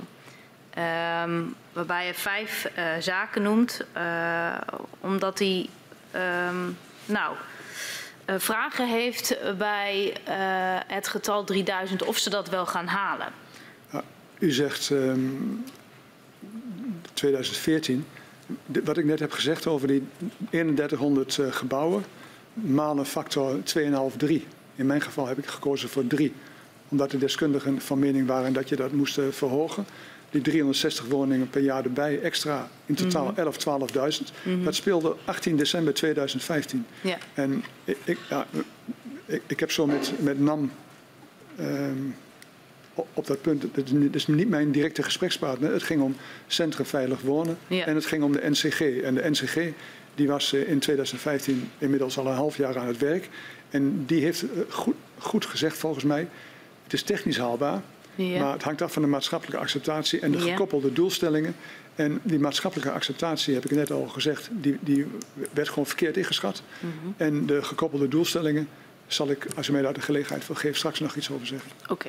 Ehm, eh, de- nog even eh, ehm, voor de helderheid. De opdracht van 3000 huizen eh, ging alleen over het opbouwen van capaciteit. Precies. Wat, be- wat betekent dat dan? Nou, dat je moet zorgen dat je in staat bent om 3000 huizen eh, te versterken. En dat je in, fa- in 2016 in staat bent om 5000 huizen te versterken. Maar gelijktijdig zeg ik daarbij, we hebben dat, en ook ik, eh, en onder mijn verantwoordelijkheid, hebben we dat eh, niet goed ingeschat. Dat grootschalig versterken van duizenden huizen, ja, dat is niet realistisch. Het, is met onze ambities voor wat betreft wijkverbetering, eh, de- de- recht doen aan een, aan een nieuwe straat, hoe die eruit moet zien. Ehm, ook de, de ambities zoals nul op de meter woningen bouwen. Als je toch 100, 200.000 in een huis investeert, eh, ja, maak er dan meteen een nul op, een nul op de meter woning eh, van. Als je al dat soort dingen eraan gaat koppelen eh, met de, eh, de, de, de, de betrokkenheid van iedere individuele bewoner, ja, dan is dat niet realistisch, die aantallen. Nee. Dus daar, daar heb, is een verkeerde inschatting gemaakt. Is dat ook de reden dat het Centrum Veilig Wonen wel de capaciteit op orde brengt om 3000 huizen te versterken, maar er uiteindelijk maar een eh, zeer beperkt aantal versterkt in 2015? Ja, 23 om precies te zijn. ja de- eh, 23. Eh, 23 woningen daadwerkelijk versterkt, inclusief 0 op de meter. En daarnaast nog 500, nou ja, de high-risk building elements. Dus dan gaat het over de schoorstenen en eh aanverwante loszittende objecten. Nou, laat me dan niet zeggen over wat ik met eh, de woningcoöperaties. Er zijn zeven woningcoöperaties in het gebied actief. hè. Ehm, en die zeiden tegen mij en ook eh Leen van Dijken, oud-Kamerlid, die ehm, de stroomversnelling trok. Dat was een eh, project om zoveel mogelijk nul op de meter woningen te maken. Die woningcoöperaties en, en, ehm, en Leen van Dijken die zeiden tegen mij van als je investeert in die huurwoningen, er stonden veel huurwoningen daar, oudere huurwoningen, Ja.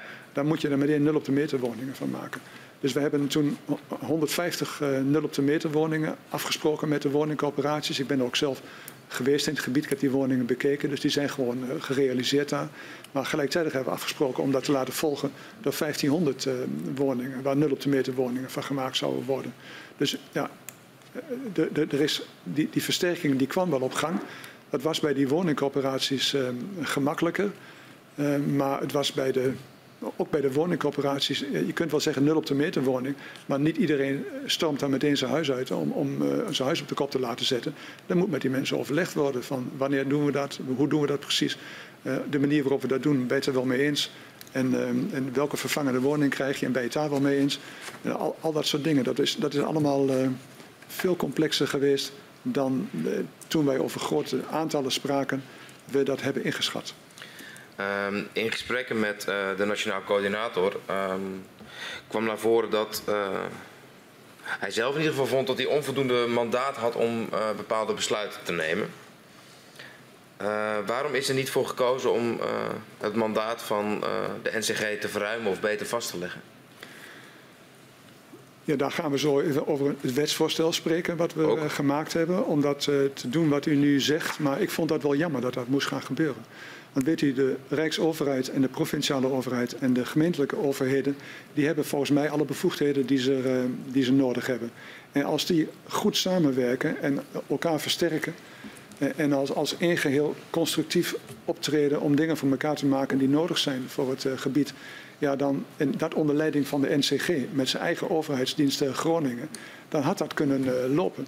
Op het moment dat je dat je zegt, maar ja, maar er moeten bevoegdheden zijn voor de nationaal coördinator om door te pakken bij gemeenten en, en, en door te pakken bij de NAM. En, en, ja, dan zit je, dan zit je al in, de, in de, de, de sfeer van formele bevoegdheden, terwijl je het eigenlijk met de wil van samenwerking en met de eigen gezamenlijke overheidsdienst volgens mij best van elkaar kunt maken allemaal. Maar was dat, was Zeker dat stadium niet al lang gepasseerd? Nee, dat, dat, dat, maar dat mag ook volgens mij nooit gepasseerd zijn. Als je met een complexe, moeilijke situatie, ernstige situatie als in Groningen geconfronteerd wordt als overheden, dan ben je volgens mij verplicht naar de burgers toe om heel goed samen te werken. En zeker als je je eigen overheidsdienst hebt met je eigen nationaal coördinator. Maar goed, toen dat niet werkte, toen zijn we wel met dat wetsvoorstel gekomen om, uh, om, die, om bevoegdheden, formele bevoegdheden aan die nationaal coördinator te geven. Maar ik vond dat zelf jammer, omdat het andere, wat had moeten lukken, tot dan nog niet gelukt was. En toen kwam dat wetsvoorstel en dat hebben we bij de Raad van State gebracht. En die kwam met een uh, kritische uh, reactie daarop. En het kabinet was demissionair. En toen is dat ook naar het, het nieuwe kabinet gebracht. De nationaal coördinator verklaarde dat ehm, het goed ging zolang iedereen het eens was. Dat, dat, dat hij prima uit de voeten kon zonder doorzettingsmacht, zonder eigen budget, zonder beslissingsbevoegdheid. Op het moment dat nou ja, alle overheidslagen aan dezelfde kant van het, uh, ja. van het touw stonden te trekken. Ja. Herkent u dat? Ja, maar die nationale coördinator, daar, daar was, dat was echt volgens mij de oplossing daar voor het gebied wat betreft het optreden van de overheden. Om, in de eerste plaats omdat het een eigen overheidsdienst had die zowel de ministeriesbond als, de, als in het gebied de overheden liet samenwerken, maar ook de figuur van een nationaal coördinator. Iemand die minister van Vorm was geweest, was Kamerlid geweest. Hij was lang uh, commissaris van de Koning geweest. Hij had de Schiphol ook al bewezen dat hij in hele moeilijke situaties naar oplossingen toe kon uh, werken. Dus ja, ik, was echt blij dat, dat hij daar was. Hij heeft dat ook heel goed gedaan heeft er alles aan gedaan wat hij kon uh, doen. En ik vond het heel erg jammer dat dat uh, uiteindelijk toch niet is gelukt. U uh, stelt de nationale praktijkrichtlijnen op. In januari 2015 komt de stuurgroep Nationale Praktijklijn met een eerste impact assessment. Een berekening waaruit blijkt dat op basis van de conceptversie van de praktijkrichtlijn in Groningen mogelijk 30.000 tot 90.000 woningen niet aan de norm voldoen. In een studie van de provincie wordt zelfs gesproken over 152.000 woningen. Schrok u van dat aantal? Ja, maar het leek mij maar niet erg realistisch. En de berekeningen die, uh, die, die gemaakt waren, ik heb al gezegd in december 2015 een berekening uh, van uh, 11, 12.000. Dat leek me wel realistisch. Het jaar daarop had ik al mijn twijfels bij die 22.000 die, hmm. die, die, die er toen uitkwamen. Maar aantallen zoals u die nu noemt, heb ik nooit als realistisch gezien. Um, hoe, hoe, beoordeelde u dan die aantallen? Was dat niet gebaseerd op reëel onderzoek? Of? Ja, natuurlijk. Die, die, die, waar ik over sprak, die 11, 12.000. Ik heb aangegeven hoe dat opgebouwd is. Hè. Dat, er waren dus, we hadden al anderhalf jaar inspecties achter de rug. Mm. Uh, er was al nodige ervaring opgebouwd dan, dan, trek je daar conclusie uit. Maar dan zeggen deskundigen, ja, maar het is in de praktijk is het toch uh, ingewikkelder. En zijn het meer huizen, dus hou er rekening mee. Uh, eigenlijk zou je het met 2,5, 3 moeten vermenigvuldigen. We vermenigvuldigen het met 3. Op, op, die manier is dat helemaal onderbouwd. En die, die 22.000 zal ook onderbouwd zijn. Maar die aantallen waar u nu over spreekt, daar, ja. je, je ziet ook dat die NPR die, die was voortdurend in beweging. Hè. De eerste NPR die is vastgesteld was het december 2015. Mag ik dat even checken? Ja, dat is de eerste NPR geweest. Mm -hmm. Toen hebben we een, uh, een, tweede NPR gehad en die kwam in mei 2017. En in die tussenperiode tussen december 2015 en mei 2017 was er ook voortdurend uh, discussie over ja, maar aannames die gemaakt zijn. Dat zijn eigenlijk niet, niet goede aannames. Een, een voorbeeld. Ik kreeg op een gegeven moment eh, het bericht dat er in november 2015 ontdekt was dat er ehm, in de berekeningen van de benodigde versterkingen dat daar een software, softwarefout was uh, gemaakt. Mm -hmm. En dat, er, um, dat het, uh, de, de, werkelijke seismiciteit dreiging dat die 30% lager was dan waarvan uitgegaan uh, was. En ik kreeg ook berekeningen, meldingen, dat er gezegd werd, luister, we, we hadden in het begin hadden we uh, weinig feitelijke gegevens. Dus toen hebben we met modellen gewerkt. En die, die, modellen waren gebaseerd op aannames. En die aannames die stapelden op elkaar.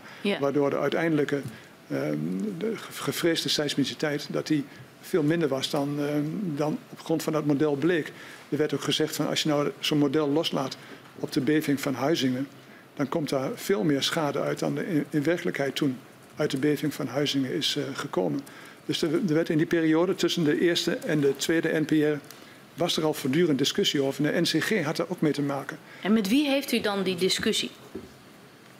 Nou, die discussie die is tussen de NEN-commissie en de Um, en, en, en, de, en, de, um, en, ons op het ministerie mm -hmm. en, en, de deskundigen die daarbij betrokken waren. Je, je, we hebben daar uh, aan alle kanten deskundigen bij gehaald om, daar, om daarover te spreken.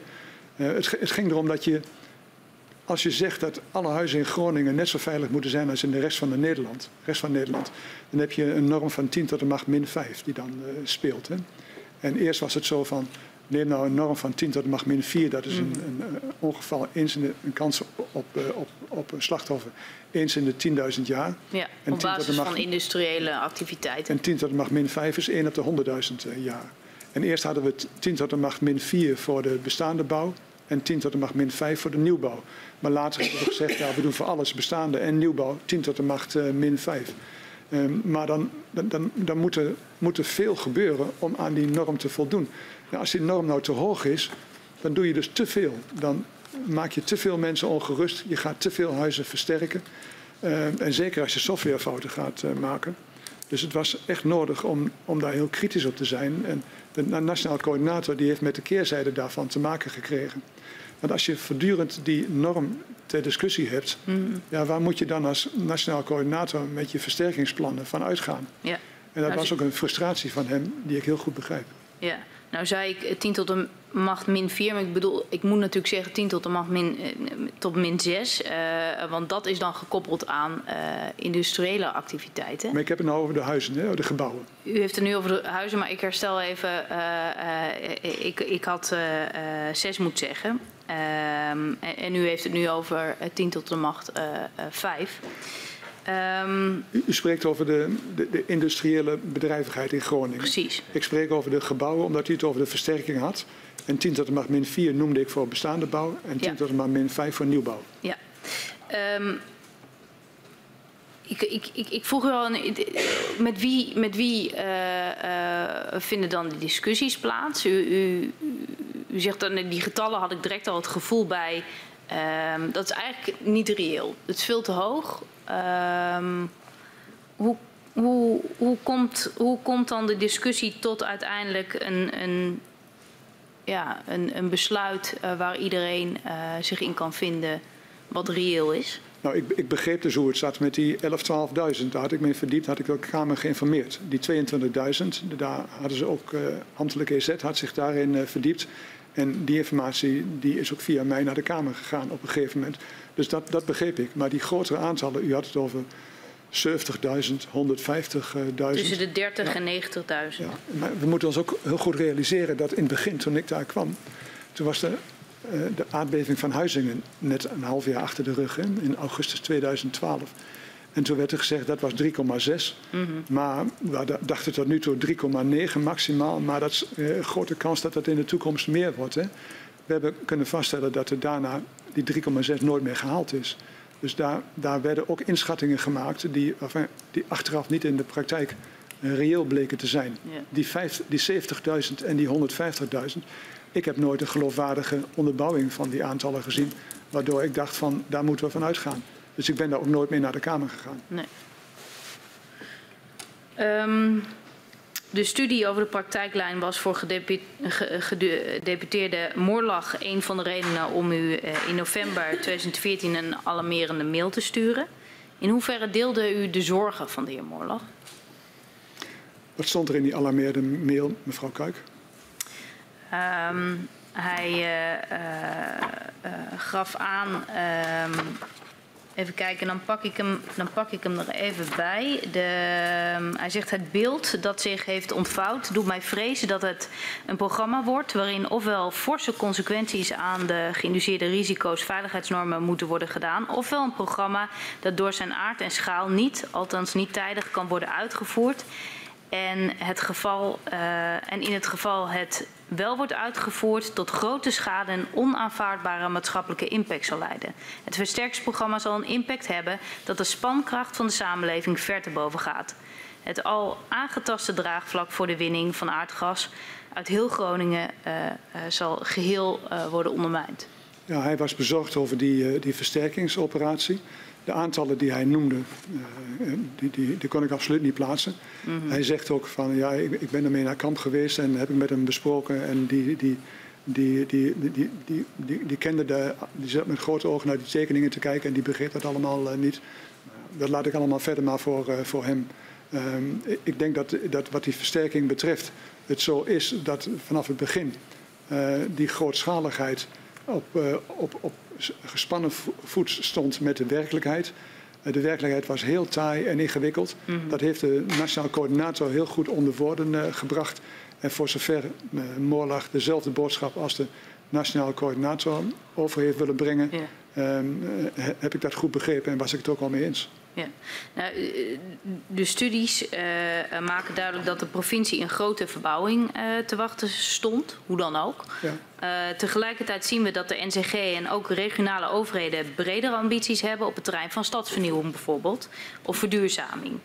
En daarmee dient zich ook een omvangrijke gebiedsopgave aan. Ja. Waarbij nauwe samenwerking tussen gemeentes en burgers vereist is. In hoeverre was uw ministerie toegerust voor deze enorme opgave? Nou, ik was het daar met de Nationaal Coördinator heel erg eens. Als je daar maar gaat uh, slopen en, en nieuw bouwen en, en gaat uh, versterken, uh, ja, je, je, je, breekt zo'n hele samenleving mm. af. De hele structuur van die samenleving breek je af. Dus ik vond dat we dat op een zodanige manier moesten doen dat de individuele burgers daar beter van werden, maar dat ook de straten, de wijken, de dorpen daar beter van werden. Dus de koppeling aan, aan leefbaarheidsprojecten aan, uh, aan, aan de, de, de, de, kwaliteit van een dorp, eh, dorps- en, en dorpsaanzicht. Dat soort dingen, dat je daar aandacht voor had en dat je dan uh, een, een, programma ging maken voor zo'n heel, voor zo'n heel dorp, waar dan die grote versterkingsopgave ingepast werd, mm. zoals de Nationaal Coördinator dat wilde, daar was ik het zeer mee eens. Maar in hoeverre was uw ministerie daarvoor toegerust? Nou ja, de, de Nationaal Coördinator die had dus de beschikking over de overheidsdienst Groningen er was een menskracht bij de provincie, een menskracht bij de gemeenten. Ja. En wij hadden daar ook, ook vanuit de Rijksoverheid eh, aan bij kunnen dragen om, om gezamenlijk dat te ontwikkelen. De dienst landelijk gebied is ook naar uh, Groningen gegaan. Mm. En heeft ook gezegd van kom met, uh, met voorstellen, daar willen wij graag uh, aan, aan, mee, mee, aan de slag.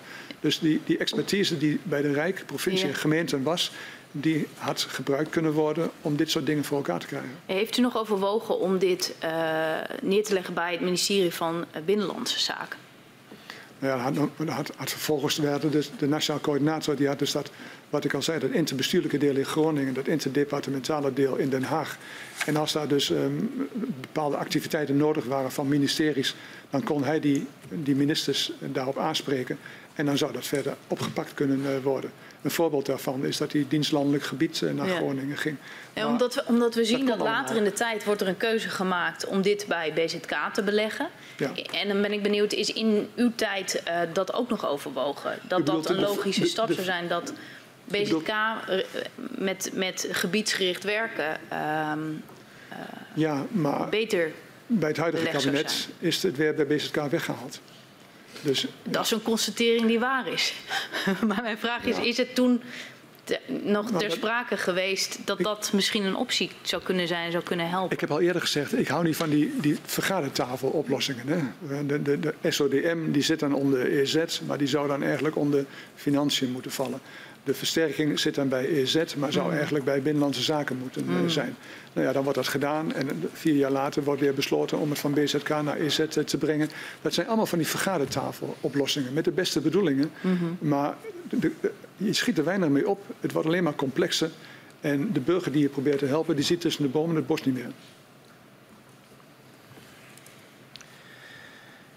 Toch kiest u er zelf ook bijvoorbeeld voor om in het geval van de schadeafhandeling wel degelijk de keuzes te maken om uh, nou ja, zo'n vergadertafeloplossing toe te passen en om de schade weg te halen bij, uh, bij NAM en Centrum Veilig Wonen en dat richting de Nationaal Coördinator te brengen. Ja, maar wat ik nu beschrijf, uh, wat in die vijf jaar is gebeurd, dat is allemaal gebeurd onder mijn verantwoordelijkheid. Daar ben ik me zeer bewust. Voortdurend hebben we gekeken. Tweede, een contra-expert, een, een arbiter, een commissie voor speciale gevallen, toezicht door de commissie, toezicht door de NCG. Ingewikkelde gevallen eerst nog een tijdje bij de NAM laten en daarna weer weghalen. En zo zijn we voortdurend bezig geweest met het zoeken van oplossingen voor een probleem wat op een bepaald moment werd onderkend. Maar uh, wat ik al zei, het waren uh, vaak vergadertafeloplossingen die de complexiteit alleen maar groter maakten. En de NCG die zei toen op een gegeven moment van ja, met de schademeldingen gaat dat dus helemaal verkeerd, dat moet op een andere manier.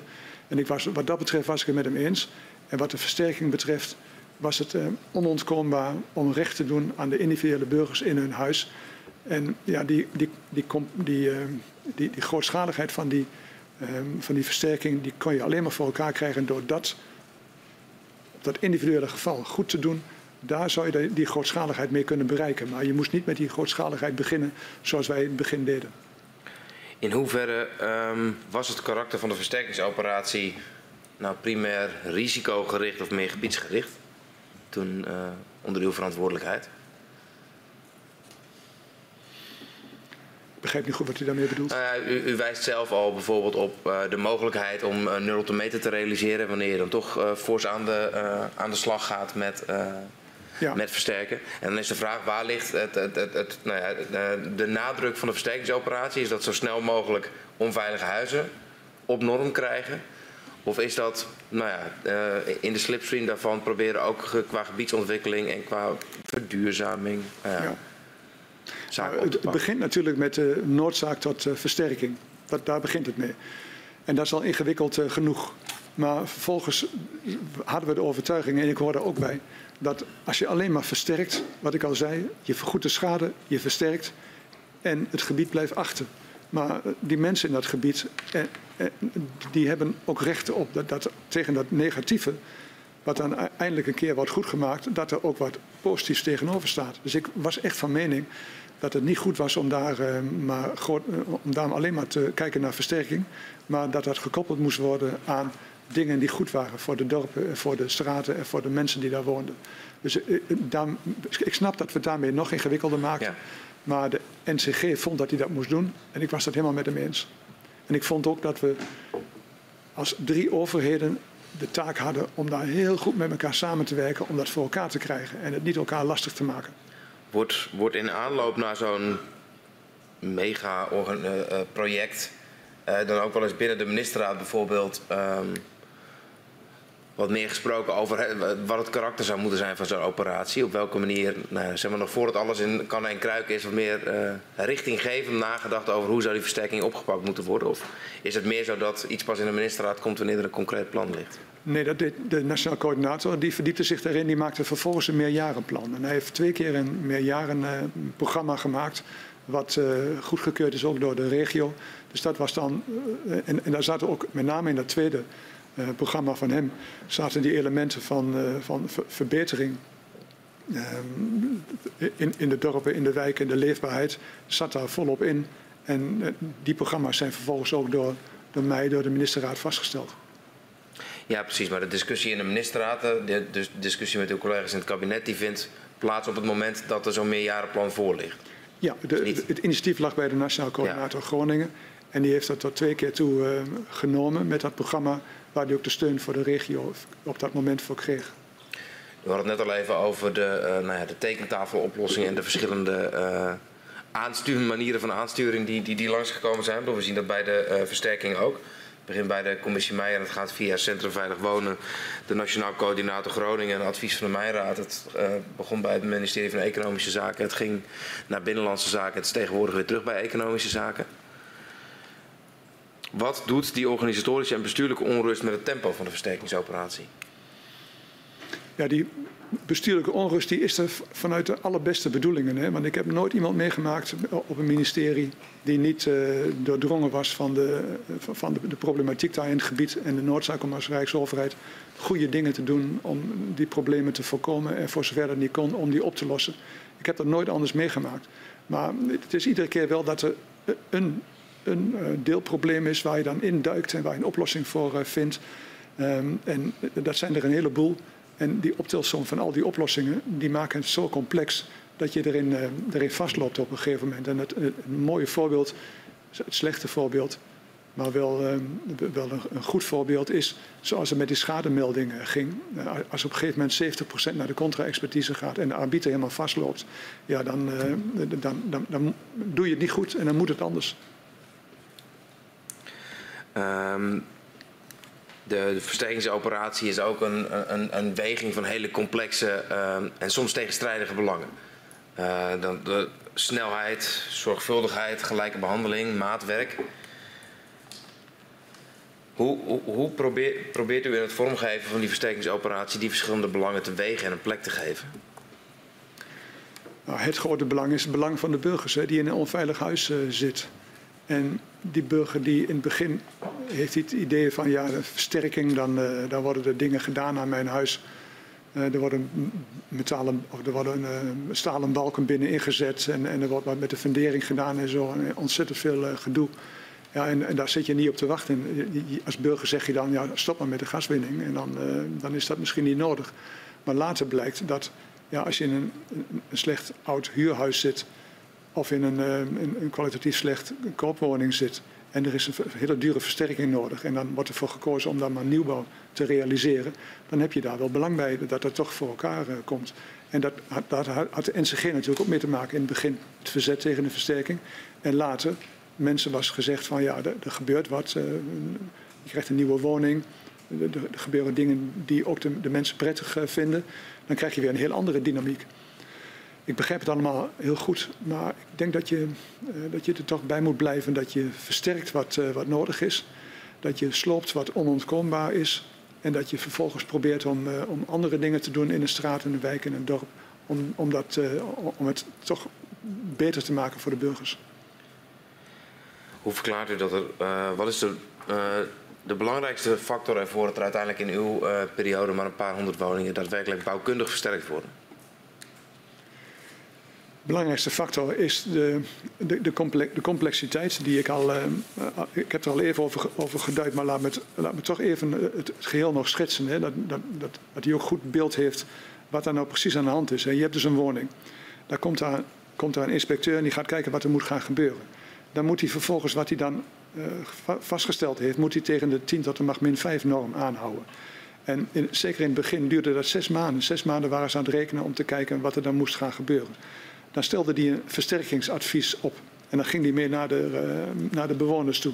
En dan werd er gezegd van nou, volgens ons moet, er, uh, moet dit gaan uh, gebeuren. En wat vindt u daarvan? En dat, als al die dingen aan uw woning gebeuren, hebt u dan ook nog bepaalde wensen? Want het is een gebied met, met, met krimp, een gebied ja. met, met mensen die ouder worden, mensen die graag gelijkvloers een slaapkamer willen hebben. Als er dan toch van alles aan het huis gedaan wordt, zet er dan ook een, een keuken in die ons bevalt en een badkamer gelijkvloers. Dus er kwamen allerlei wensen van de mensen, heel begrijpelijk. Dan moeten die wensen bekeken worden en dan moet een versterkingsadvies worden uh, uh, aangepast. En dan komt er vervolgens een, een versterkingsplan. En dat wordt dan voor akkoord aan de bewoner voorgelegd. Als die bewoner daarmee akkoord gaat, dan had er ondertussen ook alweer gekeken moeten worden naar vervangende huisvesting, die ook door de bewoner geaccepteerd werd. Dan moesten de, als het plan klaar was, konden de vergunningen aangevraagd worden. En die moesten dan door de gemeente verleend worden met de procedures die voor, voor vergunningen uh, spelen. En vervolgens moest er dan tot uitvoering komen. Maar je kunt maar niet zo gaan uitvoeren. Dan moet eerst een aanbesteding uh, komen. En daarna krijg je de uitvoering. En dat hele complex wat ik nu zeg, dat moet je dus per woning uh, doorlopen. En je, je had dus. Het, was heel mooi dat, we, dat er al, veel bouwvakkers werden opgeleid en veel kleine aannemers in, in het gelid werden gezet om aan het werk te kunnen gaan. Maar ik dacht dat het, denk dat het vooral nodig was geweest om veel menskracht op die individuele bewoners met hun individuele ja. huizen te zetten. Om door een optelsom van individuele gevallen waarbij je tot overeenstemming was gekomen, daardoor de schaalgrootte te bereiken. Ja, en dat is niet, in mijn periode niet tot stand gekomen. Deze, deze hele procedure is tot stand gekomen ehm, in uw periode. Ja. Had het op deze manier ooit een succes kunnen worden? Ja, als je er maar voldoende. Kijk, het is met die, met die versterking. Je kunt heel sec van die norm 10 tot de macht min 5 uitgaan. Maar wat er ook bedacht is, dat je van bepaalde typologieën huizen uit kunt uh, gaan. En je, de, je, kunt ook van referentiewoningen uh, uitgaan. En er zijn nog andere modellen bedacht waardoor je, uh, waardoor je daar wat meer praktisch mee om zou kunnen gaan met die versterking. Als je, dat, als je die benadering kiest en je zet voldoende menskracht op de, de individuele bewoners van te versterken huizen en je werkt als drie overheden samen in plaats van dat je animositeit hebt en, en tegenwerking onder elkaar. Uh, dan, had het, um, uh, dan had het gekund. Um, of dat in vijf jaar allemaal had uh, gekund, vraag ik me af. Mevrouw van der Graaf heeft nog een aantal vragen. Dat klopt. Ik ga even met u terug naar halverwege 2013, als u door uw ambtenaren geïnformeerd wordt over die hogere productie waarop afgestevend wordt uh, in dat jaar. Uh, heeft u de beslissing om geen besluit te nemen over productievermindering gedeeld met de ministerraad? Ik denk het niet. Ik kan me niet u herinneren dat niet? ik dat gedaan heb. Maar misschien dat u, als u de stukken bestudeert die er allemaal waren. Ik geloof ook dat u de, de, de, de notulen van de ministerraad hebt en dat soort dingen. Kunt u dat nagaan. Maar uh, volgens mij heb ik dat zelf uh, gedaan. Uh, wat heeft u zelf gedaan? De notulen erop nageslagen? Nee, nee. Ik heb zelf uh, niet het besluit genomen om uh, te zeggen van nou ja, je hebt het eerste half jaar heb je te veel gewonnen, dan ga je het tweede half jaar maar minder winnen. Wat ik gedaan heb is afwachten tot die uitkomst van die, die onderzoeken er waren. Die zouden er voor 1 december komen en ik wilde zo snel mogelijk daarna een besluit nemen. Dus u vraagt van heb je dat besluit om geen besluit. Heb je het niet ja, de, nemen van een besluit? Want de beslissing om geen besluit te nemen, om niet ja. in te grijpen, heeft ja. u dat gedeeld met de ministerraad? Daar heb ik nee op gezegd. Nee. Ik denk nee. Misschien dat u het anders ziet uit de stukken, maar in mijn herinnering heb ik dat niet gedaan. Uh, dat ook, komt overeen met het beeld dat wij hebben. Waarom heeft u dat niet gedaan? Ja. Je, je, als je vijf jaar lang uh, heel intensief met, uh, met een onderwerp bezig bent, dan uh, gaat echt niet alles goed. En ik heb een aantal dingen niet goed gedaan, eh, vind ik achteraf. Eh, met informatie die later kwam, die mij steeds duidelijker eh, werd. Ehm, en ik heb ze al, alle drie opgenoemd. De laatste was 42,5, waar ik achteraf liever voor 40 had willen kiezen. Het, het niet zeggen van je hebt het eerste half jaar te weinig gewonnen, het tweede half jaar maar minder gaan winnen. Het tweede punt. En het derde punt is dat, dat op het moment dat ik zei we gaan onderzoeken doen en dan nemen we tot 1 december 2013 voor, had ik op dat moment ook kunnen zeggen van en dan ga je niet meer winnen dan uh, 49 miljard kubieke meter. Dat zijn de drie dingen die, waarvan ik zeg, die had ik anders willen doen. Ja, maar uh, op dat moment uh, uh, wilde u niet de ministerraad meenemen bij, bij deze afweging? Nou, het is niet zo dat ik besloten heb om de ministerraad niet mee te nemen. Ik heb, het is niet zo dat er geheimen zijn voor, voor andere ministers of voor de ministerraad. Het is sowieso zo dat ieder ministerie waar ik op gezeten heb, dat zijn er vier, dat er altijd vrij toegang voor financiën was tot alle onderwerpen. En het was ook zo dat de, de raadsadviseur van de minister-president, die had ook uh, volledig inzicht op wat er op een ministerie gebeurt. Dus het was, het was niet zo dat ik dingen bij de ministerraad weg wilde houden. De beslissing om geen besluit te nemen over productievermindering, is dat volgens u hetzelfde als uh, gewoon doorgaan met produceren? Uh, u praat nu over medio 2013. Dat er mij uh, gezegd is, er is in bepaalde hoeveelheden is de uh, omdat er een koude winter was en omdat er te weinig uit de koude velden komt, is er, uh, is er wat meer gewonnen. En ik heb toen niet besloten om te zeggen van dan ga je dat tweede half jaar maar, maar minder gaan doen. Ehm, ja, dat, wat ik al zei, dat heb ik gedaan omdat ik die onderzoeken af wilde wachten om. Maar dat, dat was basis... niet wat ik vroeg. Is het hetzelfde? Ja, ik zie het verschil zo niet. U ziet het verschil zo niet? Als u mij dat nu Dank zo vraagt, zie ik zo het verschil niet. Maar misschien dat u de vraag nog kunt uh, verduidelijken en dan zal ik nog een poging wagen. ik, ik, stelde u de vraag of de beslissing om geen besluit te nemen over productievermindering, of dat volgens u hetzelfde is als doorgaan met produceren. Ja, als ik uh, gewild had dat ze, uh, dat ze minder zouden gaan produceren in het tweede half jaar, dan had ik daartoe moeten besluiten en dat heb ik niet gedaan. In het verhoor is een aantal keren naar voren gekomen dat u informatie en signalen die uh, wel uh, bekend waren bij de ambtelijke top, u niet hebben bereikt. En ik geef een aantal voorbeelden daarvan. Uh, het gaat dan bijvoorbeeld over de berekeningen die Gasterra had gemaakt op verzoek van het ministerie over de leveringszekerheid eind 2012 en begin 2013. het gaat dan over de consequenties van het uh, businessplan van Gasterra.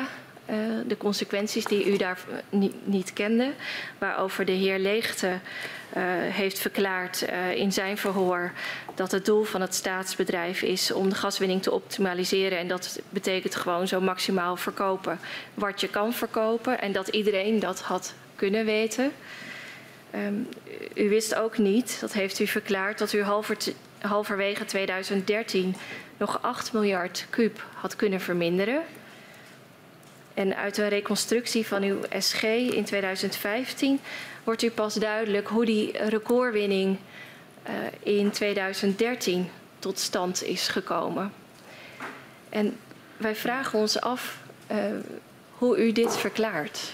Ja, u beweert nu een aantal uh, dingen die ik zomaar niet overneem. Laten we eens gaan praten over die 8 miljard Waar, heeft u het over? Het zijn voorbeelden die in de verhoren op de twee momenten dat we u nu hebben verhoord maar naar voren acht, zijn welke gekomen. Welke 8 miljard? Wanneer? Uh, dan gaat het over de 8 miljard die halverwege 2013 uh, waar, uh, nog verminderd kon worden. Dat heeft ook de heer Broening van Gasterra hier verklaard in het openbaar verhoor.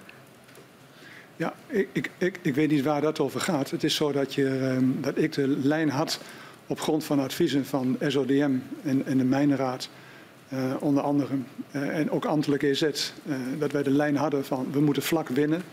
En als je nu in, het, in, in de loop van het jaar meer en minder gaat, gaat winnen, dan ben je dus niet vlak aan het winnen. En dat is, heeft een risico voor de seismiciteit op. Dus ik, ik, weet niet precies hoe dat, hoe dat zit met die, met die 8 miljard in relatie tot, tot de vlakke winning. Ja. Dan tweede is dat u zegt van uh, meneer Lichten, Tweede Kamerlid Lichten, die zei iets, dat was me niet duidelijk wat u daarmee mee bedoelt in ja, relatie het, het tot gaat over dat de... niet volledig geïnformeerd zou zijn. Wat bedoelt u? Ja, dat gaat over dat u heeft verklaard dat u de consequenties van het businessplan van Gasterra uh, niet kende. Namelijk dat hun strategie was om zoveel mogelijk te voor, verkopen. En dat uh, niet de, uh, de prognose, nee, maar ik, dat, dat, dat, uh, dat, dat niet het doel was. Het punt dat we hiermee willen illustreren, want dit zijn voorbeelden die in de verhoren naar boven zijn ja. gekomen. Wij vragen ons af, dit is informatie die allemaal wel bij uw ambtelijke top bekend is. Uh, hoe kan het dat deze signalen niet bij u terechtkomen? Of deze informatie niet bij u terechtkomt? Ja, maar die opsomming, Heeft u daar een verklaring voor? Ik heb om te beginnen vraagtekens bij de opsomming die u geeft. Wat u zegt van, uh, van René Leegte, die dan zei van ja, Gasterra die is erop gericht om uh, gas te verkopen. Ja, met alle respect, ik ben niet achterlijk. Natuurlijk weet ik dat Gasterra er is om gas te verkopen. Dat wordt gewonnen door de, door de NAM. Dat wordt vervolgens verkocht door, uh, door Gasterra. Nee, dat, dat systeem dat is duidelijk en dat u, dat, dat u zich dat realiseert ook. Maar u heeft ook verklaard dat u niet op de hoogte was van die optimalisatiestrategie uh, van Gasterra. Dus nogmaals, de voorbeelden die ik aanhaal uh, komen voort uit de verhoren die we hebben gehad. En het, het, werd, het wekt bij ons de vraag op. Um, hoe kan het uh, dat deze signalen niet bij u doorkomen ja, of ik, deze informatie niet bij u doorkomt? Ik wil die Heeft vraag u wel daar beantwoorden. een verklaring voor? Ik wil die vraag wel beantwoorden, maar ik wil die voorbeelden niet, zomaar niet laten lopen. Kijk, die optimalisatie waar ik uh, moeite mee had, waar ik van, waarvan ik gezegd heb, daar heb ik een rotgevoel over. Dat ging erover, je hebt een, uh, een planning van 49 miljard. Vervolgens in het eerste half jaar zit je daarboven. Dus je moet eigenlijk dat, uh, dat, dat, dat, dat vooral niet meer doorgaan met wat er gebeurd is. En dan blijkt dus dat het volkomen onnodig, waar geen verklaring voor, voor te geven is, wordt er gas bijgemengd in het uh, hoogcalorisch gas om op die manier meer te kunnen verkopen. Ja, je kunt, je kunt er wel zijn om geld te verdienen en om gas te verkopen. Maar dat wil niet zeggen dat op een gegeven moment, als er een groot probleem is, uh, dat je dat probleem nog groter moet maken terwijl het niet nodig is. Kijk, dat je extra gas nodig hebt voor een koude winter, dat begrijp ik. Als er extra gas moet in de opslag van Norg, begrijp ik het ook. Als er minder dan verwacht uit de kleine velden komt en dat moet gecompenseerd worden, begrijp ik het ook. Maar dat andere begrijp ik niet. Maar nou, dat was wat ik wilde opmerken over uw voorbeeld. Dan over dat ik niet geïnformeerd ben. Hè. Kijk, op zo'n ministerie word ik uh, voortdurend geïnformeerd. Je, krijgt, uh, je hebt de hele dag gesprekken met, uh, met ambtenaren.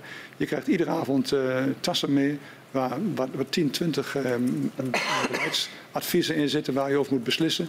Je hebt de volgende dag heb je zes, zeven besprekingen waar je um, besprekingsdossiers van meekrijgt. Dus je wordt voortdurend door die ambtenaren geïnformeerd. Ik vind dat ik heel goed door hele goede ambtenaren uh, al die jaren geïnformeerd ben. Maar er gaan ook wel dingen mis, zoals er bij mij ook dingen misgaan. Ik heb je net al drie, um, drie dingen genoemd waarvan ik vind dat, als, dat ik dat uh, destijds anders had kunnen en, en moeten uh, doen. En zo gaat er bij de ambtenaren ook wel iets mis. Maar de grote lijn is dat ik door deskundige ambtenaren uitstekend geïnformeerd ben. Er gaat ook wel eens iets mis. Ja. Zo zegt u. Tuurlijk. Het is mensenwerk. Ja. ja. Had u het gevoel dat u benaderbaar was uh, door uw ambtenaren? Ja, natuurlijk. Ik, ik had um, bijvoorbeeld als het gaat over, over, over dit onderwerp, Groningen, had ik natuurlijk rechtstreeks contact met de DG. Ik had rechtstreeks contact met de directeur, wekelijks denk ik. En ik had met, uh, met, met, de beleidsambtenaren die voor de directeur werkten, had ik ook rechtstreeks uh, contacten. Soms met de directeur erbij, soms zonder de directeur. Dat ging aan de lopende band. Zo, zo, heb, ik dat, zo heb ik altijd gewerkt. Dank u wel. Um, ter afsluiting uh, hebben wij nog een, een, aantal overkoepelende en reflectieve vragen. Um, de heer Wallage sprak in zijn openbaar verhoor over de wijze waarop u invulling gaf aan uw ministeriële verantwoordelijkheid. Dat weinig ruimte liet voor inspraak van bijvoorbeeld de dialoogtafel. Wat is uw reactie daarop? Volstrekt onjuist. Kijk, alles waar je maar over kon praten, over de schadeafhandeling, door wie, op welke manier, de versterking, hoe doen we dat, op welke manier, de leefbaarheid, de Economic Board, de, de, de, de, de kerken en andere culturele monumenten. Ik, ik wil overal over, uh, over, spreken en dat hebben we ook uh, gedaan. Maar ik wil die zware verantwoordelijkheid voor die winningsbesluiten, waar ik tientallen en tientallen keren over heb moeten debatteren met de, met de Tweede Kamer en met de Eerste Kamer. En waar ik nu voor de, voor de enquêtecommissie uh, voor sta. Mm. Die verantwoordelijkheid die kan ik niet wegschuiven. Er moet duidelijk zijn wie daar verantwoordelijk voor is. Mm -hmm. En dat was ik en zo heb ik uh, geprobeerd te handelen. Ja. Dus dat wilde ik gewoon die, die anderen besparen. Ja. Uh, dat betekent dus dat u zegt van dat, dat ligt bij mij en uh, discussie daarover of uh, inspraak daarop um, lag niet bij anderen zoals de dialoogtafel op dat punt. Nee, de, de, op het de punt van de winnings. NAM, plafond. Uh, de SODM, de ambtenaren, dat kwam allemaal op een gegeven moment, die, die, al die opvattingen die kwamen bij mij. Dan moest mm. er een besluit genomen worden. Ik besloot dan over een voorstel aan de ministerraad. En de ministerraad die nam daar vervolgens een uh, besluit Ja. over. En zo, zo was het en zo moest het, uh, moest het zijn. Ja. En voor de duidelijkheid in dit hele lastige proces was dat ook noodzakelijk. En bovendien, het gevolg van deze manier van doen was ook dat het laatste jaar voor ik kwam 48 miljard. Het jaar dat ik wegging was het uh, 20 miljard. Mhm. En een ander voorbeeld, toen ik kwam waren de inkomsten voor uh, de staat uit de gaswinning 15 miljard. Toen ik wegging was het 2 miljard. En die 13 miljard die daartussen zat, die is opgevangen in de rijksbegroting op een zodanige manier dat uh, dat, dat toch overeind bleef. Ja. Dus we hebben, we, hebben, we hebben die dingen kunnen doen. Ik, net, ik heb net ook al gemeld, het aantal schademeldingen, 80.000. 84 procent was met akkoord van de, van de schademelder afgedaan. Dus Ja. er zijn een heleboel dingen uh, die, die goed zijn gegaan. Ja. Maar het moeilijke, dat was de hoogte van de Winning. Uh, de winning. En dat was mijn verantwoordelijkheid. En dat, dat vond u dat daar, eh, als ik u zo hoor, eh, wilde u uh, de maatschappelijke organisaties en de dialoogtafel niet mee belasten? Nee, die wilde ik dat besparen. Okay. Ik vond ook dat dat formeel ook niet kon. Hoor. Het winningsplan, daar moest de minister over besluiten. En de mijnbouwwet, het stellen van een grens, daar moest ook de minister over besluiten. Mm -hmm. en, ja, en als je dan daarover gaat, uh, gaat praten, dan, dan, kom je in een onderhandelingssfeer die ja. daar niet meer verenigbaar was. Oké. Okay. In diverse verhoren uh, ging het ook over de informatiepositie van uh, de Tweede Kamer. Enkele Kamerleden gaven aan dat het voor hen op sommige momenten erg lastig was om voldoende grip te krijgen op het onderwerp. Begrijpt u dat? Nou, die Kamerleden die werden natuurlijk uh, voortdurend benaderd. Vanuit Groningen, burgers, de, de, de, de, diverse overheden, vanuit hun politieke partij, door de media. En die waren heel erg bezorgd over wat er allemaal gebeurde. En die probeerden natuurlijk ook hun verantwoordelijkheid waar te maken. Want zij moesten mij controleren en al dan niet instemmen met wat ik deed. Mm. En ja, dat ze daar dan het gevoel hadden van dat ze die hele complexe be, materie die voortdurend in beweging was, dat ze daar onvoldoende grip op hadden. Begrijp ik heel goed. Ik heb van mijn kant geprobeerd om, dat wel, om hen daartoe wel in staat te stellen. Want ik, ik weet niet hoeveel debat ik met de Kamer heb gehad. Misschien wel 80 mm. over dat onderwerp. Um, en, en de, de, vragen, ik heb al gezegd dat als ik een brief stuurde, dan kreeg ik uh, 200, 300 vragen van de Kamer. En die werden allemaal beantwoord. Dus we deden wel heel erg onze best om die Kamerleden uh, goed te informeren. Mm. Maar de, al die informatie van mij, die nam de complexiteit en de, en de, en de moeilijkheidsgraad van het geheel niet weg. Nee. Um, de OVV, de onderzoeksraad, uh, uh, uit kritiek op een gegeven moment ook uh, in, in zo'n in, in, in zo rapport op het gasgebouw. het eerste of tweede rapport? het rapport uit 2015. Dat is het eerste rapport. Het eerste rapport. Ehm, in uw reactie op het OVV-rapport aan de Tweede Kamer gaf u aan voornemens te zijn de structuur van het gasgebouw ook aan te passen. Wat functioneerde er niet goed volgens u in dat gasgebouw? Ik, ik weet niet of ik dat zo, zo, heb gezegd, die structuur van het gasgebouw aan te passen. Volgens mij eh, was dat advies van de, van de OVV um, vrij concreet. Ze zeiden dat um, onder andere wat u nu aanhaalt terecht, mm -hmm. de structuur van het gasgebouw fundamenteel aanpassen. Dat was hun wat, wat, dat was wat zij mij ja, adviseerden. Zal ik hem even uh, erbij halen? Ja. De, de OVV uh, uh, stelt dat het gasgebouw een stelsel is waarin het veiligheidsbelang niet als zelfstandig belang is vastgelegd. Um, daarop is de reactie van EZ. Het is echter niet het gasgebouw, maar de minister van EZ die verantwoordelijk is voor de veiligheid en mijnbouwbeleid in Nederland. De veiligheid staat hierbij voor het kabinet voorop. Het staat voor het kabinet vast dat het wenselijk is de structuur van het gasgebouw aan te passen. Waar zit, hem, um, wat, waar zit het hem in dat het gasgebouw niet goed functioneerde, volgens u? Nou, we hebben het bij het eerste voor over het gasgebouw uh, gesproken. En ik had daar een, een, paar, uh, een paar, problemen mee. Uh, het was een, een, model uit 2000 of uit, 19, uit de jaren 60 van de vorige eeuw. Mm -hmm. Um, de constructie met GasUnie, Gasterra later met GTS, die opsplitsing van de GasUnie. Um, het, het, het, mijnbouw, uh, de, de, maatschap, maatschap Groningen, waar over de winning besluiten genomen uh, werden. Gasterra, waarover de verkoop besluiten genomen werden. Ik vond het een ingewikkelder constructie. Ik had er twee, twee grote problemen mee. De ene was dat de EBN daar voor het grootste deel de staat vertegenwoordigde. En de communicatie tussen EBN en, uh, en de staat, het ministerie van Economische Zaken, was uh, beperkt. Mm. Dus daar, de mogelijkheden die de staat had op grond van de, het, aan, het, percentage wat je had in Gasterra en in de maatschap, die werden niet optimaal benut omdat het via EBN liep voor een, voor een deel. Het tweede was dat de mensen die de dienst uitmaakten bij de maatschap, dat waren dezelfde mensen die de dienst uitmaakten bij, uh, bij Gasterra. Ja. Dat was niet zo logisch. En bovendien, bij Gasterra was het zo dat die mensen die kwamen uit de Raad van Commissarissen. Mm -hmm. Dus een aantal commissarissen zat in het, in het uh, college van gedelegeerde commissarissen. En die moesten weer gecontroleerd worden door de commissarissen waar ze zelf deel van uitmaakten. Ja. Dat vond ik allemaal niet, uh, niet goed. Nee. Um, maar het was wel zo dat dit iets was wat al, al 50 jaar uh, liep. Mm -hmm. En je kunt het, uh, de, de, de, constructie ter discussie stellen. Maar het gevolg dan wel is dat van de andere kant ook alles ter discussie gesteld kan worden. Aan de andere kant zijn uh, ExxonMobil en Shell. En die kunnen dan zeggen van ja, we hebben afgesproken dat uh, uiteindelijk zo'n 90%, bijna 90% van de opbrengsten naar de staat gaat. Maar wij vinden dat niet uh, reëel en we willen dat uh, anders.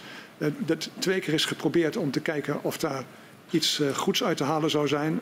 uit het ter discussie stellen van de opzet van het gasgebouw. En uiteindelijk heb ik geconstateerd dat als dat twee keer niet zinvol was en op het moment, ja, we zijn, we zijn, we zijn toch in een fase van afbouw van de gaswinning.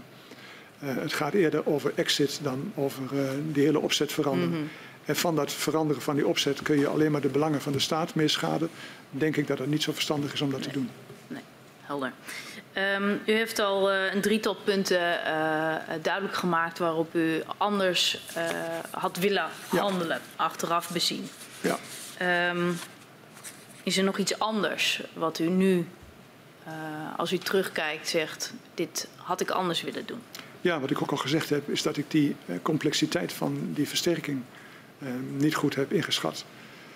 Uh, het is natuurlijk niet zo dat ik in mijn eentje daar maar inschattingen zit te maken. Het is een, een, een heel complex van medewerkers en het ministerie en allerlei adviseurs die daar, in, in, die daar mee, mee ondersteunt en adviseert. Maar uiteindelijk moet ik zelf de, de, de conclusie trekken en, en, en de besluiten nemen. En ik vind dat ik bij die besluiten over de versterking in het begin de complexiteit heb onderschat, de mogelijkheden van grootschaligheid heb overschat en dat ook de, uh, het belang van, van het recht doen aan de individu in, een, zijn eigen thuis, zoals uh, de NCG dat zegt, die, dat, dat, dat, is, is niet goed ingeschat. Dus dat is het vierde punt wat ik daaraan toe wil voegen. aan de andere kant zijn er natuurlijk ook een heleboel dingen wel, wel goed gedaan, goed gegaan, gelukkig.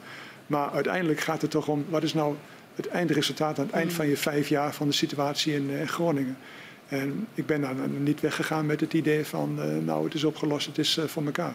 Het was een hele zware, moeilijke periode. In de eerste plaats en in de tweede plaats. En in de derde plaats voor de mensen in Groningen. Maar ook voor ons, degene die verantwoordelijkheid hadden om daar wat aan te gaan doen, was het moeilijk. En ik heb wel heel veel bewondering voor die ambtenaren bij de NCG, de mensen bij het Centrum Veilig Wonen, ook de mensen bij de, bij de NAM, de mensen bij de, bij de GasUnie, Gasterra, GTS, de mensen op het ministerie.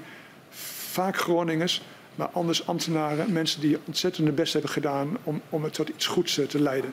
En dat is uh, in onvoldoende mate uh, gelukt in mijn periode. En ja, dat, maakte, dat maakt dat ik toen ik daar wegging niet dacht van, zo dat was het dan. Dit, die klus heb ik geklaard. Dank. Dank. We zijn uitgevraagd als commissie. En ik vraag de griffier om u en uw uh, steunverlener naar buiten te geleiden. Dank u wel. Veel wijsheid, meneer Van der Leer.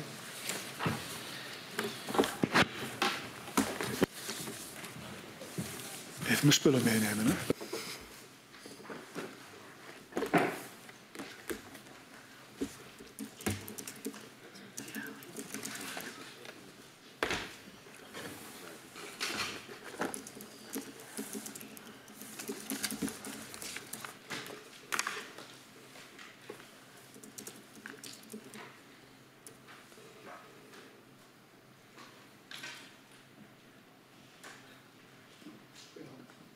Avond.